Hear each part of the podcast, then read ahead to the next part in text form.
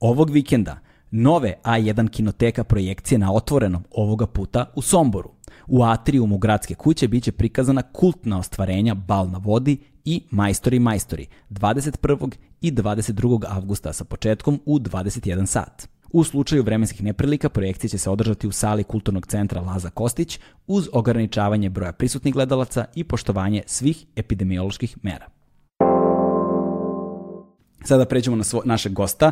Naš gost za ovu nedelju je čovek koji je definitivno poznat kao najpoznatiji Uh, poznat kao najpoznatiji, naš najpoznatiji stand-up komičar, uh, definitivno uh, scenarista, aforističar, neko ko je ceo svoj život posvetio komediji i svetu humora, piše kao jedan od scenarista za i veče, veče sa Ivanom Ivanovićem, možda naš najpoznatiji talk show i njegovo ime je Srđan Dinčić. Dragi prijatelj, dugo se nismo videli, vreme je da sednemo, da porazgovaramo i obnovimo malo uh, to što se nismo videli u tokom pandemije. Naš sledeći gost, Srđan Dinčić, uživajte.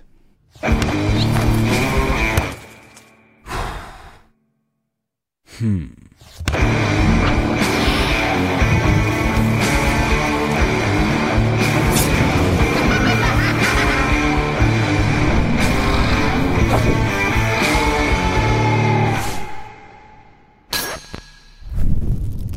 Jo, čoveče, pa gde si kućeo, kako si? Evo me, dobro sam.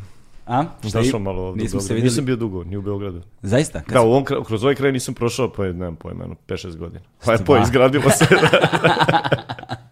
Pa nije toliko, znaš, s obzirom da je kao malo stariji deo grada. ali pa lepo, lepo, lepo. Znaš, pa ne može, ali ovamo dole su počeli da prave komplekse, onaj Jesu, horor. video sam tamo pored, pored Kalemegdana. Da, dole je tamo onaj 25 i tamo su napravili haos jebote. Pa je, izgleda tek će da bude haos. Ma beži, kako je u Mitrovici? Odlično, tamo nema ništa. e, i tamo se gradi isto. Ne znam ko će živi u tim sinim zgradama. Kako, kako, mislim, koliko st- stanovnika ima Mitrovica sad, ono? Pa Mitrovica kao, kao sam grad, mislim da ima, sad ću da lupem, pa će ovi moji da mi kažu da bilo živiš ovde, ne znaš koliko ima stanovnika. Mislim da ima 40.000 sama Mitrovica, a sa okolnim mestima, cela opština, pa recimo do 80.000. Pa do, to je taman. Taman, Tam- to je idealno, taman. da, da, to kažu da je idealno za život, kao Jeste. nije gužva, na dobroj smo saobraćajnici i železnička i autoput Mhm. i Novi Sad i Beograd nam je blizu, imamo planinu, imamo reku. Da. Ideala, Sve, a neko vi ovde u Beogradu. Malo se zapali vinča odmah drama. Gdje je živac? Kod nas se zapali šta hoćeš. Na, na, nas, je, na, nas je gušilo, ona seća se kao klinac. Kad sedeš na času i samo ošamari miris celuloze i matroza, onako, pošto su ga, čini mi se, nisam ni to siguran da su ga napravili, nisu baš ružu vetrova proverili. Aha. I onda su ga napravili u delu grada da piči vetar prema gradu, taj, taj, taj sav smrad. I onda je baš bilo zabavno, ali toga više nema. Sva sreća, pa više matros koji je hranio ceo grad ne postoji, pa sad dišemo. Ove, a, pazi, znaš šta, Vinča je baš onako a, zajebana stvar. Svakog dana, tačno otprilike određeno vreme, počinje da se osjeća a, snažan vonj ono govana. Ozbiljno. Da, da, da, da, da, i to bude baš ono na nivo, migrene, razumeš, znači baš To ti možda neku tu komšiluku pali septičku jamu neku ili nešto. Prvo počne tako što svi gledamo sebi u stopala, Da, da, da, znaš, po- uzimaš džonove u hodniku od patika i cipelaš koje sam li ja stao nešto, To, to, to. Ovaj, tako počinje, onda se intenzivira, intenzivira i onda kapiraš se u svakoj prostoriji u stanu osjeća. to ima određen, do, određeno doba dana ili to šara? U talasima na- nailazi. Pi- Pitam te jer bi ja ostao u Beogradu dok ne osetim. sad me kopka kakav je osjećaj. Pa pazi, ovaj, ja sad nekoliko dana nisam bio u Beogradu, bili smo u Sarajevu ovaj, na otvaranju Aha, Sarajevo to Film je daleko, Festivala. do tamo ne dobacuje. Ne dobacuje baš do tamo. Sarajevo Film Festivala, pa smo sinoć došli, tako da ne znam šta je bilo dva, tri dana u BG-u. Ali, ali, ali otprilike recimo posle podne negde, ne znam kad tačno, počinje polako da se onako užeglost Da, ono da, da, se da, da, osjeća.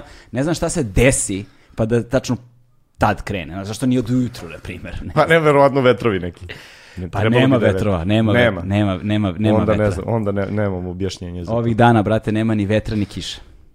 Ništa nema. Što Ništa bi pomoglo, nema. nema, spasa uopšte. vidiš da sve, sve sve. protiv vas, Beograđani. sve se urotilo. E, sve protiv svih nas. Sve, pa, pa, da jeste sve da. gori. Ne, mi ne, dišemo drugi vazduh. Znaš, kad se prođe Šimanovci, tu ima pregrada ovako jedna i od Šimanovaca na ovamo je potpuno jedan drugi Gra, granica, vazdušna banja. Vazdušna banja, tamo milina jedna.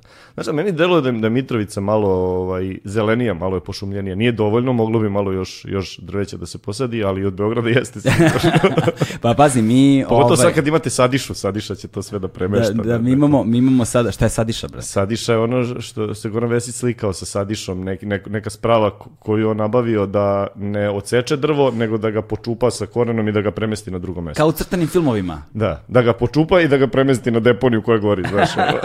Nemam pojma. Da, da malo potpiri vatru. Da, da, da, i to je nazvao Sadiša, ja ne znam šta je s njima svima. Ne si mu vidio TikTok. A dobro, dobro je odigrao. Ono. Ja sam mislio prvo da ga je montirao neko, zato što smo se mi zezali u emisiji, da. kao kako će da izgleda njegov taj TikTok Sićve 011, i onda smo ga montirali. Ali Sićve? Da, da, Sićve spektakl. Pa dobro, tačno se vidi da, da, da gađa, ima, ima ovaj, mm, gađa tu mlađu publiku. Da. Tačno se vidi da je pogodio, baš ima taj senzibilitet. Koliko mu radi PR? Ja ne znam, mora ga otpusti pod hitno. Znaš, ako je to isti lik koji je smislio ime Sadiša Burazeru, to nije dobro. Ne? Da, da, da. Sa, sadiša, ima Sadiša, sadista. Da, znaš, da. tu je, znaš, kao o, sadista od, od milja, je li tako? Klimavo je kako god okreneš. E, sad, sad, video sam ove figurice ponovo, ono Edi tamo, Maiden. Jeste, Edi Maiden, tako je, da. I donao sam ti poklončić jedan, pošto kad smo počinjali, ovaj, kad sam počinjao da radim treće stanje, ti si nastupao sa mnom. Tako Sad je, smo da. otišli potpuno, namerno, došli smo do Vesića i tu sam rekao, idemo, idemo na figurice. Idemo na figurice. I onda sam imao, imao plan da za, posle svakog nastupa mm -hmm. treće stanje kupim sebi jednu figuricu, mm -hmm. nekog super heroja ili bilo šta iz popularne kulture što ima figuricu. I to je do nekog momenta funkcionisalo i onda sam prestao zbog korone, ne znam ja šta. I ovo je figurica koju sam kupio posle nastupa u Nišu, Kad smo zajedno da, bili. Jeste, i bio si i ti tu i to ću da ti poklonim. Wow, čoveče. To je Batman, uh, sad, Batman zavisi iz kog ugla ga gledaš, iz, iz ovog ugla izgleda kod ima jednu nogu. Ali to potpuno Batman s dve noge. Da, da, da, iz ovog ugla. Iz da, tog ugla, jed, jedna noga Batman. A iz e, ovog, vidiš, tu ti dole piše, tu zapisivao sam tačno koji je šta nastup. E, ali mi se mesec razmazao, tako da nemam pojma kako smo bili E, pazi, ali ja mislim da je... Uh... Bio neki, bilo je neko toplo vreme, bili smo u nekim majicama, da ne kažem da smo bili goli u autu. Jeste, jeste, jeste. Bili smo u nekim, uh, bili smo, evo stavit ću ga ovako ovde. Da. Bili smo, uh, bili smo u nekim majicama, bilo toplo, a znam da nismo leto radili, da je letnja pauza bila. Pa da. Da, bude preko leta kao pauza. Ne, ja mislim da je to bilo proleće neko. Da, Meni pa liči da. na šesticu to što sam napisao. Možda je neki jun. Mo, možda i četvorka, može biti Meni liči april. na fleku, brate. Ali fleka je sigurno. Flek, deseti, fleka 2018. To, Niš. 2018. Ali mislim da se nisam zeznao, ti si bio tad samo. Jeste, jeste, jeste. U Nišu u domu vojske. Jeste. Tako jeste, je. Jeste. E, I donosi još jednu figurucu koju, koju ću da, da ti pokažem samo. čekaj, da ti to staje, kakav si Bošić bata. Ne, ono. nisam, nego sam kao sport bili. Znaš, radi, za... Iz torbice samo vadiš sve. Znaš šta je ovo? Jo, brate, šta je to? G.I. Joeac. Wow, I pričali ste, pričali ste ti i mlađi i Daško o Jeste, G.I. Joycima, da, brate. I ja uh, posle te epizode rekao, ajde da vidim šta ima na netu G.I. Joeaca, da li, se, da li ću da se sjetim. Imali smo, kad smo bili klinci, ja sam imao nekog brku i moj mm -hmm. drugar je imao ovog, da. i nekog ninđu. I ukucam na limundu G.I. Joe i izađe ovaj. I ja ga odmah naručim. Daj da vidim, brate. G.I. Joe, ga. brate. Vidi ga. Jao, vidi mu rep, brate. Mislim da se taj lik zove Dojo ili tako nešto. Ne I bi kao, znao. Ladno mi iz detinstva, Da. ono, sevnulo mi fl- flashback kako smo se ovaj, kao klinci s tim igrali besomučno po ceo dan. To imam nula sećanja na ovog lika. Da. Ovaj, ali, ali, ali ja se sećam nekog uh, kog sam ja strašno želeo da imam i onda sam ga nabavio, imao sam muke neviđene padobranca. I imao je onaj padobran kao nekog, ne znam čega, koji se kao pakuje, možda ga baciš i padobran se otvori i on kao pada, razumeš, i to si pakuješ ponovo, ali to su naravno sitni ono, Da, da, da, da, da. u- u- Lako za pokid. konci i to i to se tako i upetlja, više nikad da, nisam. da. Bacio sam ga dva puta možda i Ne znam, pokušao da objasnim svoje deci koliko smo mi čuvali te igračkice, Oh. znaš. A koliko oni ne čuvaju ništa, znaš, on uzme krlja, krlja, što ima punu sobu igračaka, da, boli da, da, da, da, da, da. A mi smo ono imali ta dva G.I. Joyca i, i, ovaj, i nekog Transformersa, seća se moj drug Voja, imao nekog Transformersa, on je njega čuvao, mučen, tužan, bl blisko ga stalno i onda se popeo sa, sa tim Transformersom na drvo Aha. i onda je sa drveta pa u rupu. znači to je popričao Čekaj, da... on sa Transformersom. Sa, on sa Transformersom je opleo sa drveta, mislim da mu i Transformers pomogao u tom padu, jer, jer nije se držao za granu, nego se držao za Transformersa, degenerik, i onda je opleo i onda ko Baksus bila neka rupa, kopali su neki dalekovod, i onda je drmno s drveta pravo u rupu, razbio se, mi smo mislili gotov, i, i dolazimo mi klinci da ga izvučemo, a on viče, jebo mene, vidi mog Transformersa, do te mere smo mi čuvali te igračke, znaš kao nek, nek se ja slomio. Tu je ta veza između čoveka i uh, majmuna. Razumeš? Zato što... Uh, Šta, be- majmuni padaju s drveta, znaš ne, kao. nego, nego, nego se uhvate za nešto i neće da puste. A to? Razumeš, kao što sam držao za Transformersa, ovaj, ima, ima taj tradicionalni način kako Bušmani, sad više mislim da je Bušman sada politički nekorektan Sam izraz. pozdravim mog brata Vojislava, to ti je Galeb rekao da se... ovaj, a, kako, kako nalaze vodu, pošto majmuni uvek znaju gde je voda. I Dobro. onda oni a, nabave gomilu soli koja je dosta retka u prirodi, razumeš, ono, sakupljaju soj i naprave grumen soli, izdube rupu. Ko to radi, Bušmani to Tako je, da, izdube rupu u drvetu nekom i stave uh, grumen soli koji bude ko kamen tvrdno u, u drvo i ovaj koji bude tačno te veličine otprilike kao rupa. Znači onda majmun kad gurne ruku uhvati gram, grumen, a kad vadi napolje ne može da izvuče ruku ako ga ne pusti. Aha, Razumeš? to je. I onda oni le, samo priđu majmunu i uhvate ga. Zato što on neće da pusti, razumeš? On vidi njih da dolaze. I to, je kaže, zamka, izvuče- I to je zamka za majmuna. Da, to je zamka za majmuna, znaš, i onda, i onda, i onda majmun uzme, ovaj, ili, na primjer, uh, ili uh- uhvate ga, a, ili, na primjer, ukoliko uspe da izvuče so, onda ide teži zadatak. Kako si došao do tih saznanja? Aj, pa ima dokumentarac, Aha, da, da, dokument, da, da. kucaš majmun, u, zarobljeni majmun, znaš, zarobljeni majmun Bušmani. To, ne, pa to sam, gled, to sam gledao, recimo, nešto, da li je to bilo ono, kako se zove, um, Kako zarobiti majmuna? Dokument. Ne, brate, kako se Pa zove ona prirodnjačka emisija koju smo... Opstanak. Opstanak, survival, tako je, opstanak. Smo, u opstanku sam ja mislim to gledao, ko klinac i ostalo mi negde urezano, pa sam posle našao, godinama kasnije našao na YouTube. Čekaj, kako traže vodu? Da, kako bušmani traže vodu. Znači to ukucaš otprilike i ovaj i onda ćeš naći, ono ima milion načina kako traže vodu između ostalog je taj, to je jedan od. I recimo tako majmun se najede soli, daju majmunu gomilu su najede se soli i ovaj i drže ga u kavezu, drže ga zarobljenog i onda ono žedneće da rikne i onda ga puste i idu za njime. Da, to je možda savjet za srenjanince, da zarobljenog majmuna i možda nađu vodu mučeni ljudi. Znaš kako. Strašno, to je sad to je ovih to je ovih dana i za ovaj ekipu iz Gornjeg Milanovca pošto I Rz- Čačak je nešto imao problem. da, I Arilje, pa rzava, ceo taj deo. rzava, da. rzava a, ovaj je opala i nema dovoljno vode. Znaš, Pa tako da Mislim da je ceo taj kraj, Arilje, Čačak, tako da, ali tamo majmuna nema. Da, to je problem, To da. je problem, nema ariljskog majmuna. Čuveni ariljski majmun. Posljednji put viđen pre 50 godina. da, da, bio brao pamuk i onda uginuo od, od preteranog. A nema ni pamuka više, jebote. Kako nema ariljski pamuk? Ali, a, dobro, ima. Ima i polja tamo, Pa plantaže. ne, ne verujem da imaju plan... Stvarno, odakle ariljski pamuk? Nikad se to nisam, znam da imaju maline. Ali od čega prave potkošulje? Oni nas lažu ceo život gale. Samo ne Oni znam- nas ceo život lažu. Ne znam kako od maline naprave pamuk. I sad ćutimo pola sata u podcastu, pa šta se dešava. Sve, Razmišljam. o, o če- sve u što sam ikad verovao vezano za Arilje. Propalo. Da, propalo sve. To je kao, kako, se, ta, i- e, kako je uh, i Tison dobio ime. I Tison. Da. I Tison. ne. Industrija tepiha Ivanjica. Ivanjica, Da, i to je to. To je to. I kao sad... Čekaj, i Tison, gde je tu Ivanjica? Pa ne znam, brate. Industrija tepiha. A valjda industrija tepika Sonobor. I Tison.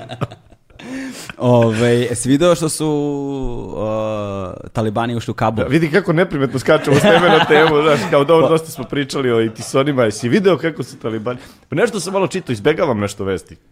Ne čitam preterano, ali video sam da, da je dramatično. Fascinantno je kako su uspeli... pokupili, otišli ovi... Mm, I sada porede sve ove fotografije kako su iz Saigona odlazili, kao i kako su odlazili, razumiješ, oni sve isto, to? helikopter sa krova, ljudi beže. Pasivna agresija, ali nismo bili dobri, ali vidiš kako smo mi to, kako je bilo kad smo mi bili. Ali, Ali je fascinantno kako, me- meni je sad van celog političkog konteksta, fascinantno mi je, fascinantno mi je kako je Afganistan a, i ceo taj region zapravo ostao, ja mislim, sad da ne grešim dušu, nisam stručnjak, ono, ali mislim da je to jedina zemlja na svetu koja nikad nije bila pokorena. Znači, Dobro. ono, od Atile na ovamo niko Pa da. nije osvojio Afganistan. Svi su probali. Britanci su se tamo Jeste, opasno zajebali. da. I- da. i- i- Rusi su se opasno isto, da. zajebali tamo. Evo, Ameri su 20 godina Da. tamo, opasno Nema. su se zajebali. Jedno mi da krenemo. Jedino mi, ne, tačno vidim da će da se džilitaju dok mi ne krenemo. Dok se mi ne zainatimo, znaš, a mi smo sad se naoružali, imamo svega, gledao sam ja na televiziji. To ako i mi dođemo, sami će dođu. Da odu kad evo braćo, evo braćo, izvolite. Šta je bilo? Bilo je sada... Je, Odvedemo Sićve i Sadišu, samo im premestimo. da je tamo, Sadišom im premestimo Talibane. Sadišom im premestimo Sićvea u Kabul, Da. da im bude gradonačelnik i ode sve. Ode Kabul. O, I ode Kabul u. Čim počne da im smrdi na govna, Mislim da njima do, do, dosta zabave i sad i bez siće. Tako, strašno. Bukvalno, Katastrofa. Katastrofa na što to sve Ovaj, liči. a, inače, Sad, sledeća tema cveće, znaš. Da, Da, da. da, li uzgaš... Le, Ja- lepo je cveće. ja ovo ne da znam ko je, šta je, znaš. Ne znam, ali tvoja supruga je izričito rekla da se pazi da se to cveće vidi i onda mi on rekao da, da budeš siguran da je to cveće bitnije nego ti u kadru. Mada je malo i umrlo. Malo Taj list, konkretno. Da. Ali taj list je bio mrtav odavno. Mislim, kad smo, kada, kada e, smo ga dobili, ne znam, neko nam je poklonio to i bio je neki divan cvet. Ma neko poklonio Ali izgleda- pokvaren cvet. Mislim, Ali izgleda, ali, izgleda, ali izgleda da, je, da je sezonska neka, pa je cvet odavno uvenuo, pa sam mislio, "Ajmo da bacimo ovu u đubre, onda žena, ne, ne, ne, ne, ne, ne, kaže, to je sezonsko, izaći će novi cvet, sad čekamo da izađe novi, Da, znaš. da, za 5-6 godina. Ne znam. Pa ko zna, možda Olimpijske jedno... igre na 4 godine, ali bude predivan. sad. moja, moja supruga, koji, za koju se biljku uhvatila, ubila je. Nadam se Stvarno? da neće. Za koju god se uhvatila, ta je ćao, zdravo, ne postoji više. A, a loži se, znaš, hoće da, da ima neki Da. kao, sad, sad imamo dvorište, pa onda ona tu nešto, I šta je raste u dvorištu? ništa ne raste, ono što je raslo, pas je popišao i to ne raste više. Da, da, da, sad je sve narandžasto. Ne postoji ništa, ništa. Kako, je, kako su deca, čoveče? Kako je život s dvoje dece? Da, da, zabavan je život s dvoje dece, super su, baš, baš je zabavno. Pogotovo sad kad ne radim i ceo dan sam s njima, baš, baš. Evo, mala je slomila ruku pre neki dan. Jo, kako brzo, šta se desilo? Penjala se na tezgu neku. Pa šta sve devojčice rade nego se penju na tezgu? To je potpuno normalno ponašanje devojčica od 7 godina. Imaju neku tezgu pored zgradi, tu su se igrali. I kao sela, kaže, Nastasija, kako si pala? Sela sam da potpišem spomenar. Znaš, da li kad iko slomio ruku tako što se ovaj potpiše spomenar? I onda je promašila valjda tezgu, nemam pojma šta je radila i naprsla je ta neka koska.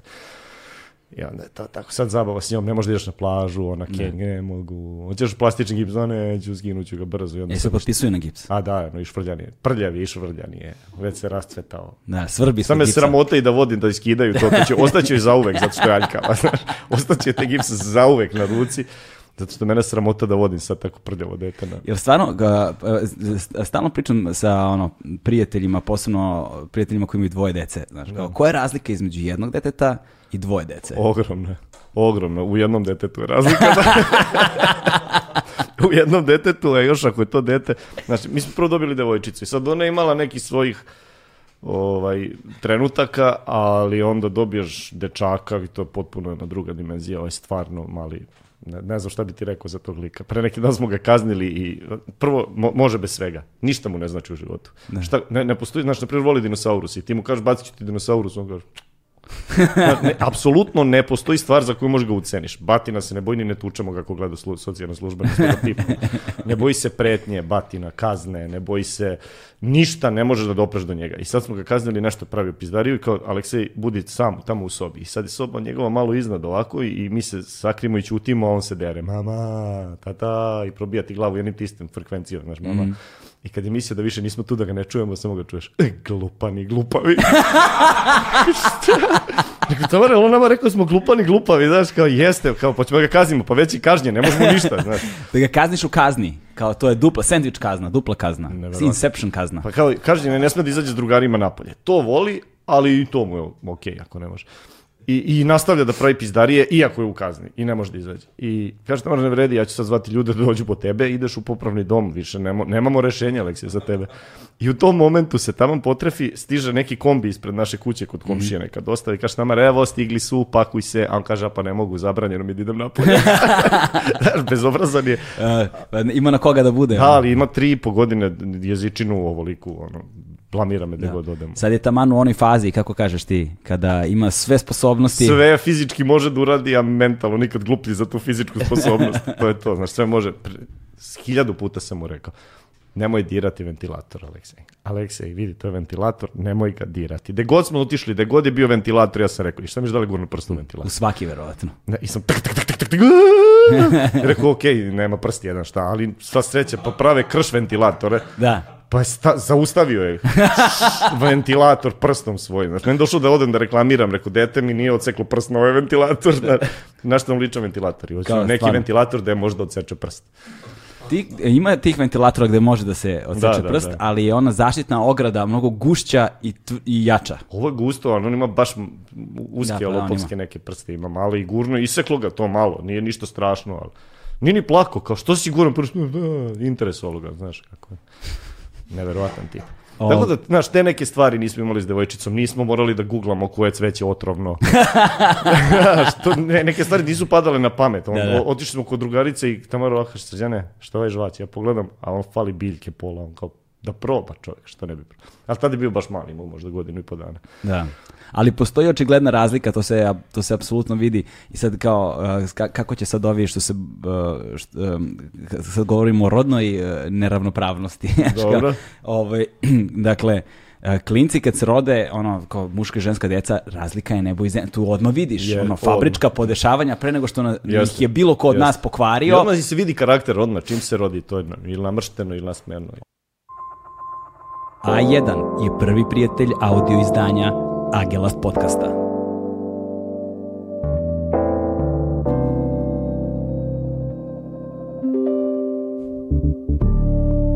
Odma, odma, znači ti, ti, to tek kad dobiješ dete, shvatiš, razumeš da je ono došlo sa settingsima nekim, ono već I da se mi postavljenim. samo ložimo da tu možemo da utičemo nešto. Da, da, mislim, verovatno možemo na ko zna koje načine sve da utičemo, ali ti vidiš da je neki preset napravljen već Tako je, tako i da ti sad tu, možeš ti to da zajebeš. Da, Razumeš, da, ali da, da, niko i ne želi- hoću, nemoj mi da hoću, ne da mogu, nego i hoću, najverovatnije. Svi pravimo katastrofalne greške. Ko zna šta će budu sutra trigeri, razumeš? Kako Znaš god da ko- se šta je trudiš. kod nas problem? Što smo Tamara i ja m, poprilično drugačije dve ličnosti. Znaš, ona je malo autoritativna, ona bi to malo strogo, a ja sam sve suprotno od toga, jer i meni treba neko da kaže srđane, nemoj to i da me kazni, jer pravim sranje. I onda ovaj, tu se malo mimo ilazimo, jer ja zaista ne bi njih ni toliko da kažnjavam, ja bi rečima nekako njima da objasnim i nekako da ih zeznem, da idemo izokola, a nemam dovoljno vremena da idem toliko izokola jer nisam toliko kući i onda ja sam tu negde na pola dupeta što se kaže ne uradim ništa. I onda sam pustio Tamar jer je na kraju se ispostavilo da ona u pravu, da mora da mora čvrsta ruka. Jer Pa da, ako ti nisi dovoljno to da je ona veći deo vremena sa ja, njima. ja viorim, ovaj, ovaj je ja- suviše jak karakter mali za mene, a na ovu malu sam suviše slab. Da. Znaš, ona me mota kako hoće, znaš, napravi neku tužnu facu kučeću i idi nas da se zapali kuću, šta da radi. da, da, Ali reci, ali reci kako funkcioniše to kao sa tim emotivnim ucenjivanjem. Da, ali, ali oni znaju to i, i ja znam. Da. Ali ne može se promeniti to. Ja znam da ona mene zajebava, nema šanse da se to To, promeni. ja, ja, ja, sećam se ono, pre nego što, pre nego što smo dobili dete, ono, žena i ja kao sedimo i fazonu smo, e kao, barem smo mi vidjeli sve, preživjeli svašta, da, ono, da, nismo mi kao naši roditelji, kao neće da. nas moći barem da zajebe, baš ćemo budemo cool, bit ćemo prijatelji s decom, bit ćemo sve, kao mi ćemo baš da, znaš, i ono, dobiješ dete, ovo mala dve i po godine, vozi me ko majmuna, razumeš? Znači kako hoćeš, brat. Evo, daj me grumen soli. Ali, ali ja mislim da nismo mi ko, ko naši roditelji. Pa pazi. ja, ja sigurno nisam ko moj ćale, to, to mogu da po- potpišem. On je bio Ali- strožiji mnogo od mene. Ali pazi, svaka generacija, da, ali tvoji čale, verovatno kao i roditelji, evo, nas svih ovde, su ono, deca socijalizma, razumeš? Da je Moj ono, deda, moj deda je došao kući, moj stric koji je igrao rukomet, nije pospremio sobu taj dan.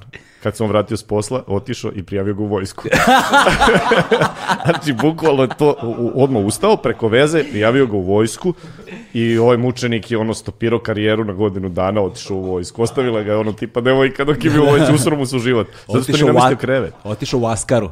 Neverovatan. Tamo je naučio da namešta I krevet. baba kukala, ali ne vredi ovaj bio. Ide u, nije namestio krevet, znači, svinjac pravi tu, ide u vojsku lepo i onda su u isto vreme bili imali tri sina, moj ćala i dva strica, sva trojica su bili u isto vreme u vojsci. Au, Zato što je deda to mu organizovao očas posla. Kad ali, ideš- znaš, ali to sad deluje kao, kao neka disciplina da je deda bio neki, znaš, a deda bio, znaš, z, z, Duša čoveka. ne, ne, ne, ne, ne samo duša čoveka, ne, nego je bio zjakast, znaš, nije bio neki sad pedantan do, do zla Da, boga da, da. i to deda bio tek gla, glavuđu u oblacima, nema pojma šta radi. Ne, ali, ali si provalio, postoji razlika, možda jeste bio, ali uh, roditelji kada postanu babe i dede, desi se neki switch. Ma da, da. Da, ono, raspilave se, Mislim da se ko mogu da. Radenka taj switch dogodio malo ranije, znaš, on je tip kojem je došao neki lik u, u, u firmu i rekao ja sam Milko Đurovski, pokvarila mi se kola i on mu dao celu platu, naravno da nije bio Milko Đurovski, znaš, došao nasumični neki tip i on mu dao pare. Znaš, to je... Dobro, taj- naivnost i strogoća ne moraju nužno da imaju veze jedno s drugim. Ne, ne, ne, ne. Šta Bio, strog, ali... ali je Naivan. Ma ne samo to, ne, on je bio strog da, da neke stvari ne smeju drugi da rade, a on je pravio mnogo veće svinjarije nego što je A. nepospremljena soba mog strica, razumeš? Ti, tipa, taj moj stric kasnije mu donese neko odelo za neku svadbu, ne znam ja šta, ovaj to proba i zaboravi da se presvuče, ode i podvuče se pod auto. Znaš, da popravlja auto i stric kaže, Radenko, ti treba leptir mašna? Kaže, ne, ne, ne, dobar sam. sve, sve, okej. car. Pa me čuo jednom, ja bio mali, boš imao tako ko Aleksej, tri godine. Izlazi mama na terasu, a ja visim na drvetu ovako. I držim se za granu. Kaže, srđo, šta radiš? Kaže, deda me okačio. A deda si igrao sa mnom. Kao, znaš, okačio mi, došao mu neki prijatelj, i da otišao da se javi s prijateljem i zaboravio da me okačio i otišao čovjek. I ostao visim na grani. Evo, to je sad ta dečija snaga, razumeš? Ti si mogao da ostaneš da visiš na grani. A sada, ako bi mogao da izdržiš minut vise, viseći... Nije to, to snaga, to je, to, to je majmun u meni, znaš, Da. to je taj majmun koji ne pušta. Da, da, da, da si imao da. Transformersa, držao bi njega ovako. Tako, i držao bi se jednom rukom. I jednom rukom, Bio bi Spider-Man je, evo. Znaš šta, to, to, to što pričamo o, o dedi sad, taj deda je spektakl bio i cela ta Ćaletova porodica je setup jedan iz kog sam ja izvukao gomilu nekih stvari i duha i materijala kasnije za stand-up, tako da, da deda nije bio takav, a baba s druge strane bila zajebant neviđen, iako nije imala školu, nije imala ništa. Ona imala kliker užasno i za zajebanciju i za sve. I onda iz te, ovaj, iz tog milija sam ja vukao kasnije sve, sve što sam radio. Deda je jednom, imali su nekog kerića, neku ono, mešavinu, mešanac neki mešavina, Mešanac. proteze i dlaka iz kade, otprilike tako izgleda pas. Znači, Tvoj, brate. Da, Znači, malo šta je odvratno kao dlaka iz, iz slivnika. E, to, to je to, to je Keri. A bio neviđeno pametan, ovaj pacovanerčić neki. I sad, naravno, koji sve babe i dede, oni nisu njega hranili granulama, nego što ostane od ručka, ona roka njemu, to. I taj pas živeo 20 godina, skoro je zgazio auto, znaš, moralo je da se nešto domaću desi. kuhinju, brate. Domaću kuhinju, tako je, organski. Sve I jedan dan dolazi deda u dvorište, Ne, vidi, ta, tad, tad se hrana nije bila organska, to je samo bila hrana. Samo hrana, da, da, nije bilo, nije, nije se delilo. I ovaj, dolazi deda u dvorište i pogleda kod psa u činiju, a ono kolači neki. I sad dedu kopkalo da nije baba bacila sveže kolače keru. I onda se sagnuo, nije ga mrzelo, uzo iz činije za psa kolač da proba, u tom momentu ulazi babina sestra i kaže Radenko, šta radiš? šta radiš čoveče? Što jedeš kolače iz činije za psa, jesi normalno? Baba, i baba mene zove odmah, sine, ti imaš tog psa, daj donesi dedi nešto da jede. Znaš, da me zezala za to, za, za to žderanje iz činije. A on sam još, nije, nije, nije, Ali to je najgore, ono, ako probaš da se vadiš, još gore, brate. Ma ne, pa kako, ne može, kako možeš se izvadiš iz toga, uhoćen si da jedeš iz činije za psa. Šta Onda- možeš da kažeš? Pa ništa, u tom trenutku onda samo nastaviš da jedeš. Da, ne, teo sam da probam da, da se pas ne otruje, znaš. To je to, nemaš, nemaš objašnjenja. Kako smo došli do ove teme uopšte, Galeba? Ne znam, ne znam, brate, nemam pojma.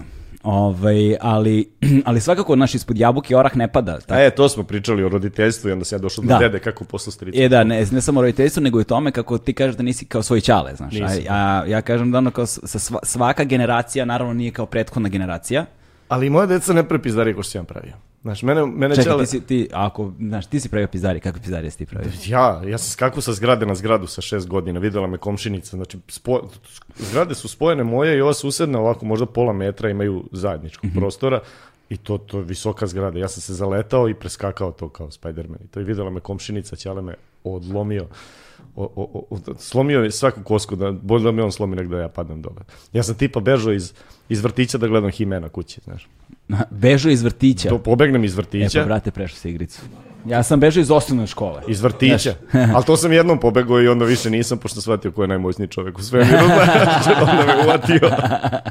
Onda je bilo ta na na na na na. na. Ovaj, A mnogo da. su Himena, znaš. To je I, a, to. DC ili Marvel? Uh, Marvel. Marvel, što? Da. Marvel zato što mi je Daredevil omiljeni su, superheroj. E da, provalio sam da voliš Daredevila. Kako se ta ljubav desila? Ta ljubav se desila zato što je on nekako Marvelov odgovor na DC, najbliže što je, vidi, Batman je Batman, naj, najbolje što DC kad smislio. A, a ovaj je nekako najbliži Frank Miller kada je uzeo da ga radi, napravio je od osrednjeg potpuno superheroja, napravio je nešto baš blizu Batmana, pošto on radi Batmana. Tako da mi i, ta, i onda ta rečenica ovaj, Franka Millera kad je rekao potpuno slepi lik u potpuno vizualnom mediju, mediju je kao fascinantan i onda kao ajde da vidim šta je to i onda sam počeo da čitam i svidao mi se taj lik. Ne, ne, ne, znam, ne znam u čemu je fora, zašto mi se svidao, ali mi se svidao. Da, znaš, kada uporediš uh, svemir Marvela i DC-a, znaš, i kad vidiš sve te likove koji su pandani jedni drugima zapravo, a onda, onda tačno vidiš da je kao meni Marvel bolji, gde mi je DC bolji, znaš, Pa ima da, znaš kombinacija. meni, meni, malo dos- dosadilo to mračnjaštvo i filozofiranje DC-a. To, to, to, mi, to mi ide na živce. A mislim da su to... To, To je Nolan počeo. To je, ne, ne, no, Nolanov Batman je okej, Da. ali onda, znaš, kad, kad uvate pa počnu filozofiraju u Aquamanu u filmu. Na. Da, da, da, da. Sad, potpuno su drugo stripovi, potpuno drugo film, ali opet nekako, Marvel ima i tu neku humorističku notu kroz stripove, znaš, ima, ne znam, Deadpoola, ima Da, da, da. Guardiane. Ne, Deadpool strip je zakon. Da, Deadpool strip je zakon. sjajan On, strip. on je možda najbolji Sjajan Marvelov lik, definitivno. Barem ono, prema mom ukusu nekom Deadpool. I, na primjer, ali s druge strane, i Marvelov pandan, Dead, ovaj DC je pandan Deadpoolovi Deathstroke, ima svoje neke, Jest, svo- jest, svoje neke jest. kvalitete. Recimo, recimo lepše mi izgleda Deathstroke, mi je ono, kao, i kao figura mi je mnogo moćniji. Ovaj, i malo je ono zajebaniji lik u nekom kontekstu, ali u drugom kontekstu naš Deadpoolov karakter ne može, brate, niko da. da pobedi. Pa i to, je- to, to, ti isto, znaš, kao Batman je uh, o- osvetnik koji je sve nasledio od Keva i Ćaleta, znaš, i onda lako njemu... da Razmaženo skače- derište. Razmaženo derište milijardersko, a, a ovaj mučenik Daredevil, em slep mučenik. Da. E mu Đale nije ostavio ništa, bio neki nesretnik što se što boksuje, što se maklja, ostavio mu samo principe životne, znaš. I on se tim principima i Samo životne Samo životne, ja sam ovo rekao. Da. Da. Znaš, pričao o stripu kao... Can you hear zbog grasshopper? toga mi je, zbog toga mi je zanimljiviji. znaš. Can you hear grasshopper that is at your feet? Znaš to? Znaš šta je samo u, Batmanu, na primjer, drastično su negativci bolji. Mhm. Ne znam, ovdje imaš Bullseye, malo je dosadan, ima još tih ne, Kingpin i ne znam ja šta, ali u, u, Batmanu imaš, ne znam, Joker je Joker je- daleko razvijeniji negativac, imaš Pingvina, imaš, ne znam, Two-Face. Jebote, pingvin čoveče. Uh, ko, kako se, ko je beše glumio? Nije Devito. Ne, DeVito je glumio onog prvog, ne prvog, to je drugi deo. Da. Uh, kako se zove čak što je radio? Što je Barton, Barton da, Da, je mozak. Teo sam da kažem da, da asocijacija je bila ovo što je zaljubljen u Johnny Deppa. to sam krenuo da izgovorim. Jeste, jeste, ali, ali kad pogledaš istoriju, recimo, likova koji su glumili superheroje, ja mislim da je tu DC imao promašaja više nego, ono, Da. ok, Marvel, Marvelov Spider-Man, ili tako?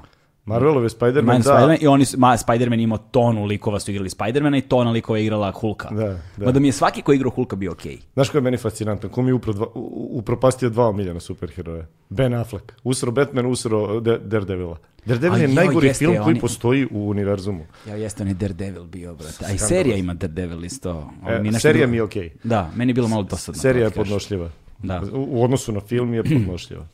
Ali ja moram da priznam da mi je u poslednjem Batmanu uh, Affleck bio okej. Ja to ne, ne, ne. Ne, on je generalno loš Batman, da, ali kad prvi put, prvi put je bio ovaj Batman vs Superman, tu se Da, prvi put da, pojavio da, da, da. Ben Affleck i tu je bio katastrofalan i tu je ono sva loša očekivanja su se ostvarila. Jeste, jeste, jeste. Ovaj, posebno kad se pojavi u onom buđenom Batmanu sa onim Kako ekstra mene oklopom. taj oklop nervira. Ali nažalost morao sam, kupio sam i tu figuricu, zato što mi je ponestalo, ali toliko je odvratna, najskuplji od svih figurica. Ovaj lepi Batman, vidi kakav je lep. Vidi ga, da. A onaj nabuđen izgleda kao, svemirac neki. Mm, ali ako ćemo da gledamo najgore liko, na primjer, kog bih superheroja volao da vidim sada? Volao bih da vidim a, ovog Spawna. Dobro. Spawna, da, sam, to, to, to smo ko klinci gledali i ne znam zašto remake toga ne postoji, Da. neki savremeniji. Bio Spawn- srebrni letač, ja mislim da je bio crtan. Silver Surfer, ali nemam pojma, jevot. Ne, ja s toga ne sjećam. Ali mi on dosadan isto. Ne, Pa on da, mi malo mi je za- banalno što kad krenu sa Silver Surfer, Aquaman i to tu već... Pa dobro, imaš ovo, sad su počeli sve, imaš Swamp Thing, imaš... Pa da. Ovaj.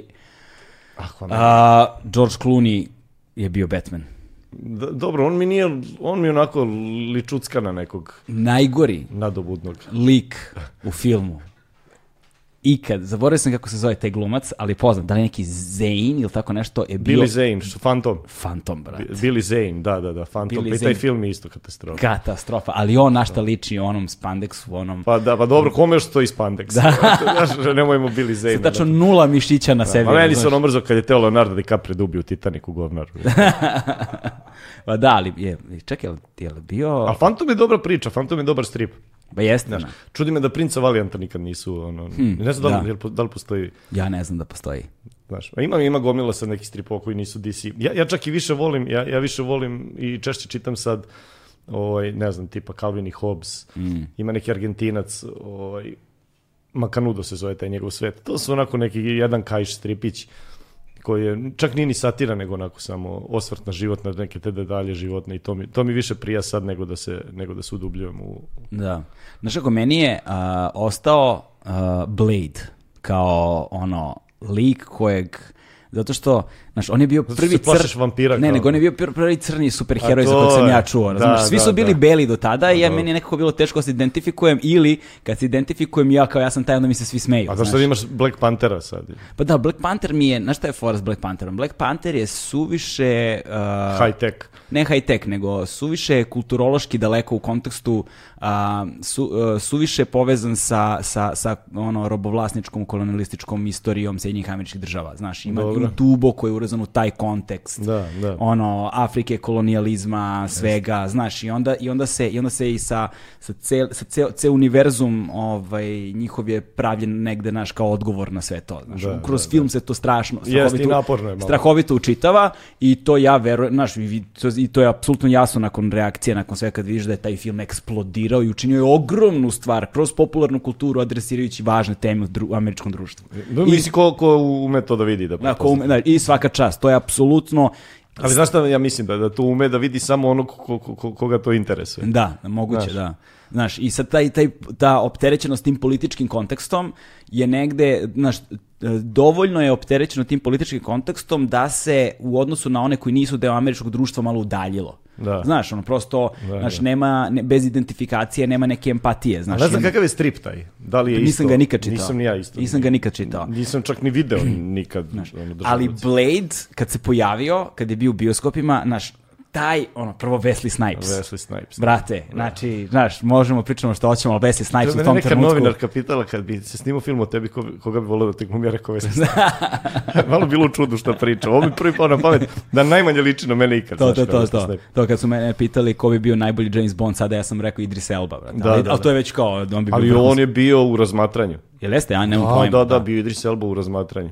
Ovaj, ali, uh, ali kad se Blade pojavio, pazi, taj, taj početak filma, to ona, što je kultna scena, razumeš? Znači, ti sedimo u bioskopu, ono, klinti smo, ne znam koje godine je izašao taj Blade. Pa 98. recimo ja. tako nešto, znači imamo 15-16 godina, znaš ono, idealan trenutak da gledaš takav film u bioskopu, razumeš? Da, da, da, da. Sedamo u bioskop, gledamo Blade-a, počinje onako, pojavljuje se a, ova jedna poznata porno glumica, mislim da je Tracy Lords ili tako neka. Dobro. Ovaj, I kao privodi frajera, razumeš? I onda... Jer a, šta će? Da, Šta- ne kao, ne, ne, kao idu na neku žurku.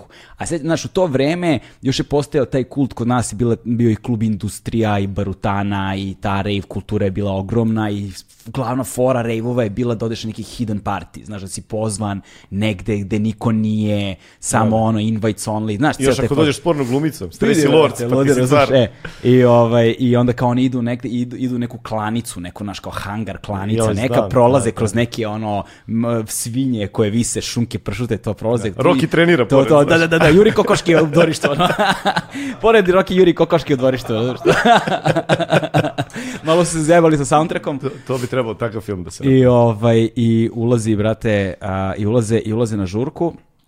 Baš sam pre neki dan sedeo sa, sa Markom Vijem i pričali smo o toj sceni i on se setio, sad ću da ti nađem, a, on se setio ko je, koja je numera bila, Mark Vi, a, evo ga, pesma koja ide u, u, u, u, u a, Damon Wild Ego Acid Confusion. Dakle, Damon Wild, to je stvar Bukvalno koja kao ide... da si mi rekao bla bla bla. Nema bla, veze, bla. za one koji hoće da googlaju. Znači, Aha, to, ta, stvar je, ta stvar je ono u ploči, na, u originalu na ploči, razumeš? Koja je poslušao soundtrack za, za Blade-a. Da, da. I, ovaj, I ovako kao gomila mladi, kao naši sad je ono totalna, kako zamišljaš, kako klinac fantazira da izgledaju z- eh, z- eh, tajne žurke, ono, razumeš, na, u, u, u mesarama, brate.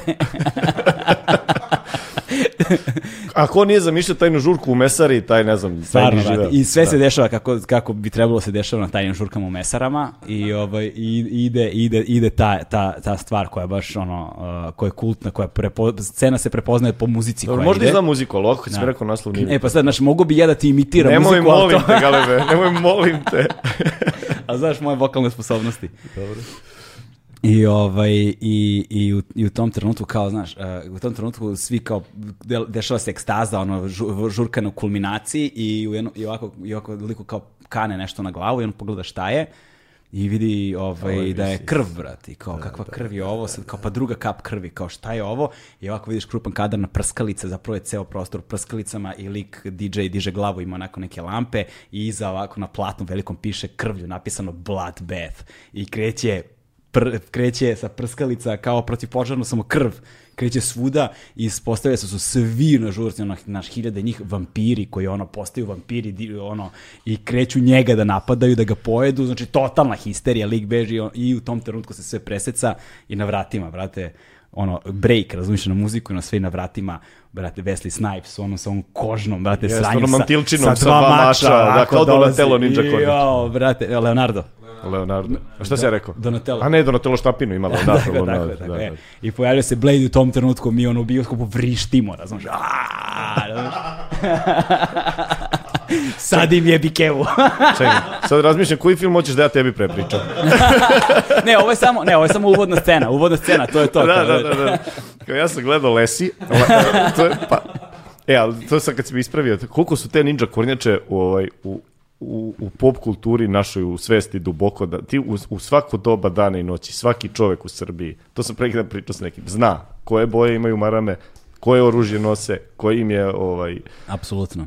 Ali ja mislim da to nije I samo to u Srbiji. ako pogrešiš ti viralu, kakav, kakav Donatello s mačevima, to je Leonardo, idiote, nemoj to da mi grešiš, pa nemoj, znaš, dođe do tuče ako to pogrešiš. Ovaj, ali mislim da je to sa svim zemljama, mislim sad lupetam svim zemljama sveta, ali mislim da u velikom, većem delu sveta je to kao... Da. Si ti dozivo Ninja Korenča u šahtu kad si bio mali? Ja, vidiš toga ne mogu da se setim. Ja, ja, ja, ja se sećam, ja jesam, brate. Ja jesam, da, ono, šaht u kanalizaciji i onda vičem, razumeš, legnem na ulicu, stavim ovako ruke i na onu rupu od šahta, razumeš, vičem. I viko, e, dozio mi- ništa, a? Ništa, brate. Kakvi su to serum? Da si imao picu, da si ih mamio picom, možda bi... Jed... I jednom ne, si nećeš, to neće- radio. Nećeš mi verovati. Jel bilo i toga, a? Ne, a, jed, jed, jedna od a, većih životnih trauma je kad me majka kaznila, jer sam, ovaj, uzeo sam, mama je napravila picu, znaš, ona domaća Da, pica, da, da, da. hleb, razumeš, za topinsima.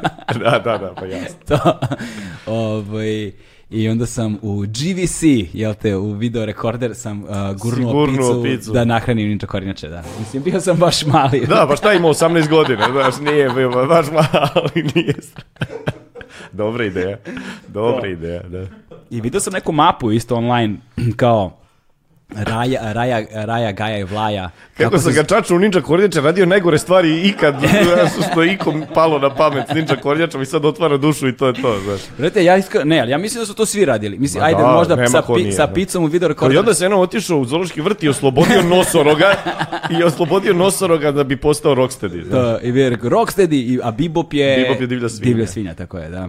Je, but, ali, bazi, okej. Kakve možda- ozbiljne teme smo mi ovde sve prešli. Slušaj, da. Jedna, jedna stvar znam, za, sa, tobom ozbiljnih tema nema. Nema, nema, nema, nema. A ovo je taman, ovaj, to je nešto o čemu ja znam da pričam. Znaš, sad da me pi, pri- pitaš o Tomasu Manu, ne znam ništa. O Ninja Kornjačama, daj prijatelju još Kako malo kaže, toga. Ovaj, uh, uh, Oscar Wilde je to lepo rekao. E, Naj, nema najviše ovo. volim da pričam ni o čemu jer jedino o tome sve znam. Pa da, da.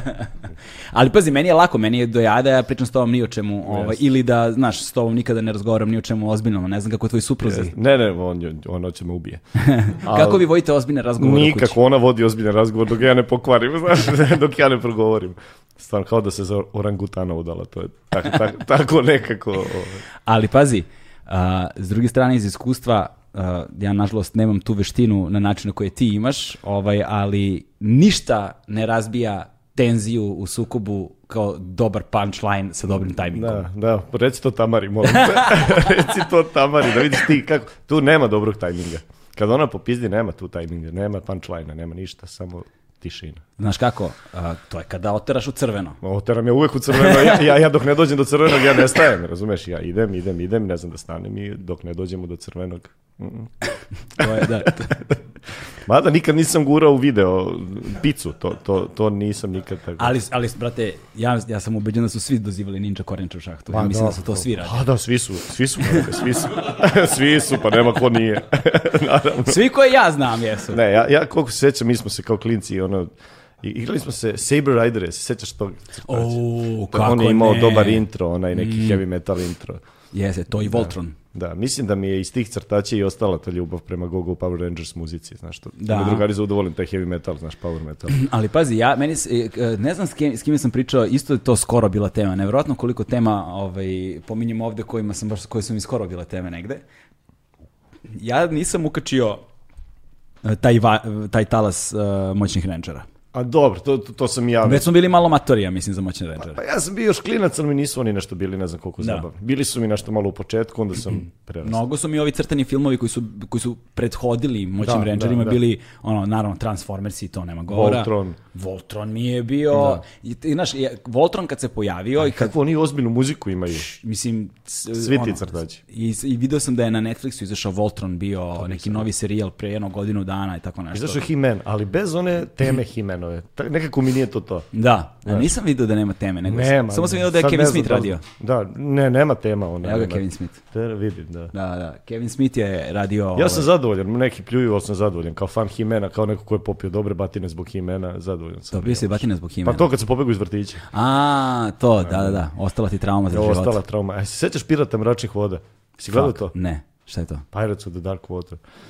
Nisam Uh, gledao. Ren, Tula i onaj neki veliki, ne mogu se sjetiti kako se on zove, idu skupljaju neke, neke smaragde ili ne znam nija šta su. To mi zvuči strašno I poznato, onaj ali neki ne. plaf gusar ide i lovi i onda ima ona vodurina neka kao nafta da iscurila koja jede sve živo. Ima onaj monkey bird needler. O, Po- brate, vidim da si fan, ali ne. Ne, nisi Ne, to ne, ne. Ali kad govoriš o tome, sve vreme u glavi Secret of Monkey Island, Secret of Monkey A ne, Island. to je igrica. Da, Ja, da, kako da. sam volao tu igricu, Da, čoveče. to me, ta igrica mi je upropastila život. Kako, što, jesi se nervirao kad ne možeš nešto pređeš? I sam u školu išao, brate. Da. Kod drugara na kompjuteru, jer ja nisam imao kompjuter. I onda ja dođem Da. kod drugara da idem u školu i onda sednem da igram Secret of Monkey Island i u fazonu, ajde ti idi, ja ću samo da završim, ja ostanem kod njega u sobi da igram igricu. Pa, Znači, Kao i onda sam u njegov video gurno picu, znaš, nisam kući, nisam lud. neću svoj, Pa da. sigurno. Oj, te- I ta, ta dva, kao prva dela, Monkey Island je ono, u pikselima sve, ona očajna grafika, ali tu su mi nekako bile ideje bolje i zagonetke su mi bile bolje. Onda već onaj treći deo, čini mi se, kao Curse of Monkey Da, da, Island tako ili nešto, je. Oni lepo nacrtani i to sve, ali već su tu malo... Kako se to baš zove? Click and point. Click and point, ja, da, ja, sam, ja ne, ne volim nešto igrice, ne igram, ali te sam voleo click and point. mm. Ja volim igrice. Ja zapravo baš volim igrice. Ozbiljno? A, da, da. Šta igraš? Ili igraš sad trenutno? Sad trenutno, osim kada imam prilike da igram Mortal Kombat, ne igram ništa drugo i igram šah. Dobro. Ali to je druga, druga stvar. Mortal Kombat kad god mi se pruži prilika, ovaj, ono, sednem... S kojim i- likom igraš? kojim god hoćeš. Ali sad ove modernije ne igram s ovim... s ovim Dosta si samouveren.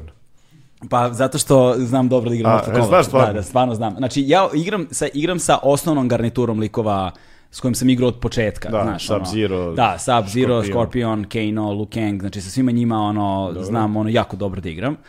Ovaj, s time da su poslednjih nekoliko verzija Mortal Kombata ovaj, toliko varijacija na temu Počeli da ubacuju Ramba i, Da, i, i to. termin, da, da. Znaš, mislim, meni je to sve okej, znaš, nego samo što se igra zakomplikovala i toliko toga novih stvari ima da moraš da igraš redovno da, Da, bi da, da. skill set mogao da držiš, znaš. jeste, jeste. Sada onaj basic skill set koji je bio A ceo to skill set. funkcioniše, I, isti su potezi. Ja igram osnovne- povremeno, mi imamo neki Nintendo Osnovni, Switch pa osnovni potezi, osnovne magije su iste. Da. Znaš, one osnovne su, ja mislim, iste kroz sve, Da, da, da. sve- kroz sve verzije I uzmem igrica. zira i ledim Tamaru i aperkat i to je sve. Znaš, I onda se ona nervira, ode u crveno i to je to. Da, da, le...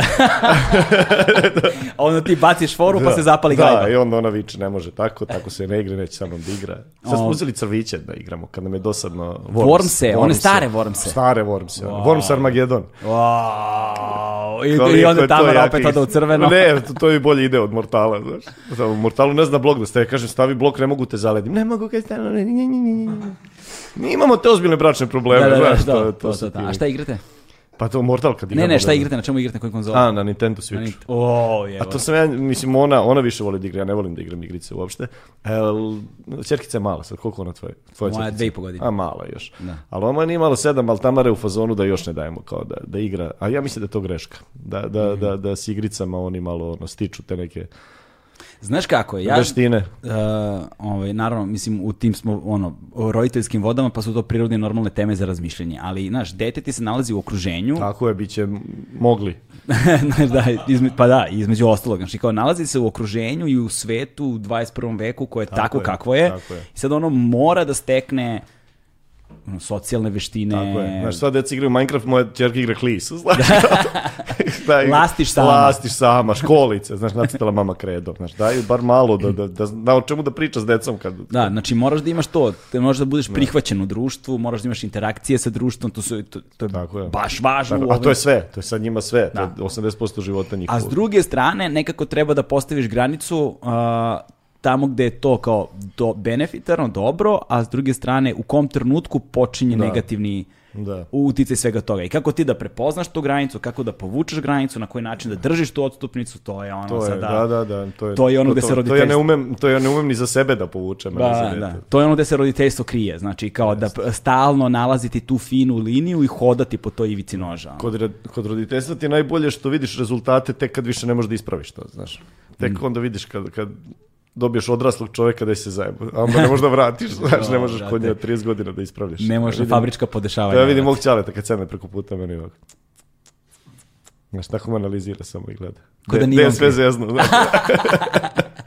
Uzme ovako svesku. Daj, sedi, ajde čujemo. I znaš, kad god nešto zezne, kaže, da, često sam ja odsustvovao od kuće, znaš, tad je bilo to vreme, ratište, ovo, mama te zajebala. to, to je njegov izgovor za sve, nije bio kući dovoljno, znaš, igrao folklor. Ovaj, e sad malo da, uh, da ovaj razgovor dobije formu. Ajde, ajde molim te, idemo Ajde, pitanje po idemo pitanje, znaš. Kada, uh, zapravo, uh, ono što sam hteo da kažem sve vreme jeste da pre nego što sam počeo da radim moj podcast, imao sam dva, dve, dva, tri neka razgovora koji su kao podcast formatu snimljeni bili dok sam radio u prethodnoj firmi. To je rađeno za tu firmu, a u to sam ušao tako što sam počeo da snimam nekakve kratke intervjue koji su bili montirani ovo ono. Jedan od prvih intervjua koje sam snimio tada, koji je zapravo bio neka jedna od početnih tačaka koja me dovela sad ovde gde sam, je bio intervju koji smo nas dvojica radili U Vuku. u Vuku, tako je pre koliko godina Pa to ima bilo? 3-4 možda. Pa ima i više. Je, Jel ima više? A ima više. Meni, znaš šta, meni ova godina se ne računa. Ovo je, po- 2020. dve, ja mislim dve. Da, da, potpuno mi je napravilo neku rupu u prostoru. Tako da kad da, da kažeš 3-4 dodaš još dve korone i to je Pa možda otprilike ima to. i pet onda. Pa ja mislim da ima, znaš. Ali ja mislim da nema. Ja sam počeo 2017. u novembru da izvodim treće stanje, a to je tu bilo negde. Novembru 2017. To je četiri godine. To je četiri godine, da. Zato što ovo, ovo kad, smo, kad sam te intervjuisao, ja mislim da je to bilo tvoje prvo izvođenje trećeg stanja Jest, jest, jest, samostalno. Jest, jest, jest. Jer ja, ti si ga prvi put izvodio na festivalu, mis, čini mi se tako nešto, ne? Moguće, da, na festivalu, da. Na da. festivalu ti je bila neka rudimentalna verzija Jeste, toga. jeste, da. Ba, ba, baš rudimentalna verzija. To je bio jedan kamen, nebrušeni. Ali to je zanimljivo, znaš, meni, strava mi je zato što... Ovaj, Čekaj, čekaj, htio si da kažeš da, da odatle, to je bio koren, odatle si krenuo i došao si sad do Tako je, da, tako je. I, taj, i sad, Pa ja sam, ja sam počasno. Da, i onda mi je sad strava da si tu posle kao ne znam koliko vremena da, da, da. da, sad taj razgovor obavimo kako treba. Da, da, da, da. Ali dobro, ono je bio više intervju, ti si postavio pitanje. Ovde kod podcasta je meni cool što nas dvojica pričamo o nekoj temi. Znaš, ja nemam osjećaj kao da ti mene intervjušeš, Ne, ne, ne. nego imam osjećaj kao da pričamo. I to mislim da je poenta, to razlikuje podcast od, Između ostalog, od jed, intervjua. Da. Da. A to mnogi ljudi ono, ne, ne kapiraju kao ja, ovo će ovaj prestati da priča ili to, a znaš, a ne kapiraju da je to imaš neku temu ili nemaš i nas dvojica sedimo i, i palamo. Pa pre svega, uh, no, mislim, prirodno je da ljudi imaju tu vrstu otpora. Mislim, to je normalno. Prosto, ukoliko ti nisi imao nekakav format ranije, to je za tebe nešto novo i kako ljudi uvek reaguju na nešto novo ili nekog novog ili nekoga sa kime se nisu identifikovali, koga nisu upoznali. Jeste, jeste. Znaš, i ti imaš, svi tvoji prijatelji u životu ono su puni mana, razumiješ, ali si ih prihvatio takve Da, kakvi su. jer ja sam bez mana i onda je na meni da prihvaćam. Tako je. meni je samo ostalo da prihvaćam. Da, da prihvaćam to. Ovaj, a fora kod podcasta je što si Evo tu... za- krenuo je lektor. Znaš da imam, Da. ja imam tremu kad, kad se dopisujem s tobom, da li sam stavio tačku i zarez, da li sam napisao prihvaćam, prihvatam, da, da, da li sam promenio kroz padež kako treba, konjugacija, deklinacija, sve moram paziti. Ja sam, ja, ja- to, sam, to, sam, to sam ponavljao do vreme stalno rekao, danas kad staviš tačku na kraj rečenice u poruci, više nisi pismen, nego pasivno agresivan. Jeste, Znaš, je, jeste, da, ti si pasivno agresivan. potpuno se promenila situacija. Ovaj, ne, brate, samo sam kako? Da, da, da, jasno, jasno, jasno, reci. ovaj, Reci nam još nešto o sebi. ja sam Galeb Nikačević, ja sam pismen. onako. Um, uh, iz, strava mi je, uh, vratit ćemo se na ovo, nego, nego kad smo već pomenuli tvoj, tvoj specijalac treće stanje. Um, jesi taj izbacio ili si iz đavola iz jagode izbacio? Đavo iz Jagode se izbacio na internet. Na internet to. Da. Trebalo bi ovo, ali, ali nekako imam osjećaj kao da ga nisam dovoljno izvodio ako je prošlo puno, puno vremena. Ja otprilike imam neku tu na dve i po recimo godine da menjam, ali zbog korone i zbog svega malo sam se ulenio, a i nisam izvodio toliko pred, pred publikom to. A kod tog nastupa je karakteristično kad sam počeo da ga radim, ti si sve, svedok tome, odmah sam odjednom ga napisao i to, ta prva forma nije meni bila zadovoljavajuća. Onda sam ja to prepravljao, prepravljao, prepravljao i sad on, to liči na, na stand-up nastup kog mene nije sramota. Znaš, to je stand-up nastup koji bi mogao komotno da se snimi i da izgleda kao đavo iz jagode. Ranije nije bio, 2017. nije bio. To je bio ok nastup, ono, se kaže, za, za fanove iz ljude koji baš vole stand-up da dođu da vide u kom novom smeru sam krenuo i šta sam novo napisao. Ali taj nastup 2017. i, i sad ovo ne može da se poredi kako, koja je razlika. To je jedna od najfascinantnijih stvari kod stand-upa. Ono što je mene zapravo najviše privuklo stand-upu kao for- formi jeste što uh, je potpuno drugačije od bilo koje druge umetničke forme sa nekoliko aspekata. Prvi je, sve druge umetničke forme se prezentuju, da li je to naš izložba ili je f- filmska projekcija, pozorišno izvođenje, šta god, da je muzička kompozicija negde, ona, ona izlazi pred publiku onog trenutka kad je gotova. Ok, uh, ono, live jam sessione muzičke ne računam u to, to je nek, nešto drugo, freestyleovi i ostalo, ali muzika, film, pozorište, likovne umetnosti i tako dalje, se prezentuju onog trenutka kad su gotove. Znači, znaš, ono, pozorišna trupa je radila probu, Da, da, da, a, da, generalnu probu. I to je znaš, finalna verzija i oni izađu i možda malo nekad improvizuju. to- I ona je toga. takva ista, onda idu i izvode. Znaš. Da, a stand-up raste, on živi, diše i prepravljaš ga u... Pre- on nastaje pred publikom Tako i razvija se pred Tako publikom i onog trenutka kada, kada si ga dovezao do savršenstva, tad ga penzionišeš. Jeste, da, da, da, da, malo zaplačeš, Malo zaplačeš. bude ti krivo što to više nikad nećeš pričati i kreće nova muka s pisanjem novog materijala, da. Da. Ali to je lep, taj, taj ciklus je lep.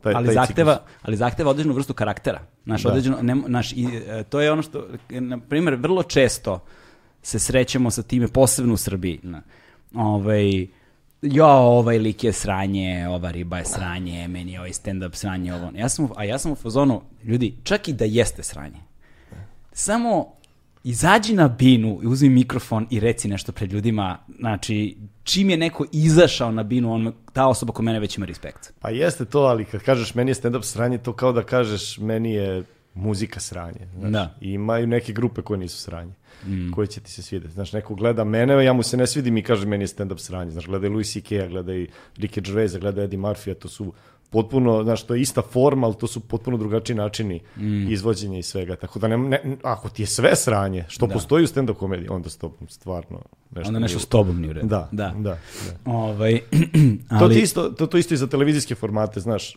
ja sad će ispasti da branim reality, ali stvarno nije tako. Kažem, meni je reality sranje. Reality je samo televizijski format i zavisi od sadržaja.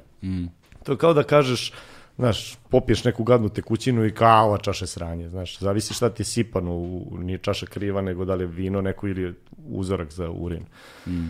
pa tako da, da- Znaš, ali kad govorimo o dobrim reality formatima, koji su bili dobri? Znaš neki dobar reality format? Pa, Ja znam ja jedan.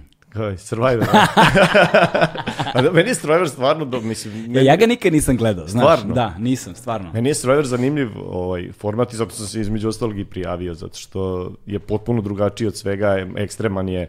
Ali čekaj, ali doći ćemo, doći ćemo, doći ćemo, doći ćemo do Survivora zato što ti se prijavio između ostalog samo zbog toga. Ti Da, se prijavio da. zbog toga da bi imao jednu vrstu prisustva u javnom Da, prostoru, da, da, bi mogu svoju da. komediju da izneseš na površinu. Ali tako je. doći ćemo do te evolucije. A, ono što je meni fascinantno, znači, malo pre si pričao, um, Uh, kako, znaš, baba je bila zajebant, deda je bio ovakav, znaš, Da. ono, i onda gledaš tu evoluciju, znaš, ono, kroz, kroz porodicu i definitivno kao malo, znaš, ispod jabuke orah ne pada. Da, da, dakle, da. ti si to pokupio, ali ti si zapravo bio fokusiran na komediju od malih nogu. Jesam, da. Znaš kome, to, to, je, to je tatina strana babi i deda kojima sam pričao i stalno spominjem tu babu jer to, to sam negde spomenuo davno u nekom intervjuu i onda ljudima to bilo zabavno što sam ja rekao da sam duhovit na babu i to me sad stalno pita.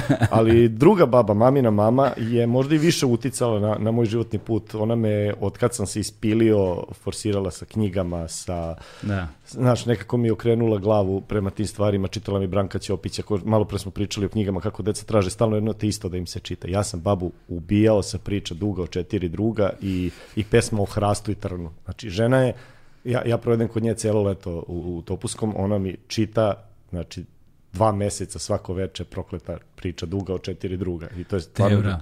Baba ima strpljenje i Baba staminu. car, baba car ozbiljan, znaš. I, i, ta baba živa i dalje 91 godinu, ima i dalje je car i, i dalje je mozak radi i ona je nekako mi, znaš, pro- probudila tu neku ljubav prema, prema rečima. Mm. I to je, ja sam počeo prvo da pišem, pa sam tek onda, poslije, ja čak nisam planirao nikad u životu da izlazim nešto na scenu. Nisam imao uopšte neku tu potrebu sad nešto. Ja imam potrebu ako kad smo u društvu da se zezamo i da budem kao u centru pažnje i to, da, da, da se ističem nekako, ali nisam imao potrebu sad da izađem na scenu, da, da, da, Da, ali ti si zapravo u osnovnoj školi još počeo da pišeš tipa aforizme. Aforizme sam počeo da u osnovnoj školi, da, da, da. I, i, i, jesi li ti beše najmlađi objavljeni aforističar u ježu ili tako nešto? Pa ne znam, nis, ni, ne znam da sam najmlađi, ne verujem da sam najmlađi, ali sam imao nešto malo godina kad, kad, su, kad su mi objavili pod tuđim imenom, zeznuli su se. Ovaj, objavili su moje aforizme, a potpisali su čoveka, mislim da se zvao Živojin Demčić, možda se zove i dalje. Ovaj, pa su ispravili to u sledećem broju, ali to kako su mu ujeli za srce. Tad, znaš, klinac i ono Koliko si imao godina? Pa mislim da sam imao 17 godina, 16-17 godina sam imao, više sam u srednju školu. Mhm. Možda i 15, ne mogu sad da se setim, da, baš je davno bilo. I, i kao vidim, i vidim svoje aforizme i ono potpisan drugi čovjek. Kad tad se nisam šlogirao, nekako baš mi je bilo, ovaj, ali su ispravili odmah u sledećem broju, tako da, da je to Se bilo. žalio Znaš ti šta je meni tad bio ošišani jež? Ja sam tad mislio to je to. Time ja želim da se bavim. Pa znaš. da, ali za, za, želim da mi daš kontekst ono vremena i trenutka da bi to dobilo na težini taj, ta informacija. Ti si zapravo sakupljao, kupovao. Ja sam, da, one sve večernje novosti, gde, znaš, bio Mikan Milovanović je vodio Trn, sad Bojan Ljubenović to, to, to uređuje, znaš, pa, pa onda bio Jež, pa ne mogu sad da se setim gde su sve u politici, ja ne znam da li je sad uređuje Minić Karlo, ja mislim, Dragutin, tu, tu rubriku, ja sam to sve čitao, skupljao, ja sam sve te ljude po imence znao i onda poslije kad si ih upoznavao, znaš, što je meni bilo kao mom drugu Banut Ivanović kada došao s Drogbom da igra futbol, razumeš, to je to. Tako je meni bilo kad sam upoznao Dragutina Minića Karla i Radivoja Bojičića i Aleksandra Baljka, te neke aforističare. I sad sam ja, mislim, prestao sam, prestao sam time da se bavim, odvu, odvukla me je, odvukao me mozak na neku drugu stranu i, i u neku drugu formu, ali dalje ja volim aforizam, malo mi žao. Koji su aforizmi bili koji su ob- objavljeni? Jel se sećaš aforizama? Da, pol, sećam se jednog. Političarima samo treba postavljati biste, Golubović odraditi ostalo. Čekaj, šta je još? Ne, ne mogu da se setim koji još bio. Uh, učenici kad bežite u kafane, ne, kad bežite sa časa nemojte bežati u kafane, tamo ćete najpre naleteti na profesore. To je jedan od prvih koji se napisao u osnovnoj školi. Bili su oduševljeni nastavnici što sam ja to napisao. I ovaj, ne mogu se setiti, bilo je jedno 4-5 tad, tad u ježu objavljenih. Nisam, posle toga i nisam ne, ne, nešto pretarano mnogo ni napisao aforizam. Sve ukupno ima možda da valjaju, napisao sam gomilu smeća nekog ko, koje ne liči ni na što, ali tad mi je delovalo kao da sam genijalan. Kako to obično biva, znaš, Da. kad si klinac. Ali nekako iz tog smeća, iz tog kvantiteta nekako izađe taj kvalitet. Sad ne pišem toliko i teže mi je da napišem kvalitetno zato što ne pišem toliko. Zato što se ustručavam, znaš, sad već više sam po, pod lupom javnosti i svega i onda se ustručavam da, da objavim bilo šta. I Da. onda vagam i onda u tom vaganju se izgubi gomila kvalitetnog materijala. Ranije dok mi je bilo, ba, baš mi je bilo briga, samo sam Da. da. štanco štanco i iz toga je uvek izlazilo Dve, nešto dve što- stvari koje sam primetio da strahovito utiču na komičare kada na kvalitet njihovog materijala je kod stand-up komičara se to najviše vidi. To je recimo ono Jim Jeffries je na primjer odličan primjer. Da. Slično. Onog trenutka kada počnu se rasplinjuju na drugim projektima, njihov stand-up počne da trpi. Da, da, da, to se vidi mnogo. To se baš vidi, to je, to je jedan faktor, a drugi je uh, kako je krenula, o, kako je krenuo ovaj globalni sad već talas političke korektnosti i ono, kulture ukidanja, jel te, cancel culture i tako dalje. A priori se ne usuđuju ljudi znači kad su sami kod kuće, ono i treba da zapišu ideju, ne usuđuju se Da, da, je, da. da, da je uopšte uzmu razmatranje ili da ono, znaš, a kamoli jer komedija nastaje pred publikom, dakle ti ćeš Jeste. izaći s tom nekom forom, premisom pred ono 200 ljudi. Ne, I uvek se nekom nešto neće svideti, ali ti, ta autocenzura je, je zeznuta stvar. Ako kreneš sam sebe da autocenzurišeš, onda je to... Ne. I onda, pored, i onda će možda svakako. biti stotina sranja i možda će biti stotina uvredljivih sranja, ali će iz toga izaći vremenom neki Jeste, biser. jeste, jeste. O to, da, o tome sam i pričao. Pa znaš to. E, a, a sada taj, ti biseri su sad sve ređi zato što ljudi se prosto ne usuđuju da probaju. Pa neki se ne usuđuju, nekim na boga mi dobro ide. ne mislim tu na sebe, mislim Da, da, na Dave. Chappella, mislim na Dave Chappella i na Louis C.K. Ja mislim na Vesića. Louis C.K. posle sele one priče ovaj, o, oko seksualnog uznemiravanja i to je, si gledao njegov poslednji? Jesam, brate. Znači, potpuno izgubio granicu svaku Potpuno. i najluđi je na svetu. Sad još, još i smešniji nego što je bio. Znači, meni je taj, ljudi imaju ono podeljene mišljenje o njegovom posljednjem specijalu, ali meni je toliko dobar zato što sada je toliko otvorena i jasna jedna mračna nota. Da, da, Kod da. njega se Koja je bila jasna ljudima koji se bave stand-upom, to ne može m, neko ko sakriješ. nema, da, ko nema cvik u glavi, to ne može pričati. Ali ovo sad, on je potpuno ovako otvorio vrata i rekao, dobro, sad ćemo ovako. Sad nemo što da izgubim više, znaš. Sipaj. Što kaže, everybody know my thing, znaš. Da, da, da, da. Barack Obama, O- Obama, no, znaš, kao srećan si što ljudi ne znaju šta tebe loži. Kakva je to budala, majko. Jeste, evo, znaš, ali to je opet, znaš, i, i to je neka funkcionalna patologija, znaš, biti u takvoj, na takvom mestu, Jeste. centru pažnje, na pred, na pred ono očima celog sveta, znaš, Da. i ti dalje imaš potrebu da izađeš i da, Da. znaš, to je opet, ne, znaš, ne znam, neko pametniji od nas bi mogao da govori na tu temu. Ne, da, da. Ali hajde da se vratimo na tebe. Dakle, kako je izgledala tvoja evolucija zapravo u svetu? To je prvo seksualno uznemiravanje. Evolucija tvoja u svetu. Eto, toliko o, o ozbiljnom razgovoru sa Srđanom Dinčićem. Znači, znaš, o, o, ova epizoda bi trebala da se zove ozbiljan razgovor sa Srđanom Dinčićem. da, da. Ovaj, a, kako je izgledala zapravo tvoja evolucija, dakle, od, od tog pisanja aforizama, ono, objavljivanja aforizama u ošišanom ježu u srednjoj školi, kao kako, Da. kako, iz, kako je, šta je dalje bilo? Ja sam to pisao, ja sam mislio da od toga može da se živi tad. Pa dobro, imao si Eto, 16 da se, godina. da znaš. se pak i nasmejemo. da. ja sam stvarno mislio da kao pišeš ti neke duhovite stvari i od toga možeš da živiš. I onda sam počeo nešto malo da radim na radiju, onda sam na radiju prezentovao, prepisao sam tako neke skečeve, sitne. I onda mi je to delovalo kao nešto od čega stvarno može da se živi kasnije ako dospeš negde u, u neke medije da mogu da pišem za nekog nešto. Naravno, nije postojao ni jedan nikakav show ni ništa. Zna- Znači, ja sam stremio ka nečemu što apsolutno ne postoji u tom trenutku u Srbiji. Da. Ja sam znao da nešto hoću, a da mi kažeš jasno šta sam, šta sam hteo, nemam, nemam pojma da objasnim to. Ja sam to i pisao, pisao, dobio sam neke nagrade i to. Koje nagrade? Do, ne znam, dobio sam Vibovu nagradu za najboljeg mladog satiričara na Čivijadi, za aforizam, na Kad je to bilo? Ubijeljeni za Zlatno pero. To, ne znam.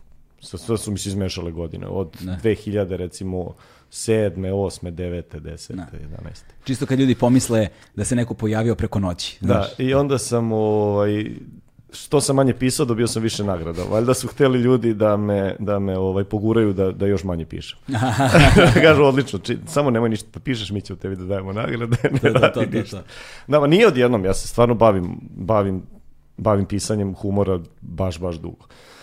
Ali, na primjer, forma stand-up komedije mi nije padala na pamet nikad. Čak nisam ni nešto pretarano gledao stand-up komičar. Gledao sam možda Robina Williamsa, Mm. gledao sam Karlina. Karlin mi i, tad, i sad delovao nedostižno, čak znaš, to nije klasičan stand-up. Da, meni je Karlin broj 1 bio i ostao. da, to je neka Jebi ga, znaš. filozofija i to, to me, čak nis, to, u tome sam samo uživao, nisam stremio ka tome. Da, da. Nikada jer sam potpuno drugi tip ličnosti, ne analiziram do- na taj način društvo, ne, znaš, me- meni je bitnije da ja budem smešan nego da nekom sad... A i Karlin je dosegao pamet. tačku u kojoj prestaješ da analiziraš, samo se samo uživaš. Da, da, Znači, da. ne, znaš, to je kako meni uh, govorio uh, profesor sa FDU-a, ne želim da pogrešim da li je profesor montaže sa FDU-a, da li se Terzić preziva ili ne mogu da ja grešim dušu, ovaj, kaže, imaš, a, kako, kako prepoznaš tri stepena dobre montaže? Kao ono, a, dobra monta, kako beže, dobra montaža ovaj, kao koju vidiš, dobra montaža koju uživaš i kao vrhunska montaža je kad je uopšte ne primećuješ. Ne primećuješ, da. da To, ti znaš, to. e, kod Karlina je taj nivo. Znači, Jeste, ti vi samo, samo sve, sve ti pogasi i ti samo se prepustiš. Da. Ali Karlin je došao u nekim ono, zrelim godinama do Mhm. toga. Mislim, nije da ja sad govorim, čekajte vi srđana, čekajte vi srđana za 10 godina, vjerojatno Da, da. budem Blanton je isti ovakav kakav sam i sad, neće se to promeniti ništa, pošto teško stičem nove, nova znanja. teško stičem nova znanja i iskustva. Ali Karlin je, ne znam, tipa, posle 45. on je bio uhapšen zbog onih sedam reči koje ne smeš da kažeš na televiziji i od tada je krenulo Fuck malo... shit, sve- kako je rekao? Cock, Tit- suck, fuck, tit. Tit, tit, to, tako Da, nešto, da. nemam pojma. Ali to je počeo, otvorio kao, im, de- rekli su mi kao, se, ovih sedam reči ne smiješ ne sme da govoriti, kaže. I kao Fuck vama. shit. Da, i bam, juh- juhapse ga. I tu je on malo dobio pažnju, tu je malo krenuo, čini mi se tako. Oni njegovi raniji nastupi, gledao sam ja, nije to meni nešto sad impres. Koji Louis C.K. Louis C.K. je sam pričao da on, da je njemu Karlin bukvalno odredio karijeru, da je on imao jedan te isti, onaj dronjavi neki nastup, 45 minuta, nekih 20 godina je nastupao. I onda mu je Karlin rekao, to sve što se napisao baci i na svaki godinu dana piši novo, ne, ne znam šta mu još savjetovo i onda je ovaj krenuo, tipo on poz- pre 40. Louis C.K. priča o nekim satovima, nešto bulazni, imitira delfina nekog, jesi gledao? Da, da, da, gledao sam one stare njegove, to je prilično, ovaj, Da. prilično loše. Da. Kao prvi Panterin album. da, da, da. Glam metal. E, stvarno, nisam Da, slušao bre, nikad pr- Panteru. prvi Panterin album je glam metal. Pa posle su oni posle Pantera, Pantera. Jesu bili skroz u glam fazonu. Skroz. Sa štiklicama. E, jebi ga sad, da googlamo, brate. Nećemo Ne da znam- googlamo, da, verujem, verujem. Ne, mislim, ne znam, ne znam, ne sjećam se vizualno, da li su izgledali, e, da, da li su ono look the part, nemam pojma da ćemo vidimo, ali slušam te. Da. I onda sam otišao u Survivor, Mhm. jer sam tamo imao ideju da dospem u te neke krugove, otkud znam, znaš, radijske, televizijske, kakve god da nek, za nekog nešto pišem, ali to je... A, pa lepi su. Dakle, full on glam metal ko Motley Crue, brate. Pan- Znači, da. Panterčići, znaš. da, da, da. O, Bože mili, kako, kako ta moda bila tada, ono, i sećam se i Maidena, znaš, u onim helankama i, i dubokim onim, dubokim onim bokserskim patikicama, što, Dickinson skakuće sa onim šiškama. Ej, To mi je uvek drago videti, 80. da, genijalne godine. Ma da ti si i dalje fan Iron Maidena. Mislim, ti i Jesam. dalje aktivno slušaš Iron Maidena. Ovo sad izlazi novi album, da. Ja volim Maidene, to mi nekako ostalo, ostalo mi zapisano od tinežerskih dana. Puštaj Maidene, ne, Ne, sviraj Maidene. Slayera ili Maidena, to Da. zavisi. zavisi. Sviraj Maidene. Da, Neki ludaci viču Maidene, neki Slayera, to je to. To da pozdrav za Relju, ovaj, znači Relja. Jel oni- da, jel on viče Slayera ili Maidena? Maidene, Maidene, ali on ima, ima taj neki legendarni klip, jedan od prvih naših viralnih klipova na YouTube-u, kao sviraj Maidene ili pevaj, pevaj Maidene, ili tako nešto, ili u nekoj masi negde, kao pevaj Maidene, lik i taj, znam, znam ortak. O čemu sam pričao? Pričali smo, pre- došli si do Survivora, ali, Da. ali se malo ubrzao taj proces, nego sam ja hteo da se Pa vratimo nisam, na... Da. u međuvremenu postoji proces gde ja piskaram tako koje kakve stvari, crtao sam neke stripiće, Mhm. imao sam neki zid u sobi gde sam, gde sam ovaj, ideja zapisivao kako mi šta padne na pamet, pa one lepljive papiriće sam tako lepio neke skečeve, ne znam ja šta sam pisao, znaš. Tu ima gomila nekih, tu bilo i nekih nastupa sa, sa ovaj, bilo je Ozarje, to je bila grupa entuzijasta, divnih ljudi, muzičara, koji nisu inače muzičari, nego su advokati, slikari, ugledni Mitrovčani koji su se okupili i napravili grupu Ozarije gde su oni pevali i svirali, to je bilo stvarno predivne su te njihove večeri, to nažalost ne postoji. Više, onda su me oni zvali pa sam išao s njima na gostovanja, čitao sam aforizme ovaj, u pauzi iz njihovog nastupa i tako. To su bili ti kao neki prvi javni nastupi, Kada je to bilo? to je bilo pa recimo 2005 6 Uje, da, baš davno, da, da. Da, Čovječe, to sad ima 15-16 godina jebote. Da. A? da, da. Ugledni Sedmo, Mitrovčani osmo, i ne advokati. A ne, ne, ne, ne, nisam to rekao. Ne, lupio sam, sad ne znam da li bilo advokata, bilo je lekara, bilo je, znaš, s- svakog. Ovaj, ali to, to, to je recimo, to su bili kao prvi neki nastupi, da se me izlazi i čitao aforizme, ali to čitanje aforizama, to je potpuno jedan drugi nivo od stand-up komedije. Ma da, to nema veze sa životom. Nema Mislim, u odnosu na stand-up. Da, da, da, da, da. Ti, ja, na primjer, sad ne, video si kako izgovaram svoje aforizme, jedva sam ih izgovorio, nekako su mi oni pisani, moraš da ih čitaš. Znaš, na- napisao sam ih, hajde, recimo 300, 400, 200 da baš valjaju i znam ih sve šta sam ih napisao, ne bi znao sad da ti izdeklamujem. A stand-up materijal nek sam ga napisao nekih 5 sati do sad, znao bi sad da sednem Da. sve da ti A jesi se možda nekad susretao sa slam poezijom? Sa slim ne. Ne, a? To Ne. mislim da bi tebi bilo strašno zanimljivo. Samo što nikada nisi zašao u, taj rukavac. Jel da? Ovo, da, da, da, da. da. Samo mi još taj rukavac, ali još u taj rukavac nisam. Pustit ću ti posle neke naše gotivne ono, slam poete, baš ima strašno zabavnih. Stra... Znači, to je bukvalno kao ono, pi- pisana je forma, Dobro. u Rimi je, jel te, uglavnom, ali je, uključuje, znaš, i društvenu kritiku, i satiru, i ono, ironiju, Dobro, i svašta ko je- nešto. ko je- Teme mogu da budu od apsurda do društvenog... Dobro, znaš nekog, nekog Pa, autora. z- pa znam, mislim, sad znam ih nekoliko Ne koji ne znam da da se se više setiš. bave, ne, Aha. mogu da se setim, znaš, nego koji ne više ne mogu, koji, ne, koji se više, mislim, ne bave slam, Da, slam, da, slam, da. slam poezijom. Ovaj, ali pustit ću ti, pustit ću- nisam baš nešto sad aktivan, bilo je to pesničenje kod nas koje je bilo kao ono, Aha, znaš, to da, sad, da. znaš, to ti je ono, le, pri, dobar primjer naziva za slam poeziju, Da, da. pesničenje, znaš. Znaš kom je kao klincu bio ono uzor veliki, ovaj, Miljanko Žuborski. Mhm. Njegove sam ono, aforizme i epigrame. One više epigrame, Da, da, da, nisu da. mi toliko bili impresivni njegove aforizmi koliko epigrami i pesme njegove, pa sam, ono, on mi je bio baš, baš uzor kad sam bio klinac. E, i, ovaj, a, i a, imao si te post-it po zidovima, premise, ideje neke, čitao si aforizme s ovima na bini. Da, pisao i- sam neke priče, pesme, nemam pojma više ništa. To ima negde, postoji negde u, u, u mom starom stanu, u staroj sobi, gomila papirčina nekih. Što bi mogo da preturi, možda ima neka ideja za... Da, da ih za- fotkaš, kačiš na Ali Instagram. to sad, znaš, kad gledaš nešto što si radio kao klinac, to, to, to, tako je obuzme neka neprijatnost. Znaš, drago ti je, vidiš, to je deo tebe i, i, i vidi Da. se da si napredovao, i, ali nekako, neka, Brate. neka neprijatnost skoči kao karakondžula te uhvati ovako. Kao kad da- se setiš nekih ono loših e, nastupa, razumeš, i onda Da, samo da, ih se da. setiš i ovako kao nožem, ovako nekog niz leđa da je prošao i go, "O." Da, da, da, da. Tako ja isto kad vidim neke aforizme sa 16 godina, šta si ti ovo napisao, druže moj, pa to sad svaki čovek na Twitteru napiše bolje, znaš, Da. milion ljudi. Jebote, taj Twitter kakvu je evoluciju doživeo Da. od ono idiličnog e, mesta gde si čitao neviđeno zabavne ljude do ove A toksične. dobro, da, sad ima više tih toksičnih, ali meni je, meni je Twitter genijalan zato što mi je pokazao da duhovitost nije toliko redka pojava. Aha, Znaš, da. to sad ako si kao nešto duhovit, nisi ti nešto sad specijalan tip. Ima još gomila duhovitih ljudi. To je, I onda to, to me čas pitaju kao, jer samo duhovitost presudna da bi se bavio stand-up komedijom, to mnogo nije tačno, znaš, to je kao da svako ko je visok može da igra košarku vrhunski. Mm. To je taj nivo za, za, za stand-up komediju, baš moraš Ali je da preduslov. uključiš. Ali preduslov svakako da, Da, budeš duhovit, preduslov, da, znaš. ali toliko duhovitih ljudi u Srbiji ima. Bio da je to- samo onaj, kako smo ga zvali, Magzi Bagzi, vrate, i to je jedini nizki košarkaškog znam. A, Maxi Box. Da, da, ja sam Maxi zvao, Box, mi smo ga da. zvali Magzi Bagzi, brate, Jeste, tako da, smo da, on zvali, Mag, Magzi Bagzi, on je jedini bio, koliko je on bio visok? Pa on bio mislim, 160. Mislim, bio, ja pričam kod da je Rahmetli, jebote, nemam 160, pojma. da, od, od nerasta se ne umire. Mislim da je 165, 70, nešto baš bio nizak. Da. Ali ono nešto zakucavao, ako se ja dobro sećam. Pričali su tako, ja se ne sjećam, nemam Da. pojma. ja znači, ga ne- nisam video, ne verujem. Druže moj, to možeš ti da pričaš Druže, nekom nije, drugom, ja- ja, i Galeb ti ne verujem. Ja se nisam rukovao s njima. Čekaj da ja popim malo ove kafe što si mi skuvao, hladila se pre sat vremena. Lej, kako mi u vazu mi skuvao kafu. Ej, to sam pozdrav za Koraća i Anđe, oni su nam poklonili to. Pozdrav. Ovaj, um, uh, šta sam teo bre? Uh, Đurđu, šta sam rekao ja, Anđu? Đurđu, Đurđu, Đurđu, Đurđu, Em sam, ja, Đurđu. em sam ja pljunuo poklon, em je on rekao pogrešno ime. Znači, bukvalno se raspalo sve u roku od 20 sekundi, se sve raspalo. Idemo dalje.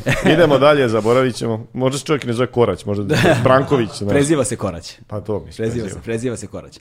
Dakle, dešava se sve to i ti se, ti se zapravo nalaziš u jednoj fazi, ono kao, ok, razvijaš se ti individualno, ali što se tiče tvoje eksponiranosti, u jednoj fazi stagnacije. Da, Ja sam imao, vidi, to, to je sve bilo na nivou hobija nekog, ali ja sam non stop imao utisak da, da ja ako ne živim od toga, ja ću crknem od gladi, jer apsolutno me ništa drugo ne, ne zanima. Da, da, da. To je, evo, to je bila ta ključna misao. Da, da, da. Znači, ja ništa me drugo nije interesovalo. E, se bavio nekim Samo poslom nekad drugim? Ne, radio sam na radiju, radio sam tako nešto preko zadruge, nosio sam ormare neke, znaš, kao Jesi? klinac. Pa ko svi klinci, da, ali nisam se bavio, tipa radio sam u banci, nisam. Da. Nisi nikad sam imao posao za Pa ne, platu. ja sam s 24 godine počeo da radim već s Ivanom Ivanovićem i to je to. Da. Znaš. O, pre toga sam radio na radiju malo i nisam, nisam se bavio nikad ničim da- kao ozbiljno da bi zaradio platu, Da, a šta da si nije radio na zebanci, radiju? da nije zebanci. Vodio sam neku emisiju, zebavao sam se nešto. Gde? Na radio Delfinu u Sremskoj Mitrovici. Nije to, mislim, ništa ozbiljno. To je, to, kako je to, kako je to, kakav je to period bio? Da? Kakav je to period bio? To je bilo dosta dobro zebancija. Žao mi, žao mi što ne postoje više snimci, snimci sa, sa tog radija. To, to je bila dosta dobra zebancija. To je bio lokalni samo radio tamo. Ma, lokalni radio, da, da, da. I kako ti se zvala emisija? To da me ubiješ ako znam. A čekaj, ti si samo uleteo kao vojitelj u slot nečeg što je već Ma, to postojalo je ili je bila bio- tvoja autorska? To je bio neki radio na umiranju. Mhm. Onako, već, već, već se on blago raspadao i onda neko meni predložio kao ajde idi tamo probaj kao to nešto da radiš. Onda sam ja otišao tamo i probao to nešto radio. Na kraju, na kraju je to više ispalo kao, kao teška zebancija nego kao neki ozbiljni radio. Mhm. Ne mogu da nešto sa bla bla se zvalo, ne, ne, ne, ne mogu da se sjetim sad. Ste imali kontakt sa slušalac, Da, slušalcima? bila bakaruža jedna javljala se redovno, dobro, do, dobro veče, bilo mi je divno, da, bilo divno, ja lupetam nešto, ja rekao, gospođo, šta ste vi slušali, ko zna koji radi. Ne znam kako je bilo divno, ona neka divna žena koja ide po tim kulturnim događajima, ja sam pričao ko zna šta, mislim, nisam bio nešto ispravniji puno sa 21 godinom, nego sad. I uh, dolazimo do, do Survivora u kontekstu kao ti si bio, samo, samo, samo da se razumijem, pošto ja to nisam gledao, ti bio ono, odmah u prvoj Ne, ja sam bio u drugoj sezoni. Ja sam gledao prvu na televiziji, bilo mi zanimljivo to. Nisam ja to odmah percipirao kao u ovo je moja odskočna daska, sad ću ja od ovoga da živim. Znaš, Da, otiću u Survivor i tu kreće tu kreće život u Hollywoodu, znaš, nego mi je bilo zanimljivo ko, koncept taj da idem na neki drugi deo planete. Meni su bile zanimljive igre te, ja volim da se igram, ja sam kao klinac i ono, znaš, kao igre bez granice i to. Na, na to me je podsjećalo to. Da. Znaš, mene su te igre privukle. Di- divljina, jer volim to kampovanje, glupiranje po prirodi, valjanje u blatu, da si smrdljiv, prljav i da ti jedu komarci. A I, I volim te igre i onda mi je to bilo zabavno. Prvenstveno sam se ja zbog toga prijavio, a onda mi je kao, ok, to je medijski eksp- eksponirano, moglo bi da mi pomogne da dospem negde, da neko vidi čime se ja još bavim. Da. Samo je to, taj deo je prenaglašen u montažama i u tome, jer je to ljudima bilo zanimljivo kao, evo, ovaj, ovaj to hoće, vidi. Ovaj to hoće, da, da, Ovaj da. je smislio, da, Ovaj- zagrabi slavu. Kako je- ja, se ne, znaš, ja se ne ložim na, na, na, na slavu kao takvu, znaš, da ja idem sad da budem poznat, da, da se ljudi slikaju sa mnom. Meni, da, da, da me ne shvatiš pogrešno, meni to prija, ja volim da pričam s ljudima, da se zezam. Ali nije to pokretač Mm. da bi se ja bavio i stand-upom i bilo kojom i televizijom i prvenstveno da radim to što volim, da se zezam, da to neko vidi nekako. Uopšte mi nije bio cilj da mene neko gleda. Da. To je kao mnogi koji, koje znamo, kojima je zapravo cilj, samo da su tu. Nije Da. bitno Meni poznat- na koji način i da, u kojoj formi. Da, da, meni je nekako ta poznata sad prepoznatljivost je rezultat, nije mi cilj. Mm, između ostalog, da. Da. Ovaj, e, a, kako je izgledala zapravo ta, ono, znaš, šta, ti- št- mislim, meni je uvijek fascinantno šta se dešava s ljudima koji se prijavljuju za takve stvari, kao kako izgleda taj proces da se sad ti prijavljuješ. Pa ja se prije, znaš kako je izgledao taj proces? Kad su objavili kao drugu Kao, sezonu... izvini, s- sedim pred TV-om kažem, e, znaš šta, sad ću ja da se prijavim. Da. To je to, to. Pa da, da, brate, ne, ne, znaš mislio da tu ima neki kao n- neki normalni tok misli kao Da. nema to ti to gledaš ja, ja, bi mogao, o- ja bi mogao da učestvujem u ovome i Tamara rekla daj hoćeš ti sigurno preko što se ne bi prijavio ma daj ne lupete budalo da ćeš da ideš i kad su objavili da će bude druga sezona, to je neki bio ono poruka tipa pošalješ SMS, jel ne mogu da se setim sad kako se prijavljivalo ja se prijavim, rekao nećem, ako me zovu, zovu. I onda su me zvali na taj neki prvi casting gde su sve zvali koji se prijavili. To je bilo, čini mi se, na, na mašinskom faksu. Aha. I ja kad sam došao tamo, a ono, more ljudi, nekih nabildovanih tipova, znaš, spremnih nekih tarzana, ja prvo sam pomislio, je, moj druže, gde si ti došao, šta radiš ovde, gubiš vreme bez veze.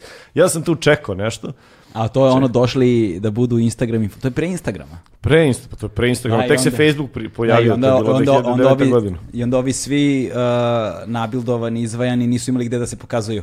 Pa da, morali su na televiziji. Morali da, da, morali.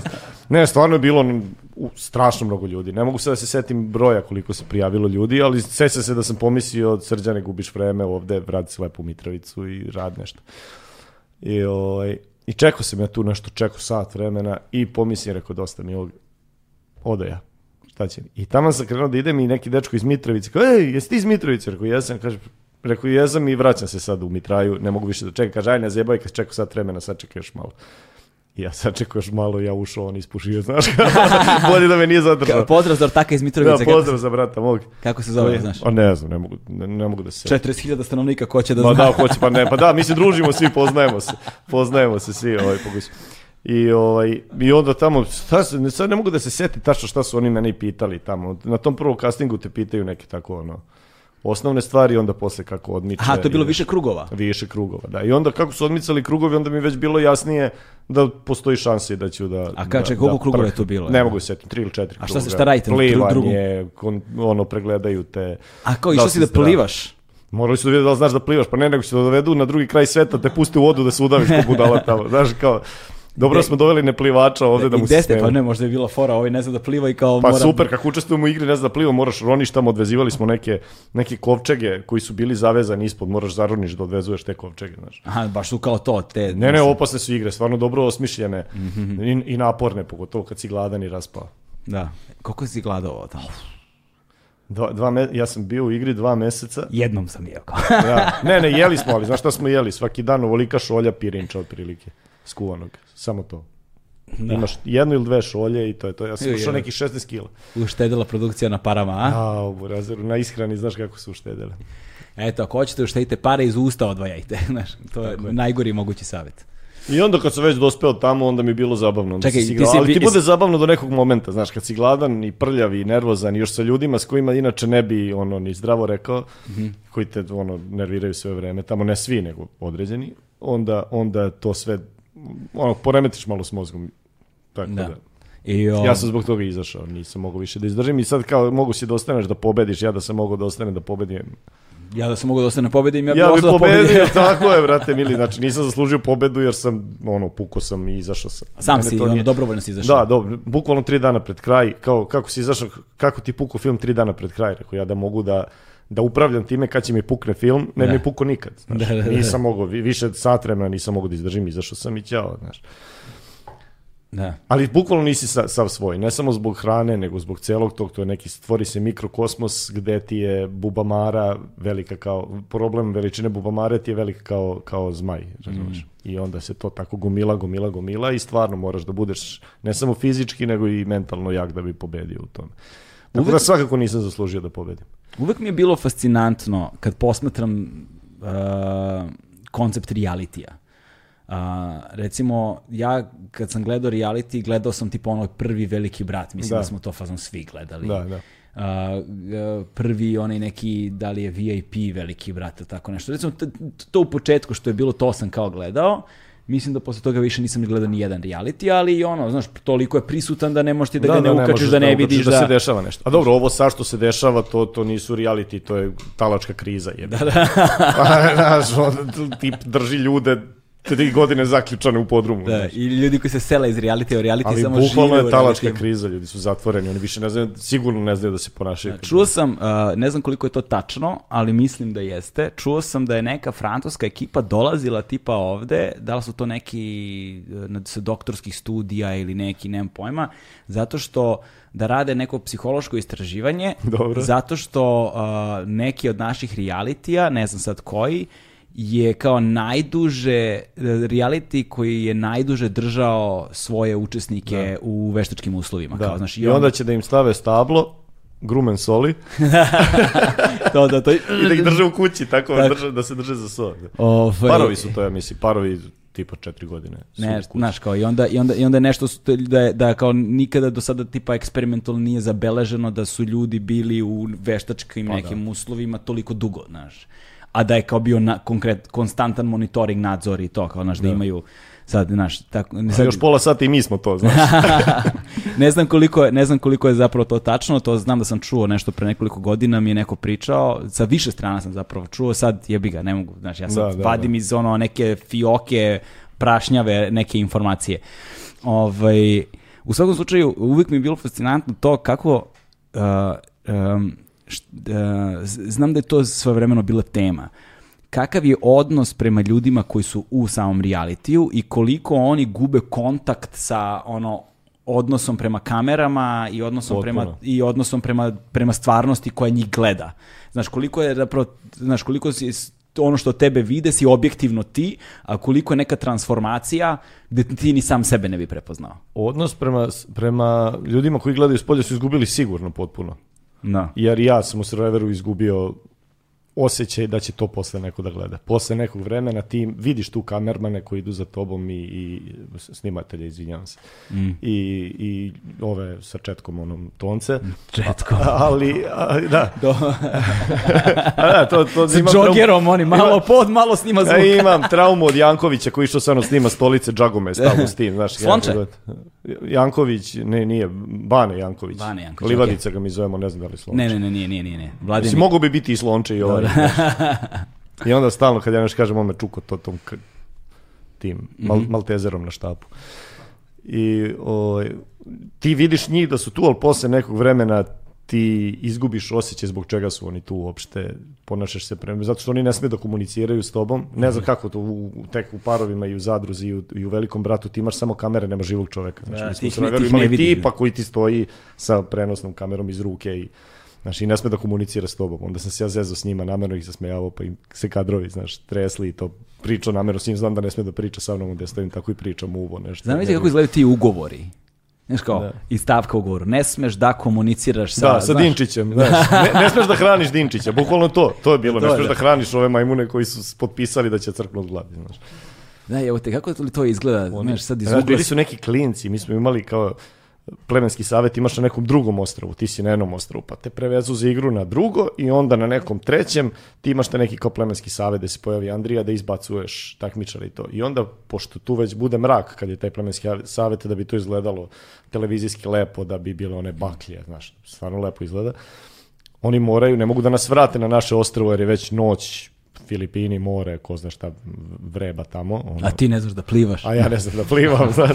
I onda, onda nas ostave tu da spavamo u nekom improvizovanom kampu, bukvalno na zemlji i neke četiri štapa pobodena kao letnikovac, neki nesretni. Moj, na primjer, na vikendici. I onda smo mi tu tako, a neki klinci, Filipinci iz tu nekog obližnjeg sela koje je bilo, mi nemamo uopšte orijentir ni gde smo, ni šta smo, ni kako to izgleda oko nas. Tu je verovatno bilo neko selo, i klinci su shvatili Filipinci da se tu nešto dešava i onda su nam dolazili, kad god smo imali plenski savjet, donosili nam neke čokoladice i samo ga čuješ, ja, čokolit, čokolit. I, I bacaju nam, i bacaju nam te neke čokoladice. Znaš ti šta je nama značila tolika čokoladica? Mi smo kao, kao u pijanisti filmu delili ovoliku čokoladicu na pet delova i kao malo pojedeš slatko. To, ta, taj osjećaj bede i jada. Znaš ti Ali, ali to je bukvalno ono ko u zoološkom vrtu. Znaš, oni vam bacaju, a vi to, skupljate to, okolo. bukvalno to. I onda su ovi iz produkcije skontali klinci i onda im nisu dali više da nam bacaju čokoladice. Znaš, ali ti klinci oni nemaju, to je sirotinja, oni rade, njihovi očevi i majke verovatno rade tu. Ali videli gomilu belaca koje mogu da hrane ko pse. Da, gomilu bilaca koji mogu da hrane, ko- koji spavaju po zemlji i nemaju ništa i, o- i otimaju se oko jedne čokoladice i kao ovo ne smemo da propustimo. Ovo se ne propušta. I, onda, i, I kad sam izašao iz igre, kad ispadneš iz igre, onda ideš u taj neki karamoan kao veći grad, a to je isto, da ti ne pričam kako to izgleda. O, I tu ovi koji su pre mene ispali su već tamo i oni sad su već se malo privikli u nekoj jedinoj ozidanoj kući u tom karamoanu smo mi smešteni. I sad je meni dva dana pre nego što su nas bacili na ostrvo, bili smo u Manili dok smo čekali da se svi skupe i imao sam nekog tog njihovog novca, ne mogu se da se setim šta je Pezos, valjda ne mogu da se setim šta su filipinski. I ostalo mi u šorcu koji su mi vratili posle igre, ti si tamo u nekoj drugoj garderobi dronjevoj, a onda ti vrate garderobu. I šetam ja kroz taj karamoan i ti neki filipinčići klinci, ono, sirotinja tuga, viču, e, e, nešto, daj, daj nam pare, gladni smo. I ja sve što sam imao tu ovako izvadim i dam mu. I kažem, ovo je Dini što ispalo pre mene, rekao, valjda će moći da kupi nešto za to. Kaže, Srki, jesi ti normalan, gledaj ga. Mali ušao u prodavnicu. Izašao sa 17 kesa, kupio prodavnicu bukvalno cijelu. I onda sam sad i rekao, koja je ovo tuga, čoveče. Kao, kao u ono Eurotripu, znaš, kad kupe hotel Da, u da. filmu. Ta, ta, tako je klinac ušao sa, ti, sa tom novčanicom jednom i, i kupio sve što ima u prodavnici. Ovaj, e, kako li je zvezdano nebo tamo? To ne možeš da zamisliš uopšte. Kako ti je to palo na pamet? To me nikad niko nije pitao vezano za Stvarno? Ti si prvi koji me pitao. Obično me pitao je bilo seksa, jesi bio prljav jer su žene imale menstruaciju. Znači, to Pa ne, su, nego kada si To pričao- ljude interesuje. to ljude interesuje Nego, tim redom. nego, nego kada si pričao kada ste išli na jedno ostrovo pa na drugo, pa, pa padne mrak, pa ne možete se vratiti Da, nazad, meni je prvo Tamo palo nema na pamet. svetiljke nigde, Pa da. ni jedne. Zvezda na zvezdi ovako. Zvezda na zvezdi, ne može da zamisliš kako lepo nebo. I tu gde smo mi bili, bilo neko drvo ko, koje ima neku crvenu smolu ili ne znam nija šta i to izgleda pri, da li privlači svice. Aha. Noću to drvo bude kao, kao, da, da, kao višnje, ne za meni višnje sa svicima. Da, da, To, to je cela, kao, kao ono čarobna šuma, svetli drvo. Čarobna je priroda tamo. I naravno otrovna je, šta god, šta god možda pomisliš da može te ubije tamo, može da te ubije. To je, to je bio prvi trenutak kada si pomislio da googlaš koje cveće ne, Ne, ja sam uzeo tu smolu koju pomirišem i viče taj neki Filipinac koji su bili tu negde sakriveni, ali su bili za svaki slučaj da nas čuvaju od zmija. No, no, no, no, no, no, no, blind, blind. Rekao, šta blind? Ako upadne u oko, kao gotovo, ne vidiš ništa. Rekao, Au, brate. Pa bila zmijurina neka ovako stala kod vode. Ja stvarno ne plašim, mislim, nemam neki strah od zmija, ali ne, ne moraš biti srđane baš retardiran da se unosiš zmiju u lice, šarena je. Znaš, čim vidiš da je nešto šareno, ne bi debil, znaš, skloni se. Ali ne, srđane to mora da je vidi iz blizine koliko je to šareno kad je istrčao Filipinac sa nekom štapinom. Pa je gledao da li mene, da li zmiju da udari. Ili oboje. Ili oboje. I, I zalepio zmiju i to je neka otrovnica koja ako te pikne na dva metra može da skoči, imaš ne znam koliko Da li minut imaš ceo? A Uje. sa tog ostrva, veruj mi, za minut ne može do mora da te donese, a Da, ne da, do da.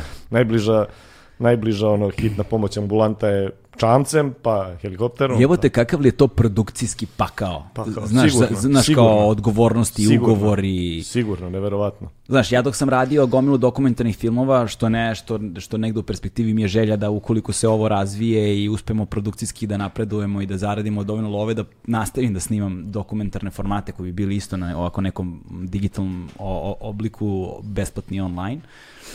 Ovaj, a, mi, smo, znaš, mi smo, ti kad radi, snimaš dokumentarni film, ti imaš neki jedan dokument koji se zove risk assessment. Da, I da. to je ono, jedan temeljan dokument gde ti prolaziš i onda se donosi procena na osnovu toga Da li to može? da li možemo ili ne možemo, ako možemo, šta treba da se uradi da bismo mogli. Da. Znaš, šta je to šta treba da se uradi da bi risk assessment bio prihvatljiv za ove uslove, da, Da, ti da, dovodiš da. gomilu ljudi Tako koji je. izgladnjuješ. Bugarin je umro, jedan. Pre nas What? su snimali, umro u Survivoru.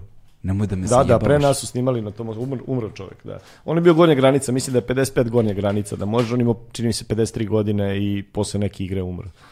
Wow, Iako brate. prođeš sve moguće provere, znaš ti kakve provere prolaziš, ono ideš, kačete na bicikl pod opterećenjem, moraš da budeš baš, baš zdrav potpuno, ali znaš ti, ne možeš da znaš kako će ko reagovati u tim nekim nenormalnim, u tim nekim nenormalnim uslovima. Moram Mene da- je ujeo pauk neki. Bili smo na tom nekom levom ostrvu i samo u, u, u toku noći osjetim golicame nešto, mislio list. Ne? I kako sam pritisnuo da očistim, takav ubod kao da do, do potiljka mi je došlo ovako. I ja to džentlmenski otresem na koleginicu pored odavde. Znaš, panika je, ne, ne, mogu, ne vidim ja gde, gde, znaš, ležali smo tako ko sardine, ja sam samo to bacio pauka na nju. Kad je to krenulo da mi gori celo lice, ne znam šta te ujelo, znaš, mrak, mrkli, nemaš gde, i onda sam zvao te paramedike, tako smo ih zvali, i nešto mi je dao neku tableticu i onda je to počelo polako da se smiruje, jer sam počeo da natičem cela glava, počelo mi se topi ko ono čovek slon sam. Da, da, da. I ništa, kao sutra ujutru kad Ako stignu- ako je alergijska reakcija, možda neki antihistaminik, nešto. Ne znam šta mi je Da, dao, ne da, znam da, šta da. mi je dao. I sutradan tek ujutru su naši lekari mogli da stignu od nekud, nemam pojma odakle. A dobro, sredio on to, Mm. On verovatno zna bolje nego naši sa čim se, oni se suočavaju s tim svaki dan. Da, da. I, i izmerili su mi pritisak, mislim da je pritisak bio 80 sa 60. U jebote, Da, ono. bio sam na lopati baš dobro. I on, on, nešto su mi neke inekcije, nešto. Kašika pred bacanjem.